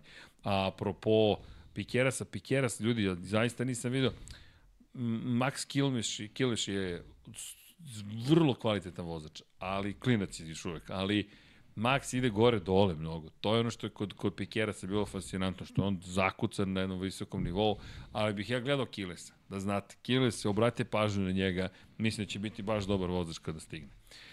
Da, kada, kada pričamo o Kaže Srke, ja mislim da Aleš zaslužuje da preskoči 341, pa kada se desi, desi se. Ne, ko Aleš, dobit će on svoj specijal, kako je krenulo. E da, Branislav Dević podsjeća Diogo Morira i Senina, Senina Kaciga. Lepo je bilo što je Domaž dao, što je počas dao Ayrtonu Seni, baš je lepo vidjeti tu, Mogu i da bude na postolju. mogao je. To bi, to bi tek bila prava stvar. Ne Ali vozi da. kaciga. Da, da. E, to je čuvena priča Giacomo Agostinija. To je bila za reklamu, ali to je priča. Imao je svoju omiljenu žutu majicu. I svaki put kada je pobedio je nosio svoju omiljenu žutu majicu. I nije nikad htio da skine žutu majicu. I super priča. Boris Becker, ne znam još ko je sve uz njega pričaju to svojim uspesima. I kaže Giacomo i svaki put ja pred trku obučem svoju žutu majicu, zabeležim pobedu. Dolazim na stazu, ne znam tačno koja trka bila, otvaram torbu, nema moje žute majice. I Beker ga pita, šta se desilo? Pobedio sam. Ili ti kakva crna žuta majica, majica, ja sam majica, ne, ali super i Beker kaže, i pobedio sam. Ima tu još, jedan, još jedna dobra scena, ne znam ko je bio, od surfera, kada je rekao kako su počeli sve ranije da dolaze na plažu kako bi ga dočekali na plaži kada on stiže. I Kažem, nema problema. I sad, to je 10-15 minuta. On je u pet ujutro došao na plažu i dočekuje ih, kaže, ja spreman. I svi dolazi, samo su potonule su sve lađe jer su se spremali da me dočekaju. Došli su na moju plažu. Sećaš filma Park je moj? Njurk. To je vreme Ne. kada je se Njurk, nažalost, malo vraća u tom smeru, kada čuva park, Central Park je zauzeo i onda ima to je njegov park. Pogledajte, park je moj. To je klasik iz 70-ih i 80-ih, B filmova i tako dalje. Dobro. E, ako je Killers klinac, šta je onda Pikeras? Pa dobro, svi su oni klinci, ali, ali, ali Pikeras deluje malo zrelije u toj celoj konkurenciji. E, zamislite, Srki, zamislite ovo, Pedrosa je pobedio u četvrtoj trci u karijeri, Lorenzo u trećoj, Marquez u drugoj. Zamislite da Costa pobedi u prvoj. Aha, u Moto Grand Prix. Dobro. Ajde, zamišljamo. Pobedi u prvoj. Pa to je revolucija. Jest. u ovom, u ovom autogram prije. Senzacija. Jeste. Ne, Boško pita, može li Dani do podijuma u Mizanu? Pa ja mislim da ne može. Znate zašto? Zato što ne želi. Zato što ja mislim da Dani, pogledajte još jednom trku iz Hereza. Dani je mogao da bude bolje plasiran. Dani je izašao iz svakog duela. Bukvalno, Dani je pustio svakoga koga je malo agresivnije napao, Dani se sklonio. Dani je rekao, bukvalno, ne, neću da ti utičem na trku. Ti voziš šampionat, ja ne. Dani je veliki džentlmen i svestan je okruženja i svestan je situacije. To što, znate kada će da pobedi? Ako on povede trku, na primjer, bude na pol poziciji i nema nikog u njegovoj blizini. Nikoga ne ugrožava svojom pobedom. Ali svaki duel Dani će pustiti. Ja sam, ja vam potpisujem, ovako potpisujem, Dani pušta svaki duel. Jer jednostavno Dani nije tu da bi postigao što bolju poziciju trci, već da testira za Ducati. I ono što je njemu bio cilj jeste da vozi u grupi, jer on kada testira sam na stazi nikad nije u grupi. I za njega je veliki problem bilo nerazumevanje kako se ponaša motocikl kada nekoga prati.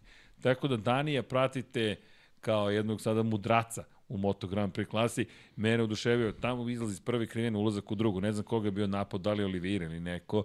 I vidiš Danija koji samo vraća motocikl levo. U bilo kojoj drugoj situaciji pff, ne, bi, ne bi se prošlo.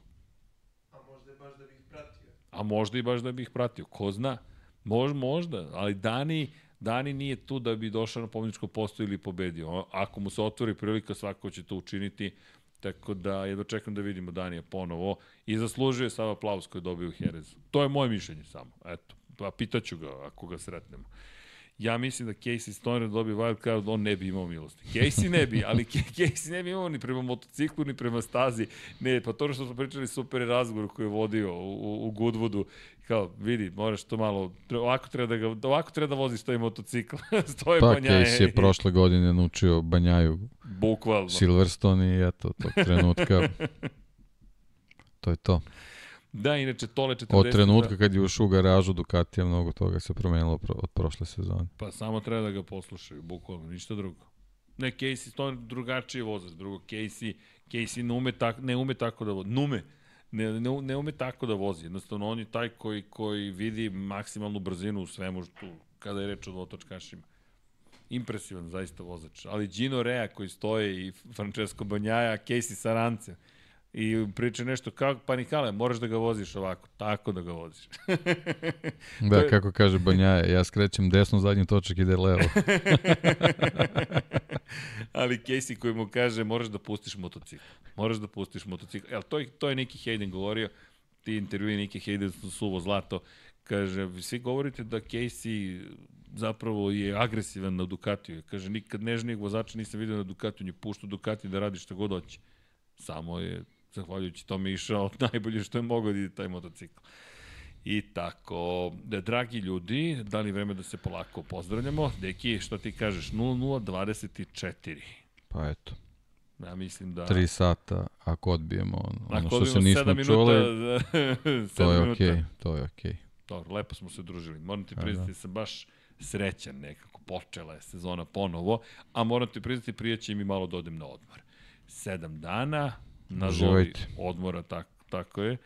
E, U, slušaj Stevan Zekanović, kaže, ne znam da li ikada jedan test vozač uradio za fabriku ono što je Dani za KTM. Sledeći motor umesto RC16 treba da se zove DP26. Živa istina, ali znate šta bi bilo lepo? Ne, nisam proverio sad uh, komerc neki Dani Pedrosa specijal ili nešto slično. Neće ni to uraditi. Da, verujem da neće, ali to bi bilo to bi bilo lepo. Bio bi lepo omaž, ali on nije vozio za njih, nije se takmičio Nije, na nije, taj nije, način. Da. Ali, ali mnogo, mnogo. Pa, evo, bravo, bravo Zeko, Zeka hashtag 75 je u pitanju, inače naš Patreon, drugar, Pitajte, evo pitajte Zeku kako je bilo u Mizanu, kako, kako se proveo u Mizanu. Zeka, ja mislim da vozio Jadransku magistralu, mislim da se baš zabavlja, ako se dobro sećam. E, u svakom slučaju, kada pričamo o, o specijalima, u stvari kada pričamo o krizi Honda, pa gde ti je probni vozač? A KTM nije pustio, živeo je na Red Bull ringu dok god je smeo Dani Pedrosa. Bukvalno je živeo testirajući taj motocikl. A zamisli tek njegovu sreću. On voli da vozi motocikle, daš mu stazu, izvoli. Izvoli. Pa eto, pogledaj, znači. KTM je na, na duže staze angažovao Danija Pedrosu, o, Ducati koristi finese koje dobije od, od Casey Stonera, neke smernice Andrea Dovizioso dao Apriliji, Yamaha je samo otpustila ove, Lorenza bez, bez prilike da bilo što uradi, a Honda se čak nije ni potrudila da, da angažuje nekog, Nekoga. Da. ili, ili barem da dobije tako neke finese koje je mogla da dobije od nekog kao Casey Stoner. Au, imam scenarij u glavi. Slušaj ovo. Honda šalje. Žuti broj 46 Valentinu Rosiju, angažuje ga za probnog vozača i potpisuje ugovor sa Muniver 46 ekipom. Samo je komentar bio pff, kakav alternativni univerzum. No, to može samo s Yamahom da se desi. Ne, ne, naravno, da je ali deki, Sa Hondom. multivers, neko, neko multivers, misliš ne postoji čak ni Mislim da, multivers u kojem mislim da ne to postoji, desilo. da, da. Čak ne mogu ni da, ni da nađem vozača koji bi, koji bi to uradio. Ali da, bude, da bude u takvoj ulozi u Honda. Mm, Propustili su sve. Ne, Nema više Nema. nikoga. Nemaš, bukvalno nemaš. I pustio si cijelu jednu generaciju. Kaže Steva, Steva, Stevan, izvinjam se, Zeko, možda mi ispričam i kako ove godine bilo u Mizanu. Samo napred, ljudi, idite na stazu, družite se, srećan put kogod da putuje. Pre toga kliknite jedno like za vaše drugare iz Lab 76 i drugaricu, dakle, i pozdrav i za gospodina Avelatija, dakle, imate poljubce odavde, sa ove strane, ali kliknite like, udrite subscribe, e da, hvala zaista za svu podršku, to, to svaki put imam potrebu da vam se zahvalim zato što zaista osjećamo veliko čast i zadovoljstvo što smo deo cele ove ekipe i što svi zajedno se družimo i radimo ovo što radimo. Tako da hvala vam još jednom. Kažem like, znam da nije nešto što sad je postalo to i šala, ali, ali opet ista priča, prevarimo algoritam. To je nema šta da ga prevarimo, pošto ako vam se dopada, kliknete like i onda još neko drugi kaže, ej čekaj, možda nešto mogu da čujem zanimljivo, lepo, pametno, kako god. Kada Deki priča pametno je svakako, ja, ja sam u drugom filmu, šalu na stranu, ali mi se lepo zabavljamo, a imamo i nove, jel te, ručice, evo, mnogo su, vidi kako je dobro, i ne škripe. A, pogledaj, opa, a, reci, super su, baš sam zadovoljan. ja čujem nešto, ali, ali ne znam da li to to. Nije. Ovde si verovatno držao. A, reci, ovo je mnogo Da. bolje. Dakle, dragi ljudi, čestitke na 32.000 pretplatnika na kanalu. Hvala ljudi, zaista. Čast, zadovoljstvo, nemamo šta drugo da kažemo. Mi ćemo da nastavimo da budemo ono što jesmo, da se trudimo da vas informišemo, zabavimo, da se lepo družimo i pozivamo da idete na stazu, to je zaista poseban jedan izgled da se upoznate međusobno, da se družite, delite svoju strast ljubavi prema Moto Grand Prix, Formula 1 trkanju generalno, a kada je reč o Si mi dobro da je ekipa Jesam, vreme jesam. da se ide. dakle, a kada je reč o ne znam ni ja čemu šta sam htio da kažem, pa ljubavi, volite se i mazite se i pazite se, naravno. E da, i još jedna bitna stvar. Ako krećete na put, nemojte nespremni da idete na put, jer čeka vas šta? Čeka vas pomoć na putu i to digitalna broj 1. Nadam se da vam neće zatrebati, ali dame i gospoda iz Vozija podržavaju nas, mi podržavamo njih, a vi podržite takođe njih, a i sebe. Instalirajte Vozi aplikaciju u video opisu ovoga, jel te videa, to jest u opisu ovog videa, naći ćete link koji kada kliknete, odvede vas na željenu destinaciju, instalirate Vozi aplikaciju i Vozi kaže, wow, kakav spektakl, 7600 ljudi se je prijavilo putem Lab 76, vi ste najjača ekipa na svetu, kao ovo je sad subliminalne, mi subliminalno, ovo je vrlo jedna javna, jel te, lobiranje. A dok je stigla poruka još 76. 7676. to, to, to. Ali hvala zaista za svu podršku i nije šala. Vozi jeste pomoć na putu. Ukoliko se nešto desi, nadam se da neće, bolje da budete spremni. Kliknite dugme i ekipa odradi ostatak posla za vas. Morate da izaberete paket jednogodišnji pre toga. Mi smo izabrali paket Evropa. Tako da i to smo koristili vozi, to jest neki od nas, gospodin Potkonjak, i pre nego što smo započeli saradnju, tako da hvala voziju na podršci, hvala svima vama na podršci, pozdrav za drumsku strelu koja stoji takođe na računaru, pa i naši drugari iz Huge Medije na, na vezu, ali pozdravi njima. A kada je reč o drumskoj streli, pa drumska strela, školujte se deco i ne samo kada je reč o drumskoj streli kao projektu, nego bilo kom projektu gde god da ste ili napravite svoju drumsku strelu ukoliko na vašem univerzitetu nema nečeg sličnog, gde god da živite, u kojoj god državi da se nalazite, formula student takozvana, zaista postoji Ross Bronj, inače pokrovitelj formule student, dovoljno govori o tome koliko ozbiljno može biti to takmičenje, ali pre svega školujte se i mazite se i pazite se naravno. A sada, ćemo da se, šta, zahvalimo Patreonima, YouTuberu, odmah smo krenuli, Alen Stojčić, Milan Milašević, Vladimir Filipović, nema, Miloš Broćeta, Miksina škola, Crnogorski džedaj, Stefan Ličina, Bojan, Markov, Nenad Simić, Nasmela Sidekija, Katarina, Ognjen Ungurjanović, Stefan Radosavljević, Antonio Novak, Dušan Ristić, Luka Salović, Aleksandar Jurić, Vladimir Petković, Nemanja Zagorac, Sean Hing, Mirjana Živković, Deus Nikola,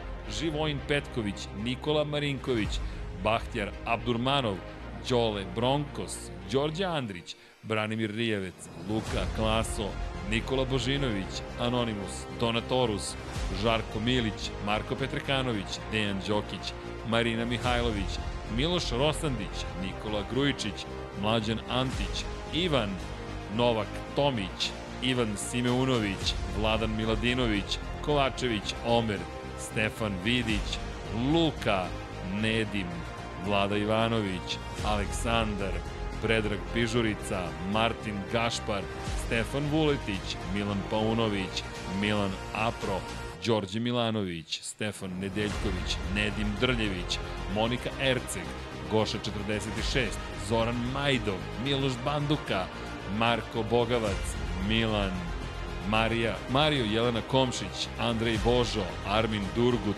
Marko Ćurčić, Strahinja Brajanovski, Mario Vidović, Mihajlo Krgović, Danijela Ilić, Benjo KK, Andreja Miladinović, Predrag Simić, Bufonac, Đorđe Radojević, Ružica Stefanović, Bojan Majstorović, Jasenko Samarđić, Marko Mostarac, Aleksa Valter, Životić Jovan, Anonimus, Donatorus, Mihovil Stamičar, Ante Primorac, Zoran Šalamun, Boris Kujundžić, Aleksandar Radivojša, Nemanja Jeremić, Nenad Đorđević, Marko Horg, Ivica, klub štovatelja Ramona Mjereza, Inzulin 13, Branko Bisački, Đole Cheesehead, Ognjen Marinković, Nemanja, Milan Kića, Mladen Mladenović, Darko Trajković, Stevan Zekanović, Stefan Lešnjak, Nebojša Živanović, Marko Marković, Kristijan Šestak, Ivan Maksimović, Marko Kozić, Igor Jankovski, Matija Rajić, Toni Ruščić, Branislav Dević, Andreja Branković, Lazar Pejović, Laslo Boroš, Ferenc Laslofi, Aleksandar Milosavljević, Ivan Rebac, Dušan Delić, Lukas, Marko Radanović, Strahinja Blagojević, Zoltan Mezeji, Marko Kostić, Petar Nujić, Mladen Krstić, Igor Vučković, Ivan Panajotović, Andrej Bicok, Sava Dugi, Gloria Edson, Zorana Vidić, Boris Golubar, Đorđije Lopušina, Borko Božunović, Lazar Hristov, Aleksa Vučaj, Ivana, Kimi Rajkonen, Koli je to, Vojin Kostić, Bojan Bogdanović, Bojan Mijatović, Stefan Stanković, Bata Brada, Nikola Stojanović, Vladidov Dej, Vučinić Miroslav, Ertan Prelić, Dragan Matić, Jugoslav Krasnić, Renata Neš, Luka Martinović, Vladimir Uskoković, Vukašin Jekić, Marin Antunović, Safet Isljami, Vambli Sapa, Zoran Cimeša, Veselin Vukićević, Aleksandar Banovac, Ljubo Đurović, Optimistik, Josh Allen Fan, Salim Okanović, Klara Gašpar, Anonimus, Donatorus, Mirena Kovačević, Miloš Radosavljević, LFC, Jovan Đodan, Tijana Vidanović, Nedo Lepanović, Ognjen Grgur, Šefko Ćehić, Gigi Bao, Borislav Vukojević, Aleksandar Mitrović, Ivan Maja Stanković, Đole QB4, Tina i Ilija, Jugoslav Ilić, Stefan Milošević, Ivan Toškov, Stefan Prijović, Aleksandar Bobić, Matej Sopta, Pavle Nj, Da žena ne sazna, Boris Erceg, Dušan Petrović, Lje Đurović, Alen Vuletić, Miloš Vuletić, Danka, Zlatko Vasić, Emir Mešić, Ivan Ciger, Jasmina Pešić, Nemanja Miloradović, Branislav Kovačević, Milan Nešković, Damjan Veljanovski, Denis Špoljarić, Šmele, Ivan Rečević, Nemanja Labović, Bogdan Uzelac, Stefan Dulić, Andrija Todorović, Nenad Ivić, Stefan Janković, Dimitrije Mišić, Nikola Milosavljević, Jelena Jeremić, Aleksandar Antonović, Aleksandar Čučković, Miloš Rašić, Dejan Vujović, Aleksandar Anđelić, Luka Manitašević, Srđan Sivić, Branislav Marković, Ivan Milatović, Daniel Kolobarić, Dorijan Kablar, Neđo Mališić, Aca Vizla, Sead Šantić, Đurđica Martinović, Vladimir Mutić, Josip Kovačić, Miroslav Cvetić, Mladen Tešić, Vukašin Vučenović, Vladimir Jovanović, Grgo Živaljić, Jelena Veljković, Armin, Vladimir Stojedinov, Đerman, Miloš Todorov, Vuk Korać, Aleksa Lilić, Saša Ranisavljević, Jeca and Stefan, Jelena Mak, Borislav Jovanović, Marko Blagojević, Milan Ristić, Vanja Radulović, Filip, Igor Gašparević, Branislav Milošević, Branko Rašević, Uroš Ćosić, Res Ničanin, Bojan Gitarić, Ejhel, Stefan Škrbić, Slaven 84, Marina, Aleks Vulović, Saša Stevanović, Maksi, Igor Ilić, Ivan Hornjak, Future Graciano Rossi, Branislav Dević, Jelena Jeremić, Domagoj Kovač, Krorobi 00, Bakadu, Alen Jesenović, Ivan Božanić, Nikola Vulović, Zlatko Marić, korespondent, korespondent, Goran Mrđenović, Mađar 007, Vlada Ivanović, Miloš Zed, LFC, Nikola Božović, Nemanja Bračko, Vladimir Subotić, Vladimir Vujičić,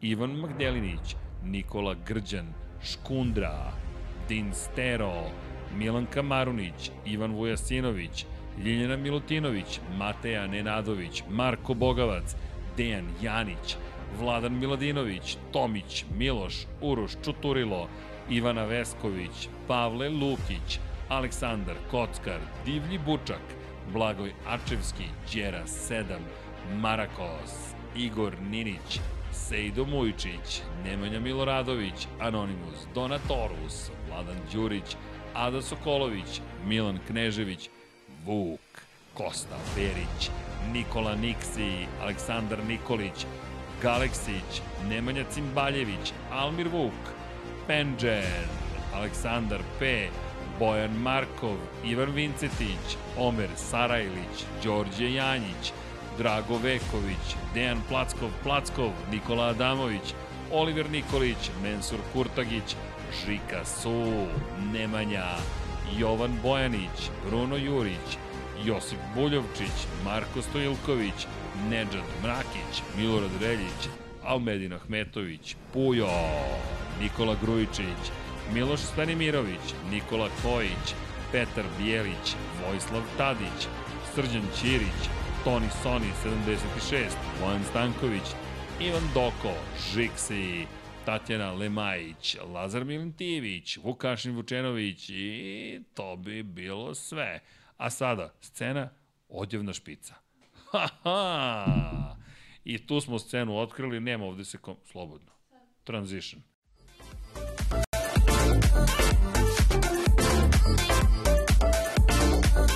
Ne, ne, ne, ostaje. ne, ne, ne, imate scena muzika odjevna. ali dobili ste još jednu špicu, ali a, scena odjevna muzika, izvinjam se, moja greška, fanfare. To, to, Deki je zadovoljen. Kako siloze. Pa debeš, čao svima, da odemo kući spavajući. Neko ovde već spava. Deki, čao svima. Čekaj, zadovoljstvo. Mislim da te eh, Helena zabavila na kraju. Ne, ne, ne, ne, ne pluseve kod profesora Potkonjega, nego desetke čiste. Ali, moramo malo da, da, da odužimo sve ovo. Šalimo se, ovih 7 minuta nam nedostaje, do, do, da šalim se, naravno.